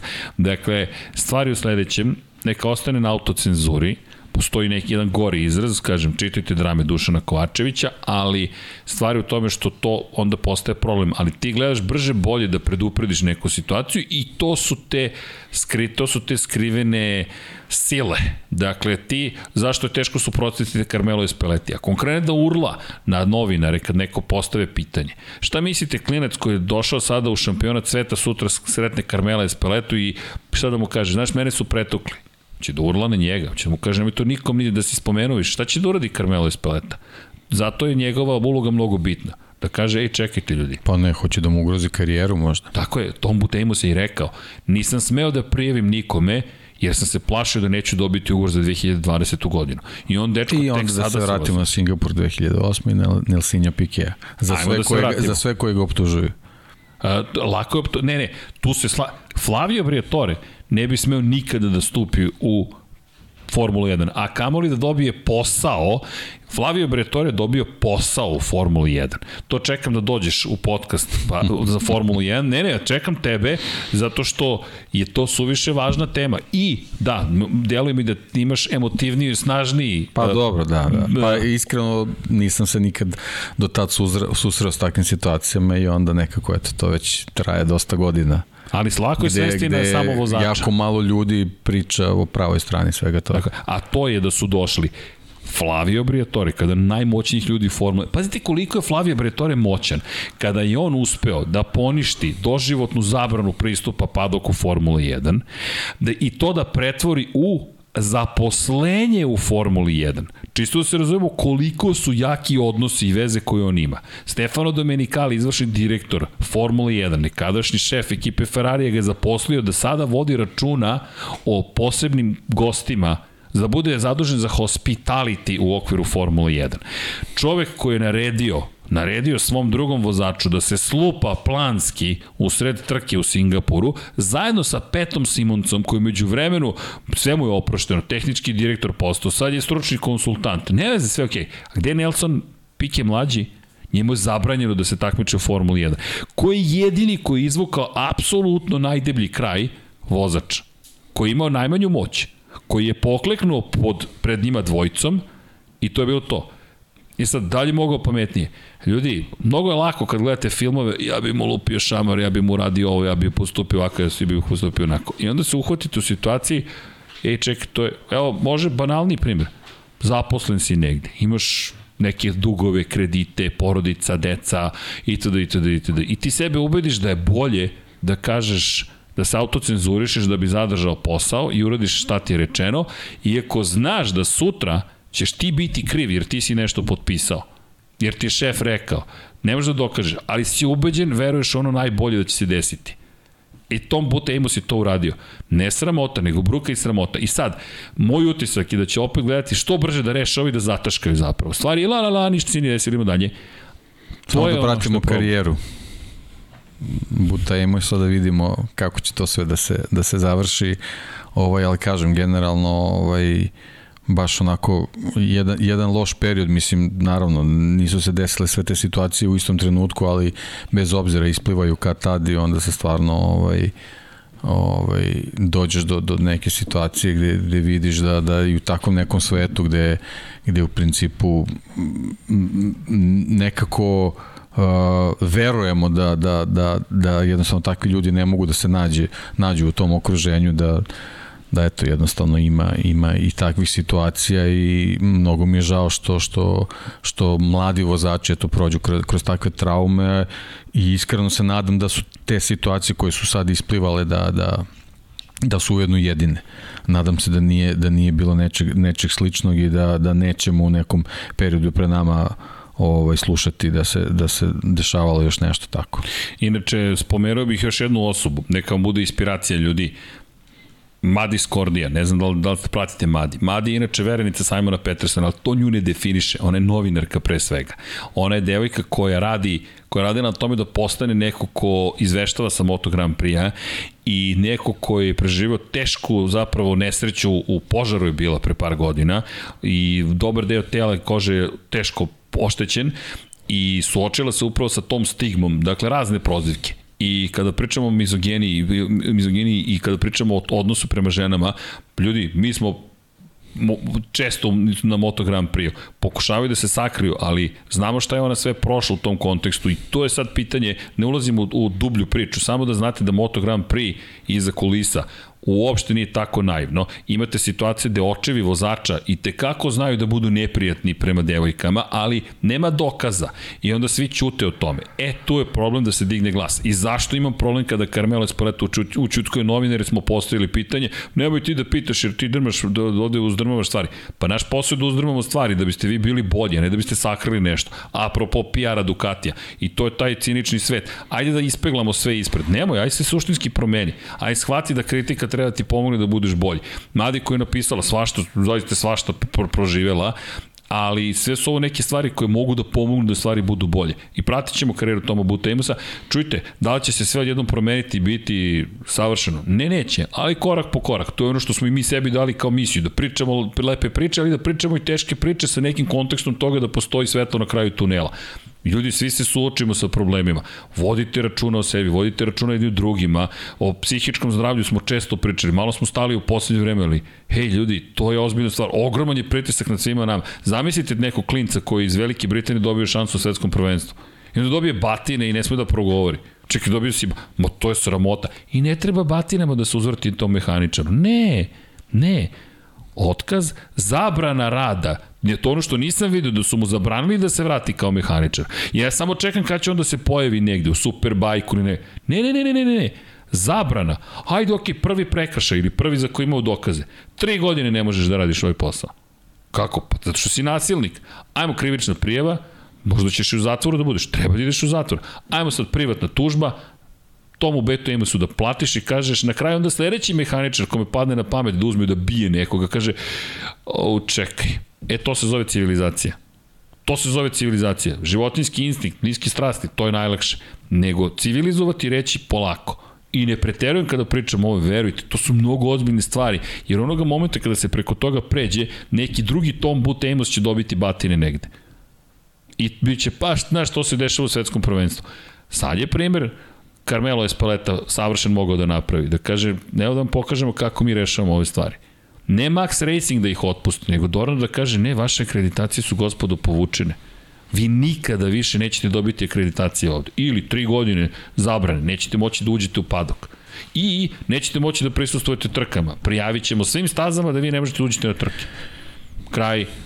Ali okay. ne samo da to spomenu, to je mnogo bitno. I krenuo sam smo od Kanea, iznao je nešto što je mnogo bitno, ali ljudi, to ne znači da je Moto Grand pred jednom grozan ne znam šta. Samo da je... Ne, njegova situacija je drugačija stvar, ali... Ali, ali otvara temu. I on, I on jednostavno uh, mora da bude svestan postupak, ali to nije uh, to što, što se njemu desilo, nije sad uh, eksplicitna diskriminacija, nego jednostavno uh, on, on se susreo s nekim pravilima u poslovnom svetu koje su jednostavno u tom trenutku takva i, dik, i diktiraju ih oni kod kojih je novac.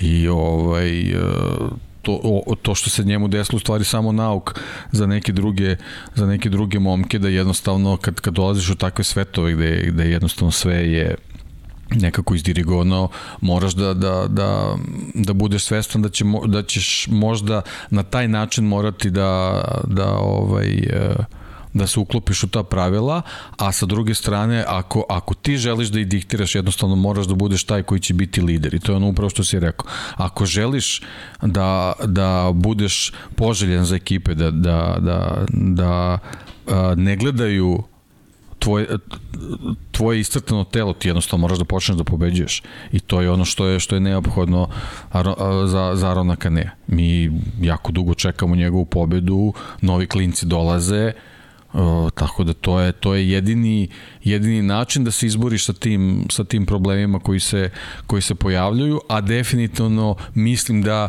njegove tetovaže nisu jedini uzrok zbog toga što na nekim mestima nije dobio posao. To je sad već neka druga priča. To je o čemu smo pričali. Tako dakle, rezultati na kraju dana će da govore ono što najviše priča jesu tvoji rezultati. Da, ružno je što se, što se te tetovaže uopšte ubacuju taj kontekst, ali kažem, nije, nisu samo one ovaj, e, razlog zašto, zašto možda na nekim mestima nije dobio priliku da potpiše ugovor. Idemo dalje. Ta čuvena rečenica, jel te? Idemo dalje, ali se iskreno nadam da će nešto naučiti iz cele ove sezone Dorna. Ne, ne, ne, ja nisam previše optimističan, ali nadam se da hoće. Ono što je super je upravo momci na stazi. Jer trkanje je ono na kraju dana zbog čega smo ovde. I to ono što mi se svidelo u Moto dvojkama, baš su se trkali. Pazi, ono za Tono jer Bolina bila ozbiljna zahtevna trka. Ni malo lak start, proklizao mu motocikl, odvezao dobru trku, vratio se iz nekog ozbiljnog zaostatka, bio hrabar. Filip Salač, mislim da je imao inspirativni da, trenutak. Da, pazi, generalno vezan za Tonija čitava priča je dobra zbog tog njegovog angažmana u Mark VDS-u, generalno angažmanu u Moto Grand Prix-u potrebno je da, da, da se pojavljuješ ovaj, Moraš da na samom vrhu, vrhu, posebno kad je komplikovana trka, bez obzira što je skraćena i tako dalje, tako dalje. Svima je bilo komplikovano. Pa, da, a on je, on je sam sebi zakomplikovao taj start. Pazi, i tako komplikovano da, i kompleksno. Tako je, tako Imaš je. jednu situaciju u kojoj, aha, prekidamo trku, nastavljamo trku, ne nastavljamo da. trku. Šta radimo? Čekamo, hoće li biti Moto Grand Prix, neće biti I ovde, ako ništa drugo, u drugo postaješ cenjen u svojoj ekipi, to je to je to je jako važno. Pa on je preuzeo vodeću da, ulogu. Da, on pa je definitivno. Ono što je, je bilo potrebno Mark VDS da. recimo da se spasi u ovoj sezoni. Jer Toni zapravo neću da reći da menja Sema Lowsa, jer nije to pitanje zamene. Jednostavno, Toni je nova generacija, ne samo to. Ne, nije to. Oni su, tim. Mark VDS je u, u ovoj sezoni bio, bila ekipa sa dvojicom vozača i tu se završavalo sve. Jednostavno, niko, niko nije ovaj, nažalost nije nije isplivao sa, sa, sa svojim ovaj nastupima tako da ovo iza njega može da bude eto dobar dobar ovaj dobra inspiracija da da da pokuša završi sezonu na na još boljem nivou. Lepa trka, u sve u svemu s izuzetkom tog odustajanja, razmišljam se samo dajte celu trku, ali bili ne, su nemogući ne, ne, uslovi. Bilo bi suviše opasno. To je potpuno opravdano bilo. Znači, I, krenuti trku i jednostavno videti da li postoji mogućnost da se ona razvije ili ne. Tako je. I to je skroz ok. I samo da napomenem zašto nemamo problem sa, sa tim što je Moto Grand Prix trka bila tako je zapravo na kraju morala da kasni. Već se hvaljujući Moto dvojkama se videlo da nije moguće tako započeti tako trku. Tako je. Dakle, bukvalno imate situaciju koja je nemoguće započeti. U Formula 1 to nije bio slučaj. Ljudi, staza u tom trenutku, više nije padala kiša u tom trenutku. Mi, to jest... Pa ne, sa kišnim gumama šesti krug bi staza bila suva. Naravno, dešavalo bi se nešto, nešto nepredviđeno, ali, ali oni moraju da se suoče s tim situacijama. Tako je, tako je. Jackie Stewart je pobeđivao na potopu na Nürburgringu. Na Nürburgringu, starom Nürburgringu, samo da pomenemo, na zelenom paklu, kako ga je sam prozvao. Nordschleife, Green Hell. I, I, i postao veličina posle te pobede i kao što su neki I tako dalje. Dobro, pa da, kišni dobro, ljudi, da, da ne idemo Miguel Oliveira, da ne idemo sada. Da ne idemo daleko. Uzrujaćemo se. Da. Ali sve ok, ovo je bilo baš lepo pravo trkanje i na kraju dana dobili smo potpuno neizvesnost i dalje u šampionatu sveta, jedan i po poen, tri trke pre kraja, da, ga, da režiraš ne možeš bolje od ovoga. Ja jedva čekam, moram ti priznati Australiju. Nadam se da će nas poslužiti vremenski uslovi da bude suvo. I u Australiji, i u Maleziji, Valenciji. Male su šanse da neće padati kiša u Maleziji, samo je pitanje kada će padati kiša u Maleziji. To toliki na to se svodi. Dakle, u kom momentu počinje kiša da pada? Eto, to je celo jedino pitanje koje mi imamo na sve ovo. I da li će to biti trka, trening, kvalifikacije, kada će se desiti. Valencija, ja održim palčeve da će nas poslužiti ponovo vremenski uslovi da bude lepo, suvo, suvo, sunčano, da bude onako pozitivna na jesenje Valencija i Australija, a, hladno je tamo, ljudi svi podsjećaju jedni drugi u karavanu, jakne, ponesite drugari, šalove, pingvini nas čekaju na ostrovu mm. Filip, bukvalno su pingvini u podnožju litice, dakle, to samo... I galebovi samo da budu Čekaj, jesi se sećaš, jesi se sećaš? Uh, glavom u galeba, ili Jorge Lorenzo koji se poduka, žao nam je ptica, nemojte da shvatite, dakle, ljubitelji životinja, ali takođe je desilo se, prosto se desio bizaran moment da Andreja je one naleće na Galeba u momentu kad se spušta u MG krivinu, ta 2000, ja mislim da ćemo dobiti reprizu 2015. Iskreno. Dakle, ko je zaboravio? Mark Marquez, Jorge Lorenzo, Andreja Janone, Valentino Rossi. Tim, tim redosledno su prošli kroz cilj, zato ih tako i postavljam ludnica od trke u onoj sezoni u kojoj se bore Valentino Rossi i Jorge Lorenzo za titulu šampiona. Trka koja je dovela do čuvene izjave Valentina Rossi 7 dana kasnije, ne, 4 dana kasnije da ga je Mark Marquez ometa u svemu i počinje pff, detonacija. Nuklearna bomba pada na Moto Grand Prix, kreće haos, ali i kreće da raste Eto, popularnost sad, sad Moto Grand Prix. Sad opet pričaš o pomaganju, ometanju, vidiš. ne, samo pričamo o onome što se desilo kao priči. Dakle, o četvrtku popodne gde niko ne sluti Valentino Rossi da će uzeti granatu baciti na ceo Moto Grand Prix. Inače, ko želi o tome da čita, E, ne, ne, čekaj, kutiju tako je. E da, da znate, Marquez će biti u sličnoj kutiji, crvenoj kutiji. Tako da ćete moći da slažete kutije iz Infinity Lighthouse-a. Nisam baš siguran da će slagati žuto i crveno svi, ali okej. Okay. Su dobre za oblande, malo su, malo su manje. Da. Čekaj, gde je knjiga Valentina Rosija? Iza mene. Kako? A, gleda me, evo je ovde. Kad mi kaže evo ti je, da vidi Vanja, u ovom studiju ima mnogo toga. Ali, evo, da, da čujete i taj deo priče. Hvala. Čekaj da nađem mehaničarova priča. Priča jednog mehaničara, je tako beše? Da imamo, Valentino Rossi sve njegove triče, čudna zodina, odlazak u Sutton, e, ponestalo je sreće, propisno, kraj romanse, ponovo najgorča, E, de, pa ne mi mehaničar. Ju... Novajlija, prva titula, Novajlija, zbog Honda, znači još dominanti, propisno veliki povrtak, ponovo, sam ja propustio nešto u celoj priči. Ju, da li sam otkrio upravo nedostatak jednog celog poglavlja? Čekaj, čekaj, deki, da li sam otkrio da nešto nedostaje u celoj ovoj priči? Poslednji rez, sve se menja, vrlo zanimljivo. Sve se menja, ajde da vidimo. Gde mi je nestao, mogu da osvojim još titula, moram sad da pogledam kako mi je nestao, gde mi je mehaničar nestao. Elem Alex Briggs je u pitanju, moram da nađem mehaničara. Imate priču između manje više svake vale i bitka za dušu MotoGP-a, povratak u Yamahu, još jedna, e, mislim da je ovde pred kraj. A ovo, ljudi, šta sam otkrio upravo? Ništa, moramo da rasprodamo ovo izdanje u to ime shop.infinitylighthouse.com. Evo ga priča jednog mehaničara koji kaže sledeće. Dakle, Alex Briggs koji je bio u garaži za tu 2015. godinu, gde, gde, gde, gde, gde. E, kada smo u timu ostali BJ, e, sećam se, uh mhm. -huh. Ajde samo da nađemo sada. Alex Briggs je tu baš pričao o 2015. godini ali ne mogu sad da naći. U svakom slučaju ima baš priča o tome da je smatrao da nije Yamaha smela da dozvoli Valentinu Rossi uopšte da izađe s tom pričom i da su videli da nosi neke papire, da su svi slutili da se nešto kuva i rekao je ne, nismo smeli to da učinimo, zašto? Trebalo je samo da se fokusiramo na na sebe bukvalno samo na sebe i da ne razmišljamo uopšte ni o Markezu ni o Lorencu i da uopšte ne otvaramo tu priču jer se verujem da smo bili sposobni da osvojimo titulu te godine. Dakle, I sad sve... Yamaha treba da se fokusira samo Tako na, je. na Fabio Quartararo. Tako je ko želi da pročita, imate remek delo zaista, cela karijera Valentina Rossi, sve njegove 432 trke. Tako da znate, a imamo i prvu šampionsku sezonu Marka Markeza. Bravo Vanja, vidi ga, on Q, što bi se reklo. Mhm. ali, ali lepo rečeno, Yamaha i Fabio moraju da se skoncentrišu samo na sebe i da se bave samo sobom. Kada pričamo o koncentraciji ko se bavi sobom, mi imamo u Moto3 kategoriji jednu priču kojoj, ja ne znam deki, koju mi pričaju o Moto3 kategoriji zapravo. Izan Givara završava posao, polako li sigurno. Ma Denis Vođa se probudio. A Denis Vođa, da, Denis Vođa je rešio sada da opet bude Denis Vođa. Neverovatno. Ne, ne vredi, jednostavno Denis Vođa će biti Denis Vođa. Pa on je ponovo pobedio.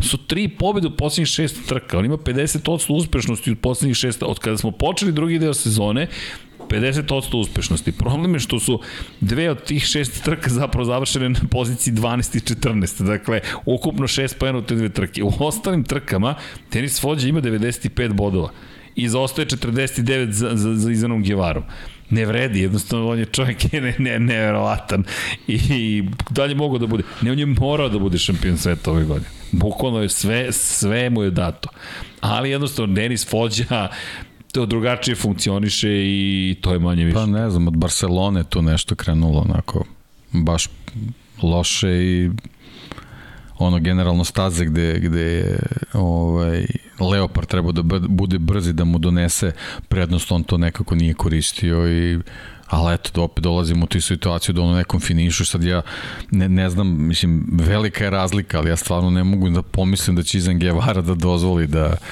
da se ta prednost nešto istopi pa da stvarno, stvarno Vidi, mislim. O, ali ovo je poslednja stanica. Izan Givara stvarno onako šampionski vozi čitavu sezonu, jednostavno mi je potpuno neverovatno ćemo doći u situaciju tipa da se kao Pedro Acosta nešto pribojava titule na kraju god, na, na, na, na poslednjoj trci Vidi, sezone. Ako osvoji samo dva poena više od Denisa Fođe, to je to, to je završeno. Tako je. Dakle, završeno je.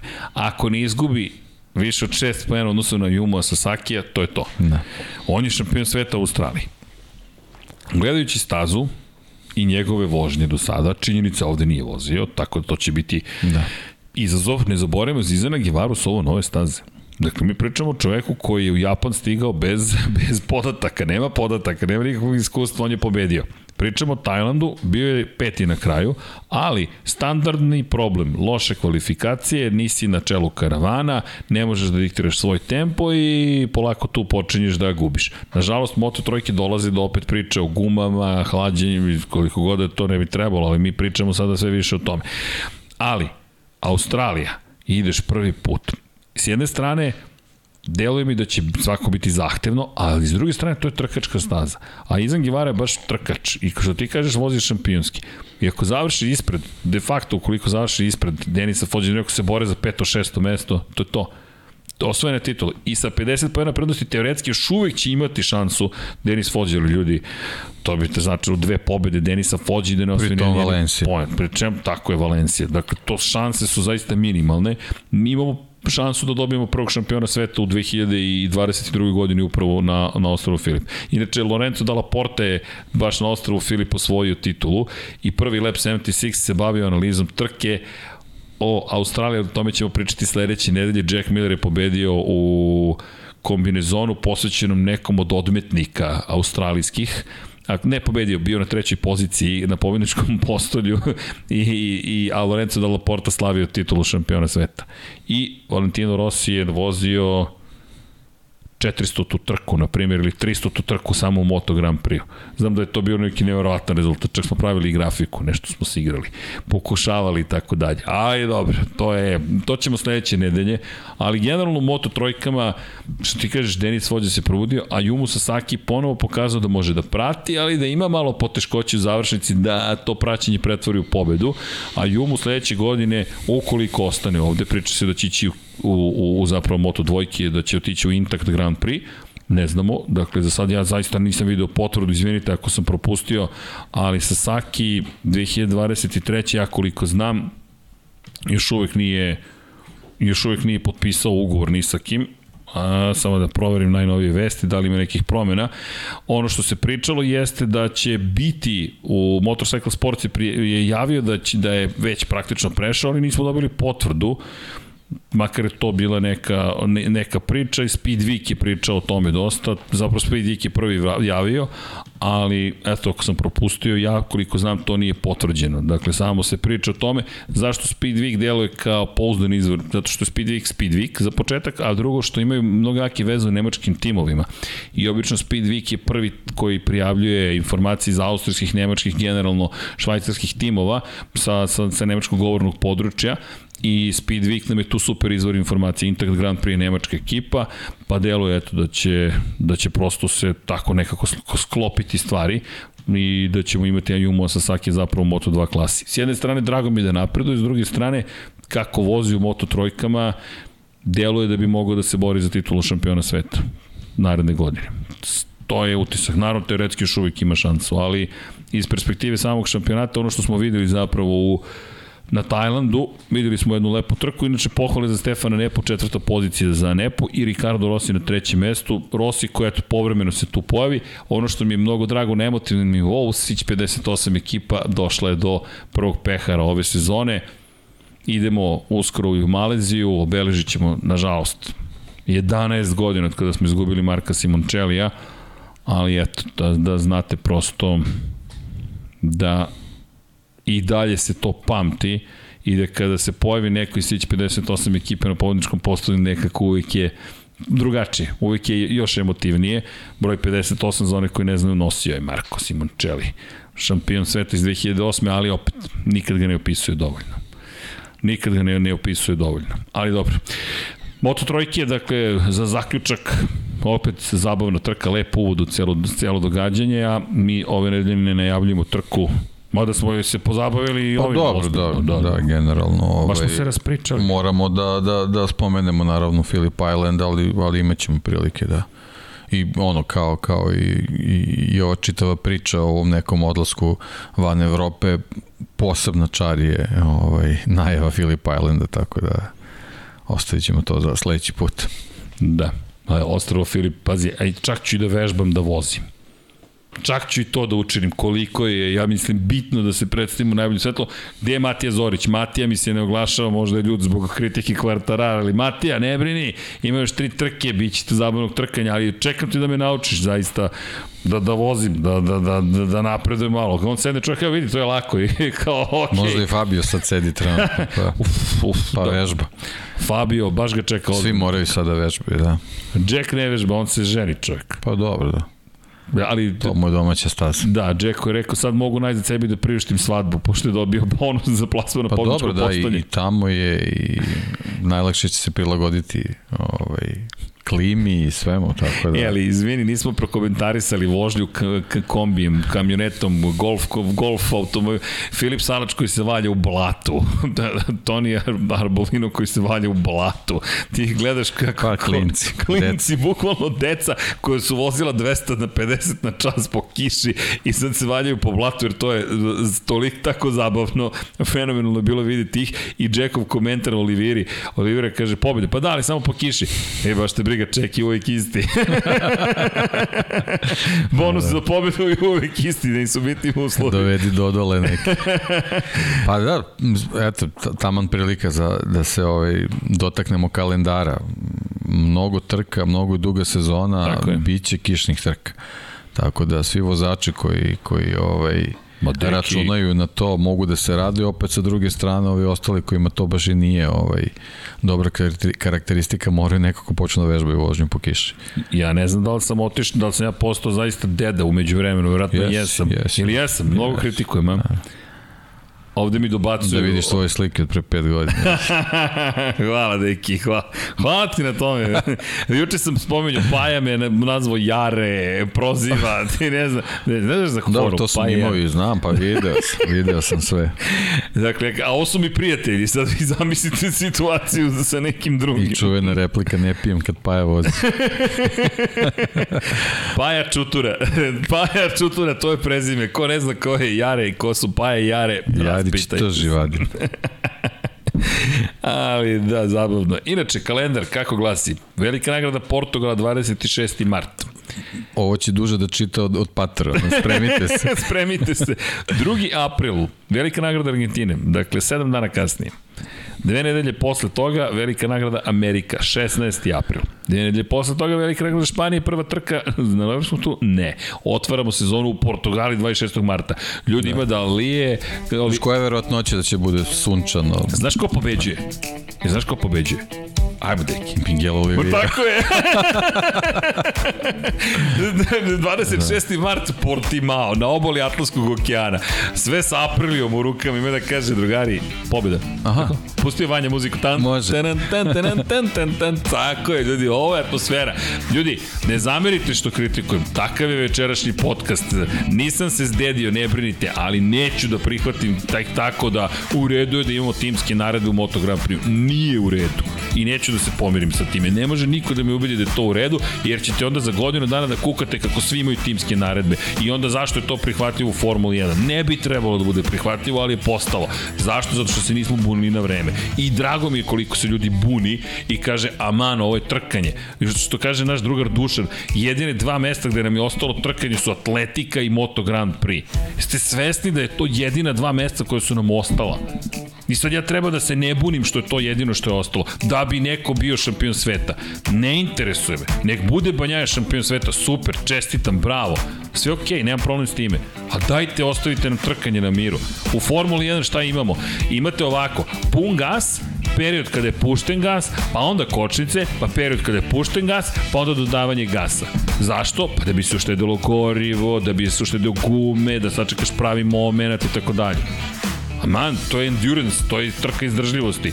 Zna se šta je Formula 1, znaš se šta je Moto Grand Prix. Imaš pun gas, imaš kočnicu, počinješ da dodaješ gas. Kraj priče a toga nema. Elem, uz ovu zabavnu muziku. Velika nagrada Španije, četvrta runda, 30. aprila. Francuska, velika nagrada Francuske, 14. maj, dve nedelje kasnije. Kiša. Da, apsolutno, pobeđuje Zarko. ok. Šesta runda, 11. jun. Čekaj, deki, 14. maj je Francuska, 11. jun je Italija. Ja i dalje ne mogu da se, da, da, da, da, da, da nekako to obradim u moje glavi. Četiri nedelje pauze u sred maja i juna, Barcelona je sklonjena na septembar, velika nagrada Nemačke dolazi 7 dana kasnije, 7 dana posle velike nagrade Nemačke dolazi velika nagrada Holandije, jer nemaš dovoljno vremena da ranije organizuješ trke. Šta izbegavamo sukob, to je pod udaranje s Formulom 1, to je nemoguće. Sad u ovim uslovima je nemoguće. Nemoguće, ljudi, to je samo pitanje koliko puta ćemo se susresti. Zatim, Kazahstan sa dve zvezdice, da, sa, a, pošto, pazite sad ovo, Kazahstan, velika nagrada Kazahstana, treba da se održi na stazi koja nije prošla homologaciju. Sokol, međunarodna staza, još nije prošla homologaciju za Moto Grand Prix. Uh, halo, uh, Kimi Ring, Kimi Ring, da li znate kog datuma se održava velika nagrada Finske? Znaš, Vanja, kad se održava velika nagrada Finske? Nikad, nikad. ali, ali drago mi što si probao. Velika nagrada Finske koju smo spremali 2020. pa 2021. Uh, e, pa više, pričali o profilu staze. Tako pa. je, pa vozio, jel te, Mika Kalio na KTM-u, pa smo imali 30, 360 stepeni pogled na stazu. Hoćeš da te pitam isto pitanje. Znaš kada je velika nagrada Mađarske koju je Dorna najavila pre tri godine? Znaš odgovor? Nikad. Sada već zna, pa da. Da. Da li znaš kada je velika nagrada Južnoafričke republike? Isti odgovor. Dakle, imaš jednom, jedan odgovor. Nikad. Jednostavno ih nema. Ali sa dve zvezdice obeležena velika nagrada Kazahstan. Da li znaš koja je još trka obeležena sa dve zvezdice? Šta znači dve zvezdice? A, znači, još nije potpisan Aha. ugovor i nije obavljena homologacija staze. Neka Indija se spominje. Tako da je, neki, tako, da. ima dve, dva, dve, dva, dva Asterixa, jel te?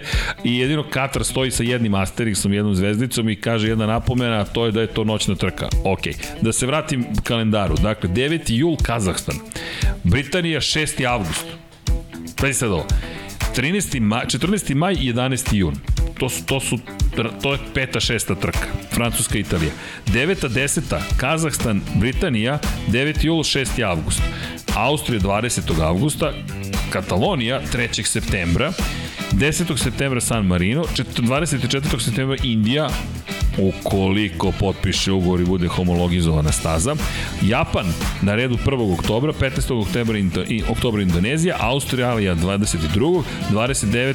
Tajland, 12. novembra Malezija, 12. novembra i onda Katar ide 19. novembra, Valencija 26. novembra. Evo ovako. Evo sad, pošto sam ja taj koji, jel te, se zdedio. 26. novembar 2023. Valencija. Sunrise. Hvala Vanja. Poludili bismo svi. U 7.57 sviće. Ajmo da imamo sunset ili ti zalazak 17.40. Dakle, upakovat ćemo nekako trku dok je dan. Ne znam kako i ne znam gde, ali znam kako. Ukinut ćemo jutarnje treninge za Moto2 i Moto3 klasu. I ne brinite, sve super. Zašto? Zato što uprkos tome što imamo ovoliko trka, ono što je pozitivno u svim ovim, jel te, trkačkim vikendima, imamo šta? 21 velika nagrada i 21 sprint trka, tako da će biti easy peasy što kažu. Ali, čisto da se razumemo, od 6. augusta do 26. novembra imamo 12 velikih nagrada. Sezonu. Sezon, da razum, sezonu. A pre toga 9 trka od 26. marta do 9. jula. Balans ne postoji, apsolutno. Ja, kada kažem da ne znam više šta da očekujem od Dorne, ja stvarno ne znam šta da očekujem. Ja, od, kao da, kao da je... Kao ja da je... taman kad sam rekao, bilo bi lepo da se ode u Aragon na trku. Aragona više nema, deki. Dakle, Dobar mi je tajming. tajming ti je Super fantastičan. Je, da. Aragona nema na, na kalendaru. Nema Finski na kalendaru. Ne, nema. Jednostavno nema. Ali možda će biti Indija, možda će biti Kazahstan. Držim palčevi da bude, zaista. Tu je Aragon kao rezerva. Pa, ara, ta, trostruko štiklira negde tamo. To su tri zvezdice. To su tri zvezdice, znaš, kao tamo negde stoji obeležen Aragon. Me vidi, Aragon će se desiti gotovo sigurno 24. septembra. Mesto Indije. Tako je. Pro, prosto tako, tako deluje. Ali okej. Okay. Jedino što je dobro, spojili su zapravo tu turneju. Indija, Japan, Indonezija, Australija, Tajland, Malezija, Katar, Va, Katar. Eto, tu se staje, onda ide se za Valenciju. O, ozbiljna logistika. Pazi ti tu logistiku, pazi ti i, i, i zahtevnost, zahteve prema mehaničarima. Sve, sve u skladu sa uštedama. Pa, neviđene su. A, savršeno ironičan. I sad samo zamisli sledeću situaciju. Radiš u Moto Grand Prix i ti si 24. septembra otišao. 19. novembra ti završavaš svoju turneju. Ti si dva meseca na putu, neprekidno. Pa dobro, ali imaš dva puta po mesec dana pauze. Nemaš. To je taj balans, pa imaš. Si Aha, imaš, pauzu, na početku, pa, da. imaš pauzu u maju, to. Pa da. Odmori u maju i odmori u julu. Cvetni maj. Cve... da, eto, dobro, ok, evo da ne kritikujem sam. Ja pročitao sam kalendar kako izgleda, ali dalje sam frapiran. Od najviše me zbunjuje 14. maj, 11. jun. Što nema ničega između. Bar jednu trku si mogu da organizuješ. Ništa, eto ti prilike planiraš odmore. Da planiram šta, čega, koga. E, ali čekaj, stani, Formula 1 2023, to nismo uporedili. F1 2023, kalendar. Da vidimo. Pošto ima 24 trke, to će tek da bude jednostavno.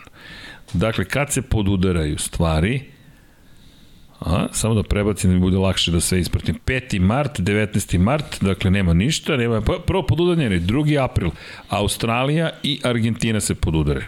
Zatim 16. april, Kina i Amerika, ukoliko se bude vozilo uopšte u Kini. 30. april, Azerbejdžan i Španija. To su poklapanja. Dakle, mi cijel april se poklapamo. Jedan na jedan se poklapaju. Toliko tome da su planirali da se ne poklapaju. 7. maj, Miami, Ok, 7. maja nemamo ništa, 21. maj Imola, 28. maj Monako, 4. jun Barcelona. Ok, tu se ništa ne poklapa.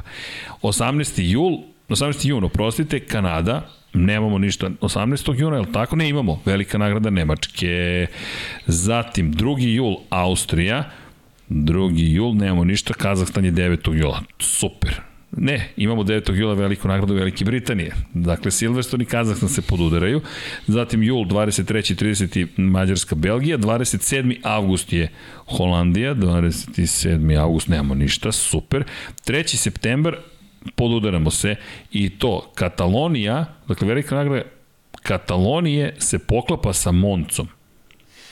I ti sad očekuješ da će ti više ljudi doći u Barcelonu zato što si se poklopio sa Moncom i pomerio je zapravo sa praznog, sa, sa mesta koje je zauzimalo negde u maju.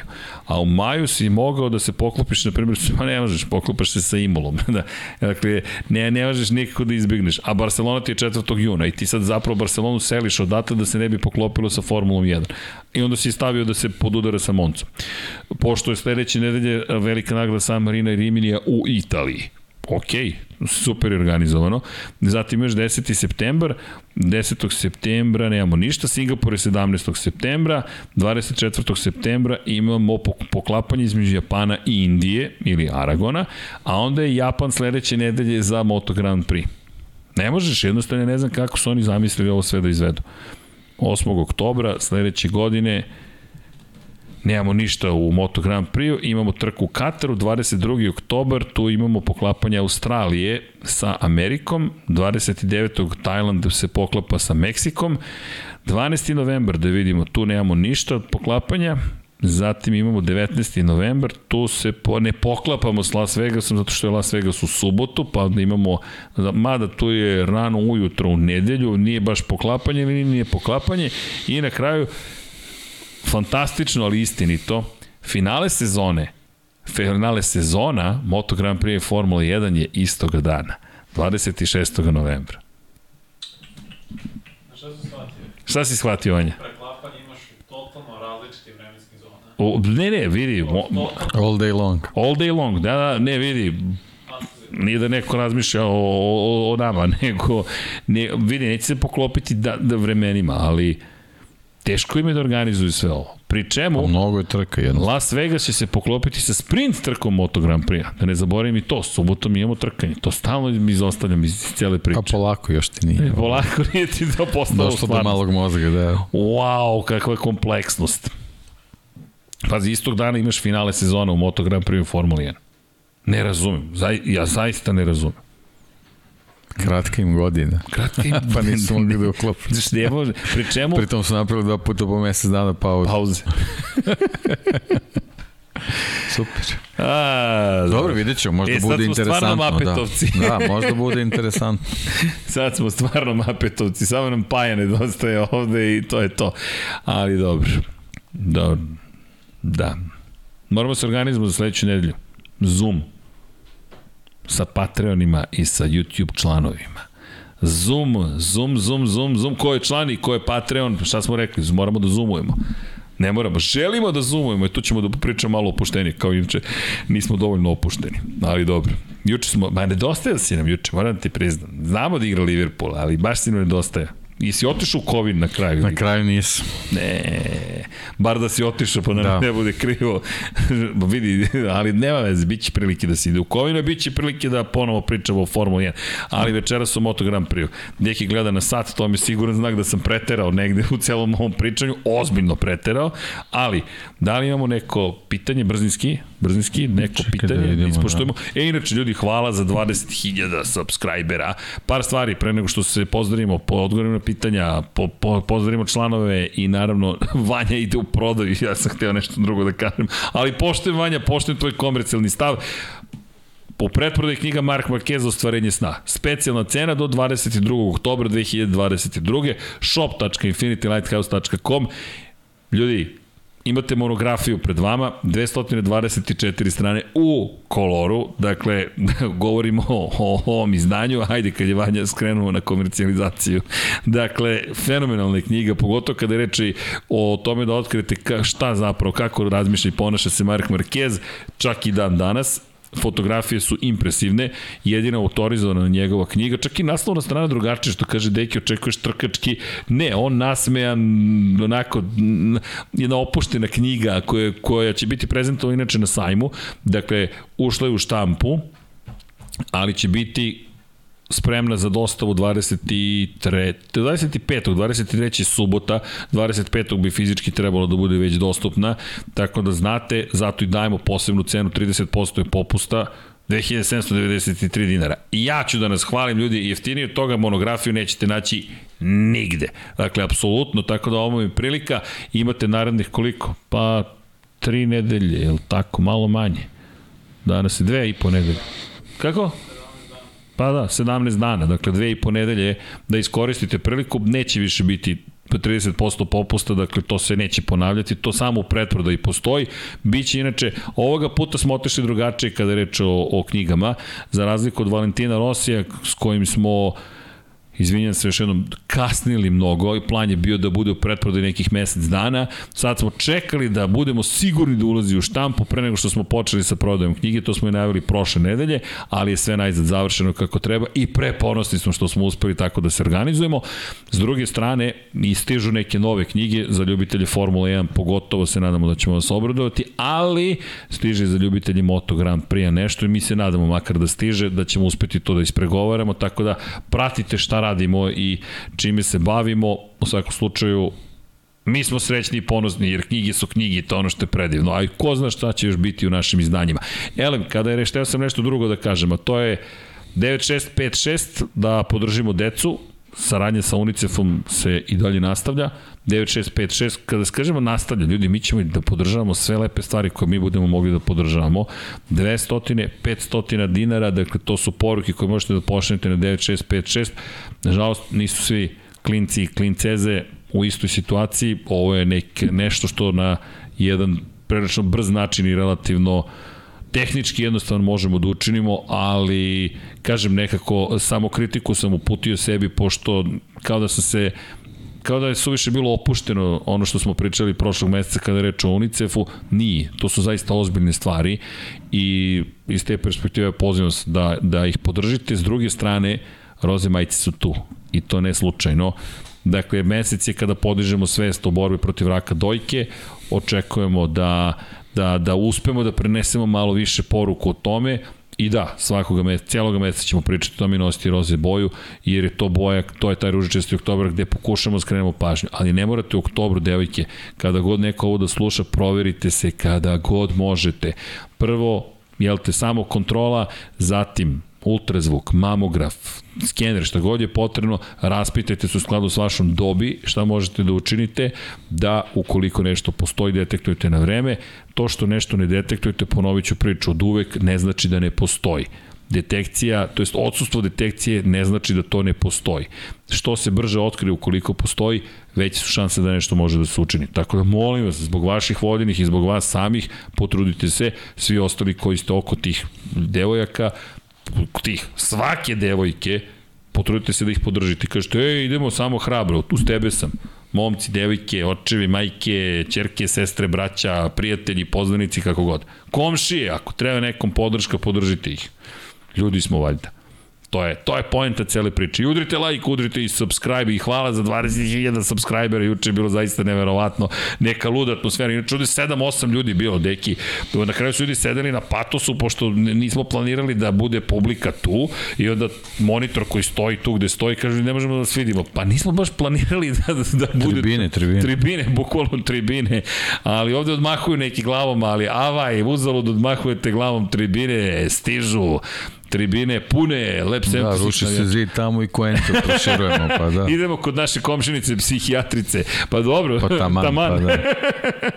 da, provirimo. Kaže Vanja, ne.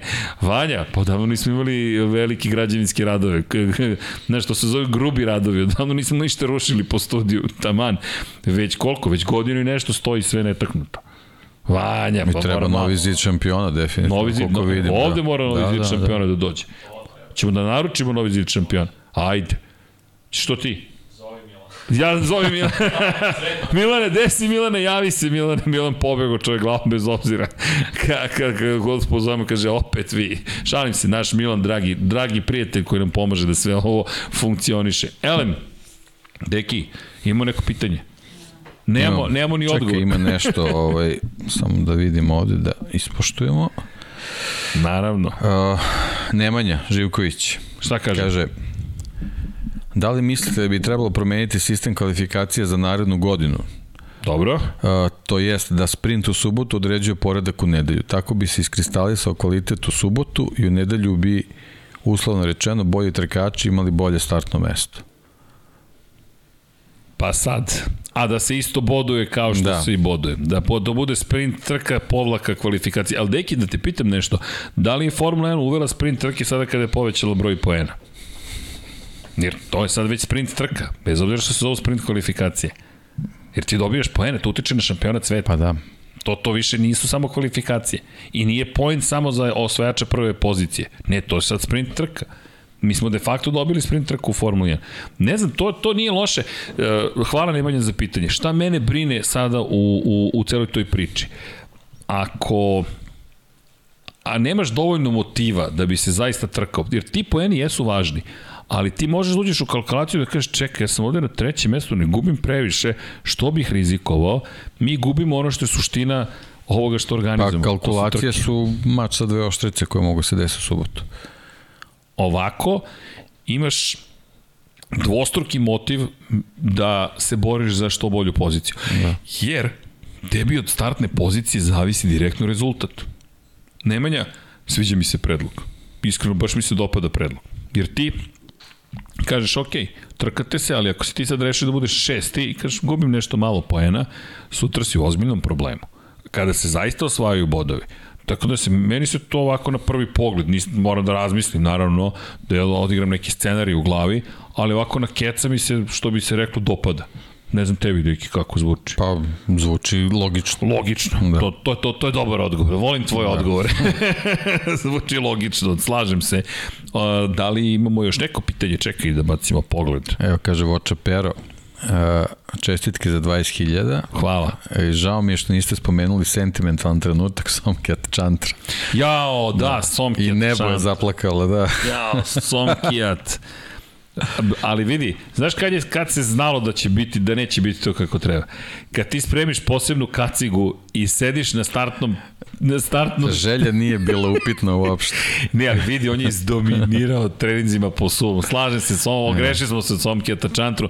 Tajlanđanin je bio spreman za pobedu i bukvalno ti vidiš čoveka koji je rekao šta ću da pobedim, to je moja pobeda. Ve, već je video da dobije ulicu, da dobija, da će se staza nazvati po njemu, ma sve, sve, sve. E, ali jesi vidio ko se pojavio kada pričamo o emocijama? Rata Park Villarot. Da najjači čovjek svih vremena. I deli savete, što je, što je Ali sad je frizurica, da, da, sve, sad nije u trkačkom kombinezonu. I ono što mi je super. Veteran. Ej, čekaj, on je deki u super sportu pobedio tamo. Dakle, čovjek koji nikad nije ostvario veći uspeh, nažalost, nije došao do pobede, nije došao do pobedničkog postolja. Čovjek se borio i četvrto je bilo najveći, najviše dostignuće koje je postigao.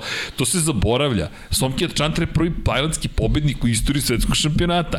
Ali Rata Parkviljorot, ljudi, koliko puta smo ponovili Rata Park Viljerot tokom, tokom uh, Titipong Varakorn. I, znam da su mi se smeli, kako učiš imena? Pripremiš se, moraš da ispoštuješ tu kulturu. Šta, Tako to što je. se nama teško izgovara, vežbaj, Titipong Varakorn, Titipong Varakorn, Titipong Varakorn. Zašto? Da bi ispoštovao čoveka.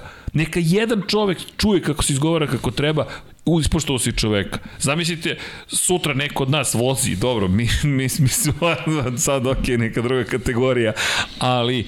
I... Zamisli kad dođeš na, na pasošku kontrolu, ono pogrešno ti piše ime. E, to, e, mene, Hvala kogod da je smislio da ja prestanem da budem srdjan posle mojih 40 kusur leta i poništi mi sva dokumenta po celoj planeti Zemlji jer sam morao da budem srđan.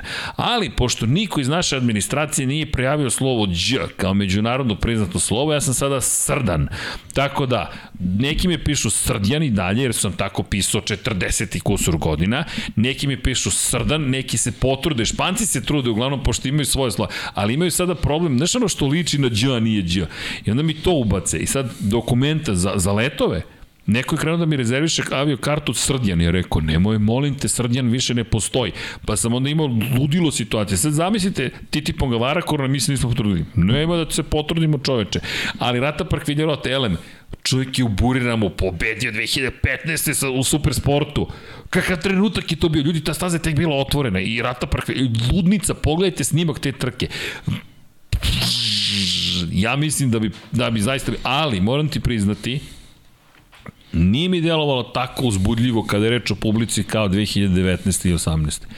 Kao da nisu bile rasporedite sve tribine, moram da saznam kakve, koji su bili brojke za, za, za, za Možda je vreme. Ne, ne sigurno je mnogo toga utice. možda razlog, da. Deki, još jedna stvar ajmo ovako, ne opravdavam i ne kudim nikoga. Formula 1 se prosto je pogodila kao onaj zlatni moment.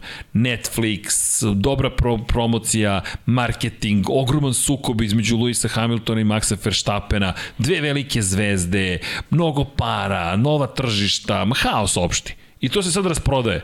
300.000 ljudi u Singapuru za ceo vikend. Haos. Moto Grand Prix s druge strane oslanjao se malo su se uspavali. Oslanjali su se na Rosija i Markeza, de facto. Pre svega na Rosija, pa potom na Markeza. Odjednom su ostali bez jednog i bez drugog. Drugi se bori da se vrati. Onda ti dođe COVID koji ti, koji ti rasturi nešto što je tek trebalo da postane navika ti nemaš naviku, ti da si vozio 2020 i 21. to već postaje navika, ej, zna se šta ćemo da radimo. Sad ti treba ponovo da oživiš neke navike.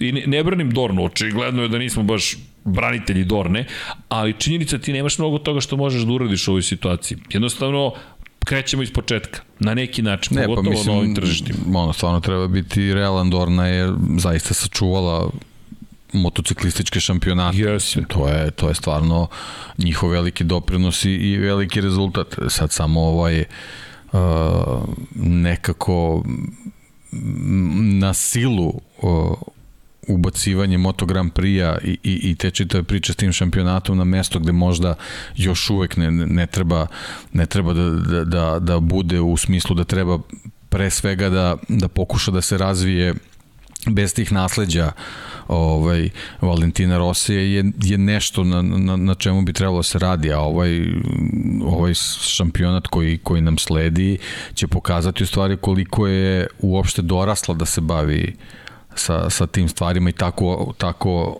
pre svega obimnim ovaj, šampionatom, a kamoli sa zahtevima koji će slediti uz, uz samu organizaciju trka. Ja mislim da ti kao i uvijek pogodio znači, suštinu. 42 trke trebaš da organizuješ sledeće godine. E, ali teki, meni je to ne shvatio, ti, ti još nisi ovladao sa 21 Nisu svesni da oni trku. bukvalno 42 trke trebaju da organizuju sledeće godine. Ni, a, vidi. Puta 3. Ja sam... To jest nije puta 3, ne, nisam dobro rekao, stvari puta 2.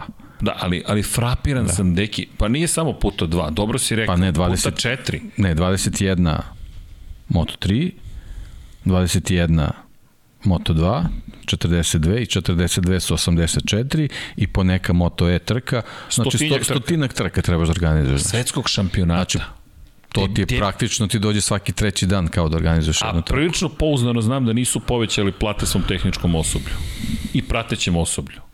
To, to je pobuna na brodu Bounty u najavi. Bukvalno u najavi. Ti ljudi će da popadaju na nos. Ti ne smeš da pogrešiš. Ti ne smeš da pogrešiš. Ti, mi pričamo sa šampionom. Ljudi možda deluje kao da pričamo o banalnim stvarima. Nije. Ma ne, pričamo pre svega, ljudi pre svega o, o, o, o organizaciji koja mora da donese bezbednost tim momcima koji se takmiče. To onda je, krenemo to od osnove. osnova svega. Prvo to. A onda moraš da napraviš da bude, pa se ovo, merenje vremena precizno. Da deluje tako banalno, je tako? Onda moraš da bezbediš TV prenos, je li tako? Ne, kažem da to nužno prioritet, ali moraš da ga obezbediš. Moraš da obezbediš zvuk sa svake staze da bude kako treba. Zatim moraš da obezbediš da publika koja tamo dođe uživa u spektaklu, da se sve bude kako treba, da koordiniraš sa organizatorima trke kogod je vlasnik staze, sve da bude cakum pakum, akreditacije, prava, logistiku, da se doveze sve na pravo mesto. Pazi ti ovu logistiku. Indija, Japan, Indonezija, Australija, Tajland, Malezija, Katar i onda Valencija. Mi smo ove godine kasnili u Japan. Mi nismo imali trening broj 1 zato što smo kasnili u Japan. Nije bilo teško prognozirati. Znalo se nedeljama u napred da će se gotovo sigurno kasniti u Japan. Jer je logistička kompanija DHL u ovom slučaju rekla Nema šanse ljudi, jednostavno to je, to je, nemoguće. Ja mislim da se neko u DHL-u ozbiljno sada već pavi o, iz Indije u Japan. To delo je tako jednostavno. Ljudi, Tajland, Japan, to je ozbiljna razdaljina. Samo uzmite kartu, uzmite globus, i, ne globus, nemojte mapu, uzmite globus i razvucite kanapče ovako od Japana do Tajlanda i onda ga prenesite na Evropu. Samo to uradite. Mislim da ćete biti impresionirani. To uopšte nije naivno. Pri čemu nisu sve staze u velikim gradskim centrima. Ne patimo za urbano-ruralnim odnosima, već za činjenicom da kada sletiš u veliki grad, kao Argentina, Termas de Rio Hondo, to je, to je pakao za organizaciju. Zašto? Ti si stigao u Buenos Aires i sad se prebaci gore na jugozapad, na severozapad nije tako jednostavno. Zvuči mu da sad spakuješ avion i odiš gore. Ne, moraš da imaš ljude koji tamo mogu da ti pruže adekvatnu podršku. Ali da se vratimo na Sonketa Čantru. Šteta. Blago rečeno šteta. Toliko mi je bilo krivo, nemam reči. I on na kraju prikazan, pri čemu Tajland koji je došao da navije za svog prvog pobednika u istoriji. Šteta, zaista šteta. Inače, evo Matija Zorić se javio. Kaže, koje su ovo gitare pozadi? Imate dve gitare. Yamaha Pacifica, kopija Stratocastera, jedan Hamić i dva singla, jel te, možete malo i heavy metal, možda ovo je za Iron Maiden savršeno, dakle, možete da glumite Adriana Smitha. Ako hoćete malo da bude žešće, Hamići, i ako hoćete da malo solirate, singlovi, malo da bude nežni ton. Ono tamo je LTD gitara, KH202, kopija Kirk Hammettove gitare iz cirka 1993. sa kostorskim glavama, 20 i koliko pragova ima? 22 praga kod ovog, ono su jumbo frets ili ti jumbo pragovi, 24. Imamo maršalovo pojačalo ovde i imamo ovde jednog malog honera, eto da odgovorim na pitanje za gitare. Uh, petak, evo, brzinski, E, ovo je zanimljivo. Dakle, petak je bio posjećeniji od subote. ok, hvala Tošiću. Iskopros kaže 55.798 hiljada, u petak u subotu 45.809, 76.856 je, u, je bilo u nedelju. I tako, dobro, dobro večer kaže e, Sišić, Šišić Iren, do, Irena ili Iren, kako god, izvinjam se ako sam pogrešio, dobro doktor i motosporta, ovo je doktor profesor ovde, ja sam puka medicinska sestra, da ne kažem medicinski brat, ali šalno sam, to volim da zasmejam deke, njemu uvijek neprijat ovim situacija, mada poče da mi razvija pasivne sposobnosti odbrane od prozivki. Uopšte mi se ne dopada, skill set mu je sve bogatiji. to je čovjek uvijek napreduje. Jel, jel Beše meni odgovara za MotoGP? Uh, uh, hvala na odgovoru. Menca, men, uh, Lele Srđane, svaka čast razumeš se u gitare. E, nekad se sviralo, ali sad se ne svira, sad, sad se sad ovde su kao ukras zapravo. Ali imamo žice, nemojte da brinete. Ernie Ball smo nabavili, to čisto fore radi, pošto to koriste Maidenovci. Ah, Ivan Toškov, a na gitara ta Sasko Žavata, to ste se ste dobro Ivane, stvarno moraš ove poruke da šalješ. A, dakle, Luka Đurović, LCR je 2013 imala Bradla, Moto2 šampion iz 2011, jedan od redkih koji je pobedio Markeza u to vreme. Go and Fan, Grasini, Bautisto, a uvek ostaje pitanje šta je bilo da je Sić 58 ostao među nam. I fascinantna jeste ta generacija. Bradl koji nekako je nestao, nažalost. Bautista, inače Bautista, Bautista, to isto možete da nađete u Markezovoj knjizi, je čovek koji je trenirao Marka Markeza pred dolazak u Moto Grand Prix klasu. Alvaro Bautista je jedan skriveni dragulj motociklizma, enoga u Superbajku sada bije ljute bitke, ali to je svetski šampion iz 2600 125 kubika, ukoliko ste zainteresovani, pogledajte njegove trke iz 2600 125-icama živa vatra. Alvaro Bautista, on je trebalo da bude Mark Marquez. To je tako izgledalo 2006. Ljudi, dečko je pobeđivao kako je hteo manje više. Uh, da li se Miller nada, da li se Miller nada naslovu? E, Toni, Toni Rušić pita, Pa bilo je zanimljivo da pitanje za, za, za pitali su ga za Millera i Miller je rekao ljudi nije da se nadam, ali ukoliko se ukaže prilika, super, i ponovo je pričao više o Francesku Banjaj.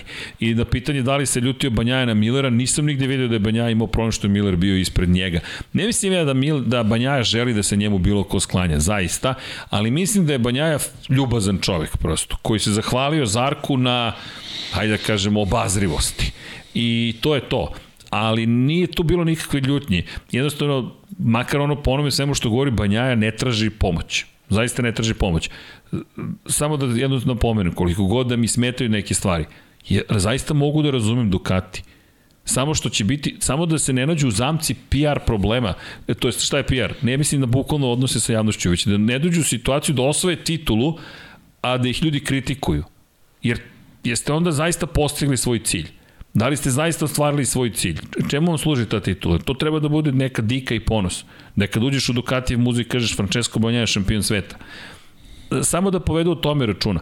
Ali ja razumem Ducati, zaista. 15 godina ti čekaš. Pazite koju agoniju je proživeo Ducati.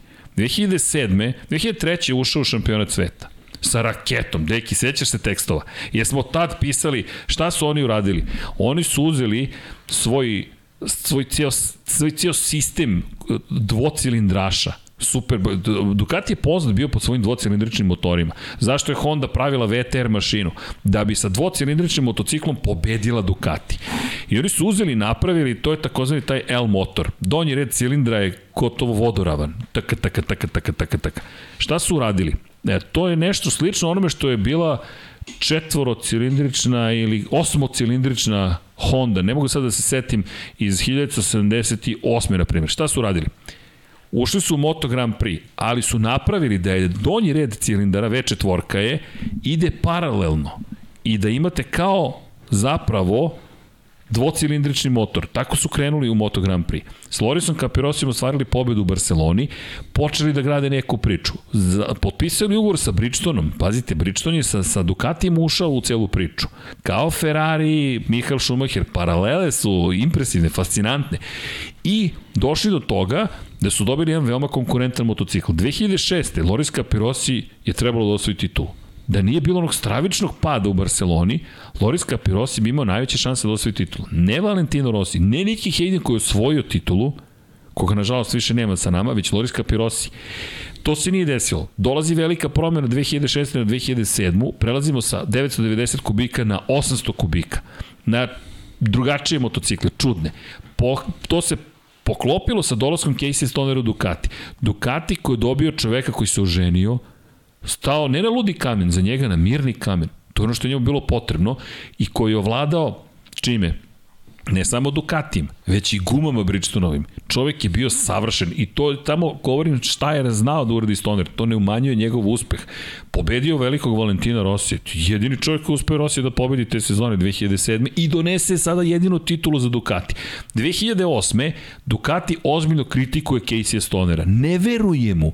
Iako, oni čak mu posle 2007. osvene titule mu ne veruju, dovode Marka Melandrija i kažu mu sad ćeš da vidiš kako se vozi motocikl stvarno, Marko Melandrius, dužno poštovanje, svoj titulu 250 kubika. Dolazi i dve sekunde po, po krugu je sporiji od Casey Stonera. Katastrofa, sa Ducati ne zna šta, se sad događa. 2009. pokušavaju sa Stonerom, 2008. Valentino Rossi i Maha su ih upropastili. Rossi je potez u Laguna Seki definisao nastavak karijere u Ducatiju jednostavno Casey Stoner, koji je posle pravio greške, padao i tako dalje. Onda ustanovljava kasnije da ima probleme s laktozom, opet mu Ducati nije verovao, i Ducati opet nema titul. Šta još radi Ducati? 2009. uvodi motocikl koji je osnova za današnji Panigale, to jest na blok motora oni kače zadnju viljušku i polu ram, zapravo prednja viljuška vam je neka vrsta polu rama, vi imate samo motor, deki se sećaš tog motocikla. To je, to je čudo tehnike, ljudi.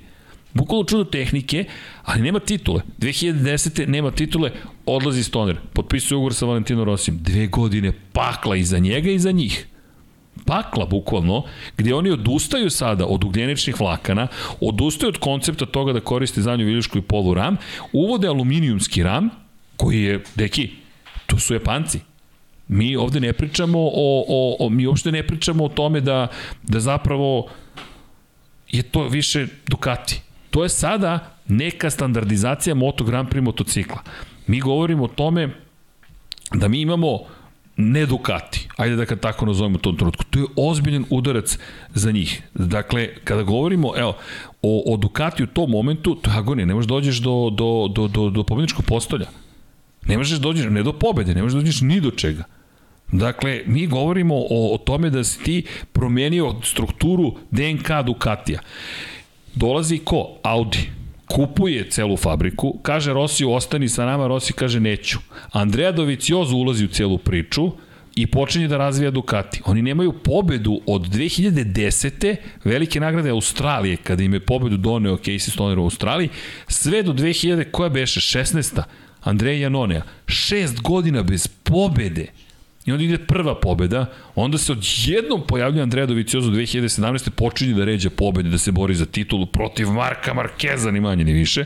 2018. se ta bitka nastavlja, 2019. već nije bilo, dolazi COVID, oni sad imaju novi motor, sad imaju ne znam nija koliko motora. U CRT vreme, 2011. 12. 13.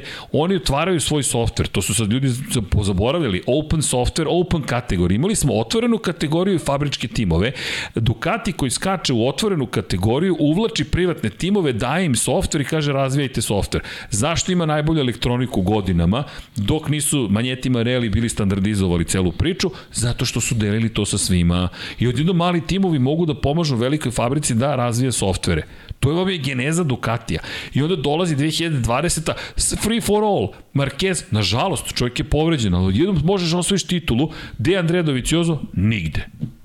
Nema ga, gume mu ne odgovarali, šta god da je problem bio, Miro osvetio, čekaj sad Suzuki je osvojio titulu. Pre nas. Suzuki ti osvoja titulu. I onda sledeće godine opet Yamaha ima šampiona. Imaš sad osam motocikala. Lepo si rekao, GP21 je najbolji motocikl svih vremena. Ti nisi osvojio titulu na njemu. Ti imaš GP22 koji ima po loš početak sezone. Razumem ja Ducati, ali i dalje ali stoji. I sad pogledaj agoniju, zamisli Davide Tordocija, Čabatija, ne znam, sve njih zajedno, kako se muče i kada dajte nam ljudi titulu, ćemo titulu. Sve smo uradili da osvojimo titulu. Doveli su Jorgea Lorenza i onda ga otpuste, on počne da pobeđuje. A man pakao, zlo i naopako. Jedna izmena na sedištu je dovela do toga da on jednom pobeđuje. Čekaj, mi smo ga otpustili. Zašto? Claudio Domenicali inače važi za čoveka koji nije jednostavan u pregovorima Čuli smo ga, Claudio je inače izvršni direktor Ducatija. On zna bolje od vozača šta treba da rade na motociklu. Mislim, on je šef, ljudi, on je izvršni direktor. Man, mislim, šta on zna o tome? Mnogo, ali nekoliko oni.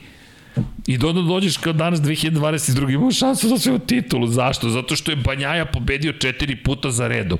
Šta sada? Ne znam. Ali samo nemoj se ponovi ponovo agoni iz prethodnih godine. Sve ja to razumem, ali i daj sam u fazonu, ljudi.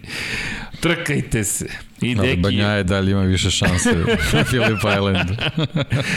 Ali samo, znaš, to je paka, to 15 godina traje. Davide Tardoci imao kosu, ne sedu, nego imao... Pre... Pa ne, samo pogledaš za tih 15 godina što su Honda i Yamaha uradili. Ej, Honda, ti došao, ma... E, kod ti nije dovoljno, pazi ovako, Nikiti Hayden osvoji sa Hondom 2006.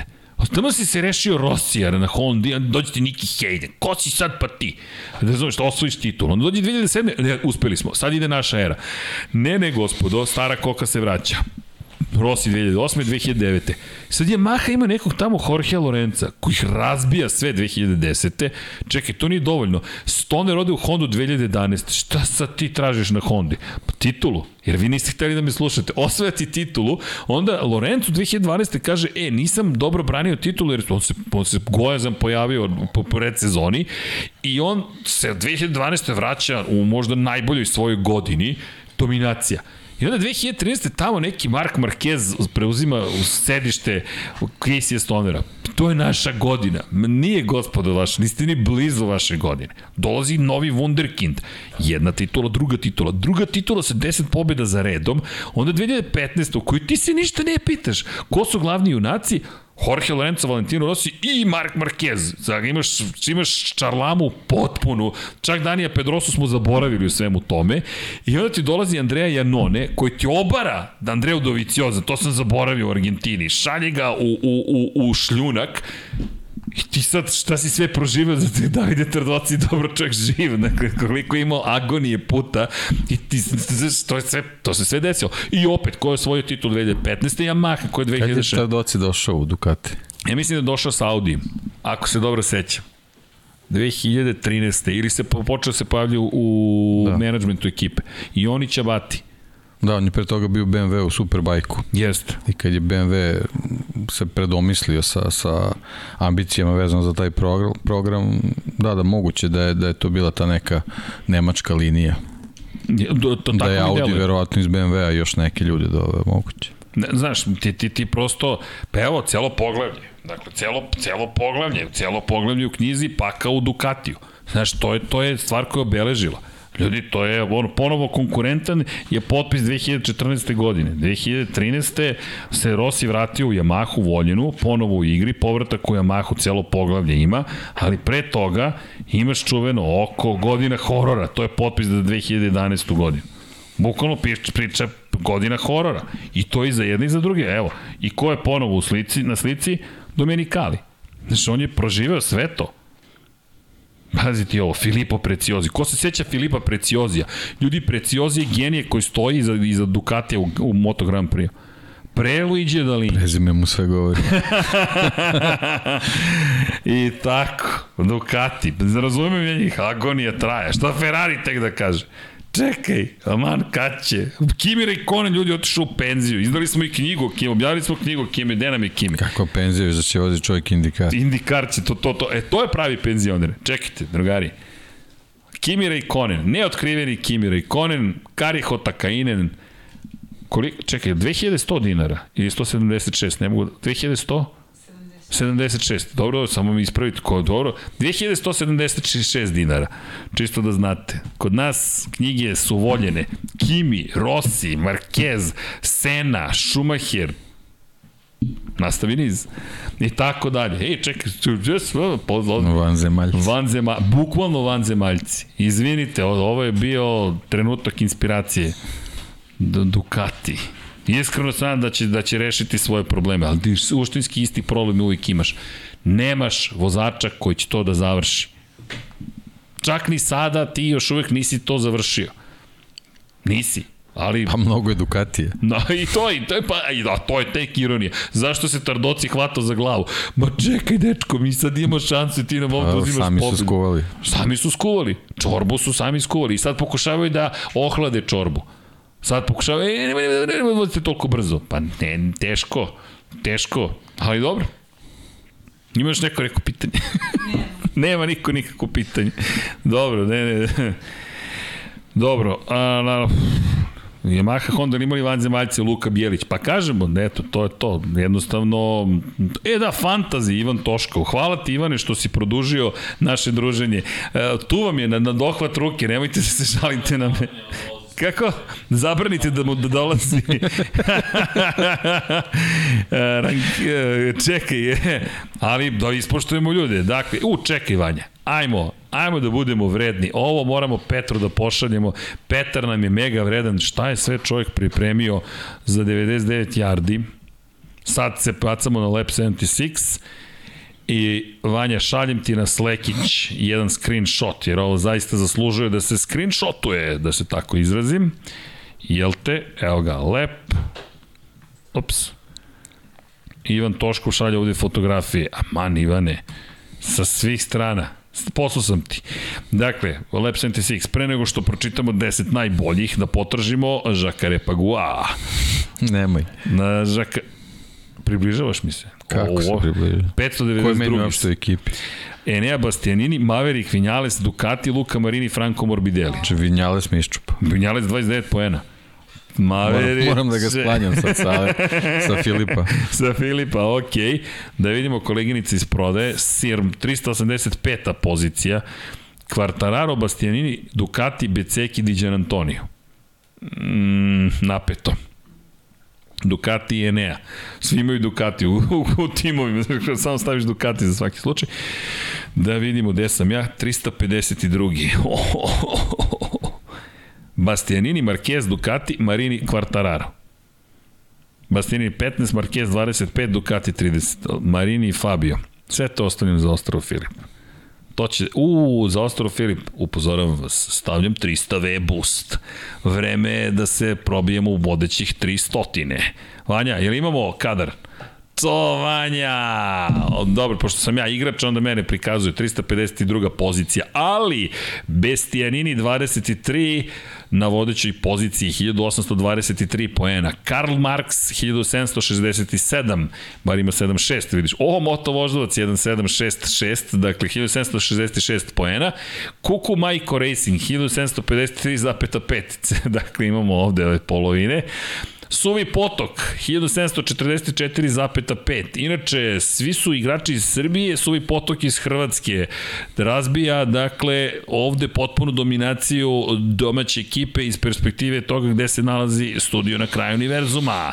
Suvi potok, da vidimo, jedan boost ima, Karl Marx ima jedan boost, T Music iz Srbije 1736,5. Diego Racing Team ima boost, da li je ovo, dakle, ekipa Ladna voda 1732, Kodijak 13 i 1729,5 i Sava 9, ne znam ovo naš prelamač Sava, šalim se, naravno ne igra čovjek fantazi, 1727,5, nema boosta. Ko ima boost? Dakle, Karl Marx, Suvi Potok, Diego Racing Team, Ladna voda i Kodijak 13. Biće ovo uzbudljivo. A vidi budžete, najskuplji tim ima ladna voda, 20 miliona i 100 hiljada dolara. Čekaj da vidimo, ne možemo sad naravno na ekranu, ali ček, ček, ček, da vidimo ladna voda, čime to raspolaže. Banjaja, Miller, Ducati, Marini, Bastianini. Banjaja, Miller, ho.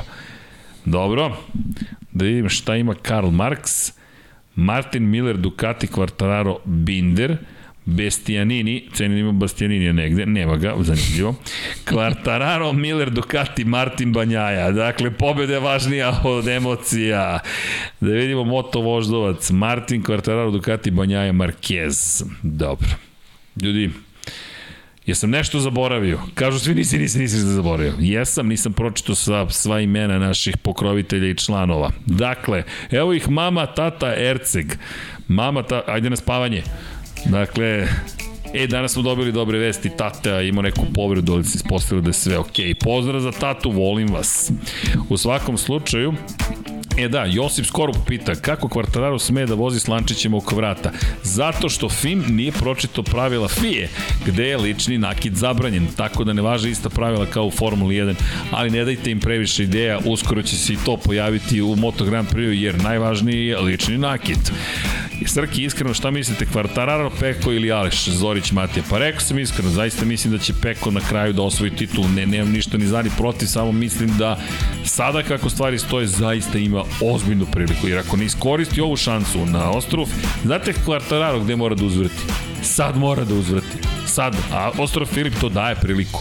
Da, bit će napeto tamo na pravcu, ima da ga obilaze kao da stoji u mestu. Ali, prva krivina, du, zapravo Duanova krivina, pa južna... Kasna kočenje. Tako je, tako je, pa južna petlja. Evo ovako, vratite Rosijeve šampionske sezone. Bukvalno, jer to je ista Yamaha zapravo. Vratite se tamo na 2008. 9. 5. 6. 4. Šesta nije bila šampionska, ali vratite te trke i pogledajte. Pa čak i 2015. pogledajte gde je Yamaha imala prednosti. Zatim, poslednje dve krivine, tu Quartararo, u tim brzim krivinama, tu mora da nadoknadi. I ne samo to, posle južne petlje ide Stonerova krivina. Googlajte Ducati, Casey Stoner, Turn 3, Phillip Island. Kada, jel te, ovako stoji otprilike, a on ide u levo skreće čovek, izgleda fenomenalno. I onda Hondina krivina, pa posle se penjete gore na Sibir, pa idete dole, Luki Heights, se penjete MG. Ljudi, to je tap, tap, tap, tap krugovi. Mnogo krugova, brzak staza. Eto.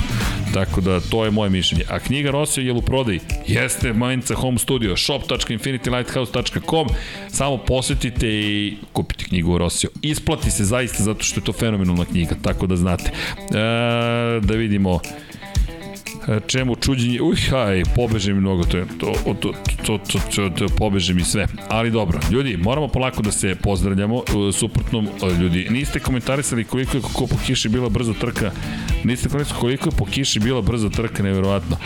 Luka, kako, sad ne znam, ne razumijem kako mislite, koliko je bila brza zapravo u odnosu na generalno. Sad ste me zbunili. Pa, Da, bila je brzo trka, da, bilo je, bila, pa jeste bila impresivna trka. Meni je impresivno što su njih petoricu 3 sekunde jedan od druga na kraju bili i odlično vozili.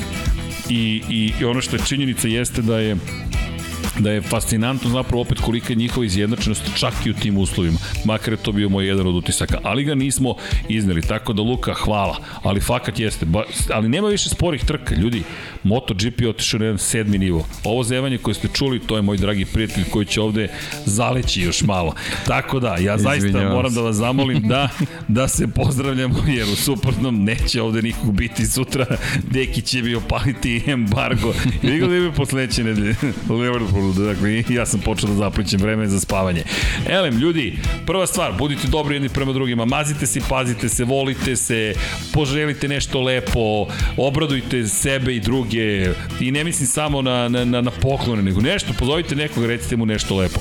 9656 200 ili 300 u Republici Srbiji, ne znam za UNICEF u drugim državama, ali u Srbiji pošaljite na taj telefon poruke i postanete mesečni donator. Devojke, roze je oktobar, proveravajte se, ostali podržite sve svoje prijateljice da naprave taj korak i saznaju.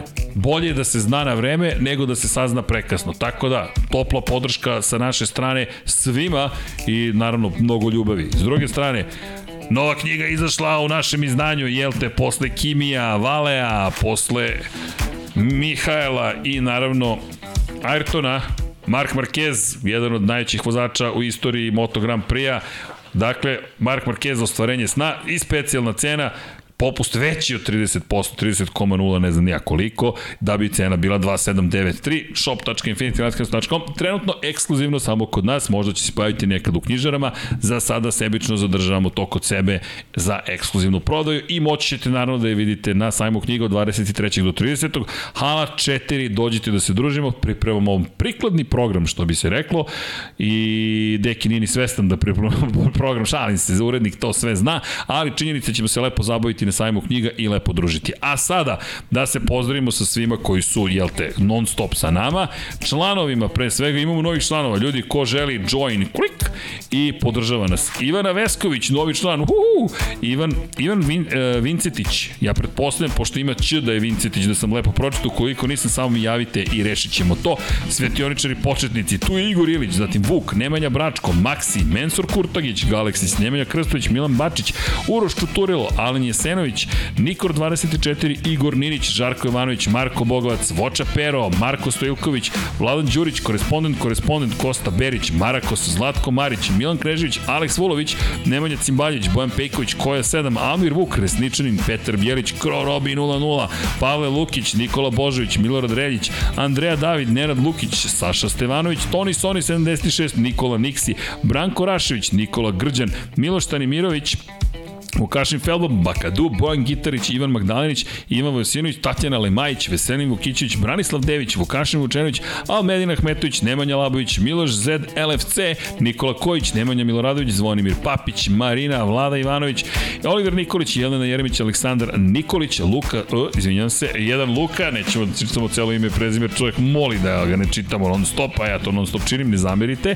U svakom slučaju tu je Nemanja, Bojan Markov i Danilo Petrović, a ko želi da bude pokrovitelj na Patreonu, patreon.com kroz Infinity Lighthouse, a sada ćemo pročitati imena svih onih koji nas podržavaju i na taj način naši pokrovitelji, bukvalo. Dakle, Jelena Veljković, hvala Jelena, Aleksa Valter, čovjek je rekao, pošto smo se šalili juče, ne znam da li dobro ili loše, ali prihvatio našu šalu u zdravom humoru, da li je Valter iz Valter Ćevapa rekao je prvi Ćevapi na meni kad se sretemo. Inače, Patreon danas nešto nije radio, nismo mogli da vam odgovorimo na poruku, sve je nešto tiltovalo, ali nadam se da je sada ok. Zatim Ivan Milatović, Dušan Delić, Luka Martinović, Vojin Kostić, Marin Antunović, Aleksa Lilić, Sead, Dorijan Kablar, Mateja Sopta, Matej Sopta, Gloria Edson, Igor Jankovski, Nikola Milosavljević, Marko Kozić, Šmele, Marko Petrekanović, Branimir Rijevec, Nemanja, Jasmina Pešić, Matija Rajić, Zoran Cimeša, Danijela Ilić, Đole, žena mi zna, Andreja Miladinović, Borislav Jovanović, Miloš Radosavljević, LFC, Crnogorski džedaj, Grgo Živaljić, Vlada Ivanović, Jugoslav Krasnić, Andreja Branković, Nebojša Živanović, Ivan Rečić, Andrej Bicok, Veselin Vukićić, Dimitrije Mišić, Ivan Cigir, Safet Isljami, Boris Ercik, Džigi Bao, Branislav Kovačić, Depressed Cody, Garban Fan, Aleksandar Jurić, Vladimir Filipović, Vladimir Petković, Đorđe Đukić, Pavle Nj, Miloš Todorov i Emir Mešić, to je prva čuvena stranica, pa onda učitamo onu drugu, Andrija Todorović, Ertan Prelić, Alen Stojičić, Bojan Markov, Bahtir Radmanov, Darko Trajković, Dejan Đokić, Ferenc Lastofi, Branko Bisački, Žarko Milić, Igor Gašparović, Vukašin Jekić, Branislav Marković, Igor Vučković, Aca, Vizla, Dejan Vujović, Nemanja Zagorac, Aleksandar Antonović, Novak Tomić, Boris Kujundžić, Tijena Vidanović, Aleksa Jelić, da žena ne sazna, Dušan Petrović, Lazar Pejović, Stefan Nedeljković, Alen Vuletić, Zoran Majdov, Nikola Stojanović, Jasenko Samarđić, Bojan Majstorović, Antonio Novak, Stefan Milošić, Miroslav Cvetić, Đole Bronkos, Ognjen Marinković, Aleksandar, Nemanja Miloradović, Marina Mihajlović, Dušan Ristić, Miloš Vuletić, Luka Manitašević, Zorana Vidić, Marko Hork, Boris Gorubal, Mirena Živković, Josip Kočić, Andrej Božo, Boris Gvozden, Nenad Simić, Petar Relić, Bojan Mijatović, Milan Nešković, Borko Božunić, Kristijan Šestak, Stefan Vidić, Ivan, Žorž, Luka Savić, Jelena Mak, Goša 46, Kovačić Omer, Monika, Monika Erceg, u nekog nisam pročitao, danas su mi poslali iz Kragovica, moram promenim naglasak, to ćemo sutra da, to sledeći put ćemo to da. Monika Erceg, Nenad Đorđić, Nikola Božinović, Filip Mihajlo Korgović, Đorđe Radović, Predrag Simić, Ivan Simunović, anonimna osoba, zatim Zoran Šalamun, Aleksa Vučin, Miloš Banduka, Mario Vidović, Zoltan Mezej, Stefan Lešnik, Ivan Maksimović, Toni Ruščić, Milan Đurđić, Marko Bogac, Nikola Grujičić, Marko Mostarac, Mladen Krstić, Marko Čuković, Stefan Dulić, Ivan Toškov, Sava Dugi, Jelena Jeremić i Ozren Prpić. Dragi ljudi, hvala vam, bilo je ovo 238. izdanje Lab 76 emisije. I dok smo još budni da napustimo studio, mi vas pozdravljamo i cele ekipe, budite dobri, volite se, mazite se, pazite se, udrite like, subscribe i sve ostale lepe stvari, posetite našu prodavnicu, ima knjiga, ima majici, ima svega, ko kupi ovu majicu, profit ide u dobrotvorne svrhe, čisto da znate gledate. Po to ime i dok Deki još može da gleda na oči, da se pozdravimo. Deki, hvala ti što si izdržao. I naravno, laka vam noć, ljudi. Ćemo se pozdravimo. Možemo. Jedan, dva, tri. Ćao, Ćao svima.